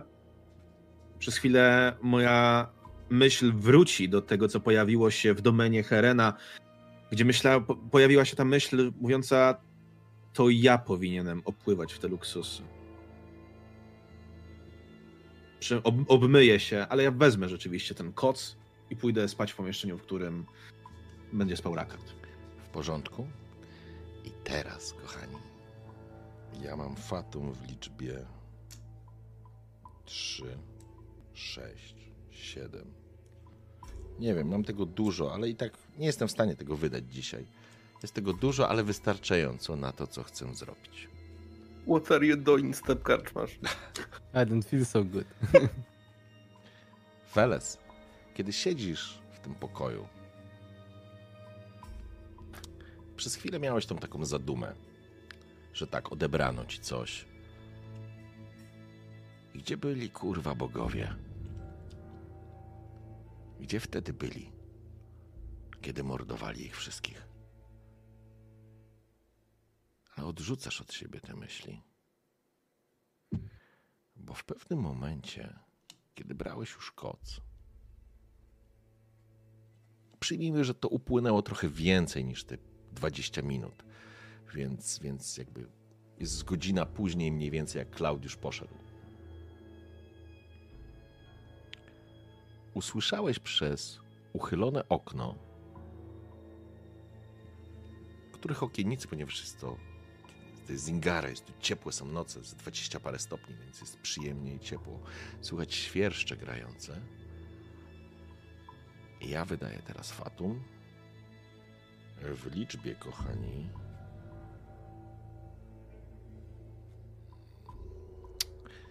Ja wydam, słuchajcie, 5, a ile wykorzystam z tego, to, to dowiecie się niebawem. Bo ty słyszysz coś takiego.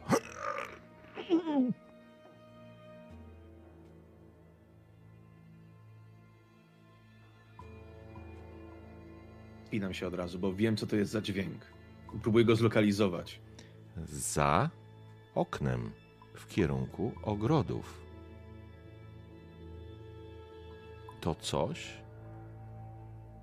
Wiesz, co to za dźwięk? Rzecz jasna. Nie wiesz, kogo dotyczy. Czy ja już jestem w pełnym pancerzu? Ja nie, ja podejrzewam, że nawet nie jestem w pancerzu w tym momencie, bo ja Ja myślę, że jesteś bez pancerza, absolutnie. Zostawiłeś Mhm. rzeczy. Ale wiesz co, mam Ale- fatum. Dorzucę. Mam w cholerę. Nie masz pancerza. Wziąłeś A na pewno swój miecz i swój puginał. Mhm. Tego Wiszą przy pasku. No. Dobrze, ja jestem tak naprawdę w tym momencie w spodniach i mam zawieszony pas i buty. Ja przed chwilą się obmywałem po trudach dnia. Ja będę chciał Weles, się stamtąd. usłyszałeś szczeknięcie psa, a potem cichy skowyt. I on po prostu, tak jak szczeknął, tak ucichł. Dobra, chcę, chcę opuścić to pomieszczenie i y, skradając się, zbliżyć się do tamtego miejsca, zobaczyć się cokolwiek y, tam znajdę. Czy opuszczasz budynek? Tak. Ale wiesz co, ja bym chciał wyjść oknem, jeśli jest taka możliwość. Tak,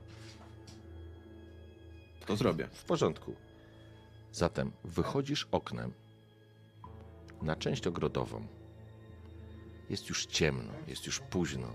W sali gdzieś u góry Klaudiusz bawi się świetnie. Klaudiusz poznaje ścieżki Mitry. Urgo zamknięty gdzieś w celi, a Rakard śpi w bezpiecznym, chronionym miejscu. Kiedy w lesie dostrzegasz wystające tak naprawdę z krzaków buty jakiegoś akolity. Ja nie muszę podchodzić, ja nie muszę sprawdzać, co to jest, bo ja zdaję sobie sprawę z tego, że to są zwłoki. Widziałem mnóstwo zwłok w życiu. Mhm. Moja uwaga jest kompletnie gdzie indziej. Szukam ruchu, szukam trzepoczących e, gałązek, których nie, które nie powinny tego robić. Szukam źródła ataku. Szukam skrytobójców. Zatem rzucasz na spostrzegawczość. Ponieważ mam jeszcze fatum, już kończymy, to już jest ostatnia rzecz. Rzucamy na, rzucamy na spostrzegawczość, ja podbiję fatum, będziesz miał poziom trudności 3. Czy my mamy jeszcze jakikolwiek e, impet? Nie, impet się rozmy, ro, rozmył, wziął i się rozmył. Nie macie już żadnego impetu. Razem, jak, jak obmywałeś się, to zmyłeś impec. No, to, to, to, to, to się nie uda, e, ale ja spróbuję. Zero sukcesów. Ło, panie. Zero sukcesów. Dobrze. Jesteś trochę oddalony. Gdyby udało ci się wcześniej zauważyć, może byś zareagował szybciej. A tak, przez otwarte okno twojego pokoju i uchylone drzwi tak naprawdę do wyjścia, widzisz jak mija je jakiś cień w kierunku lazaretu, w którym śpi Rakard. I to jest koniec dzisiejszej sesji.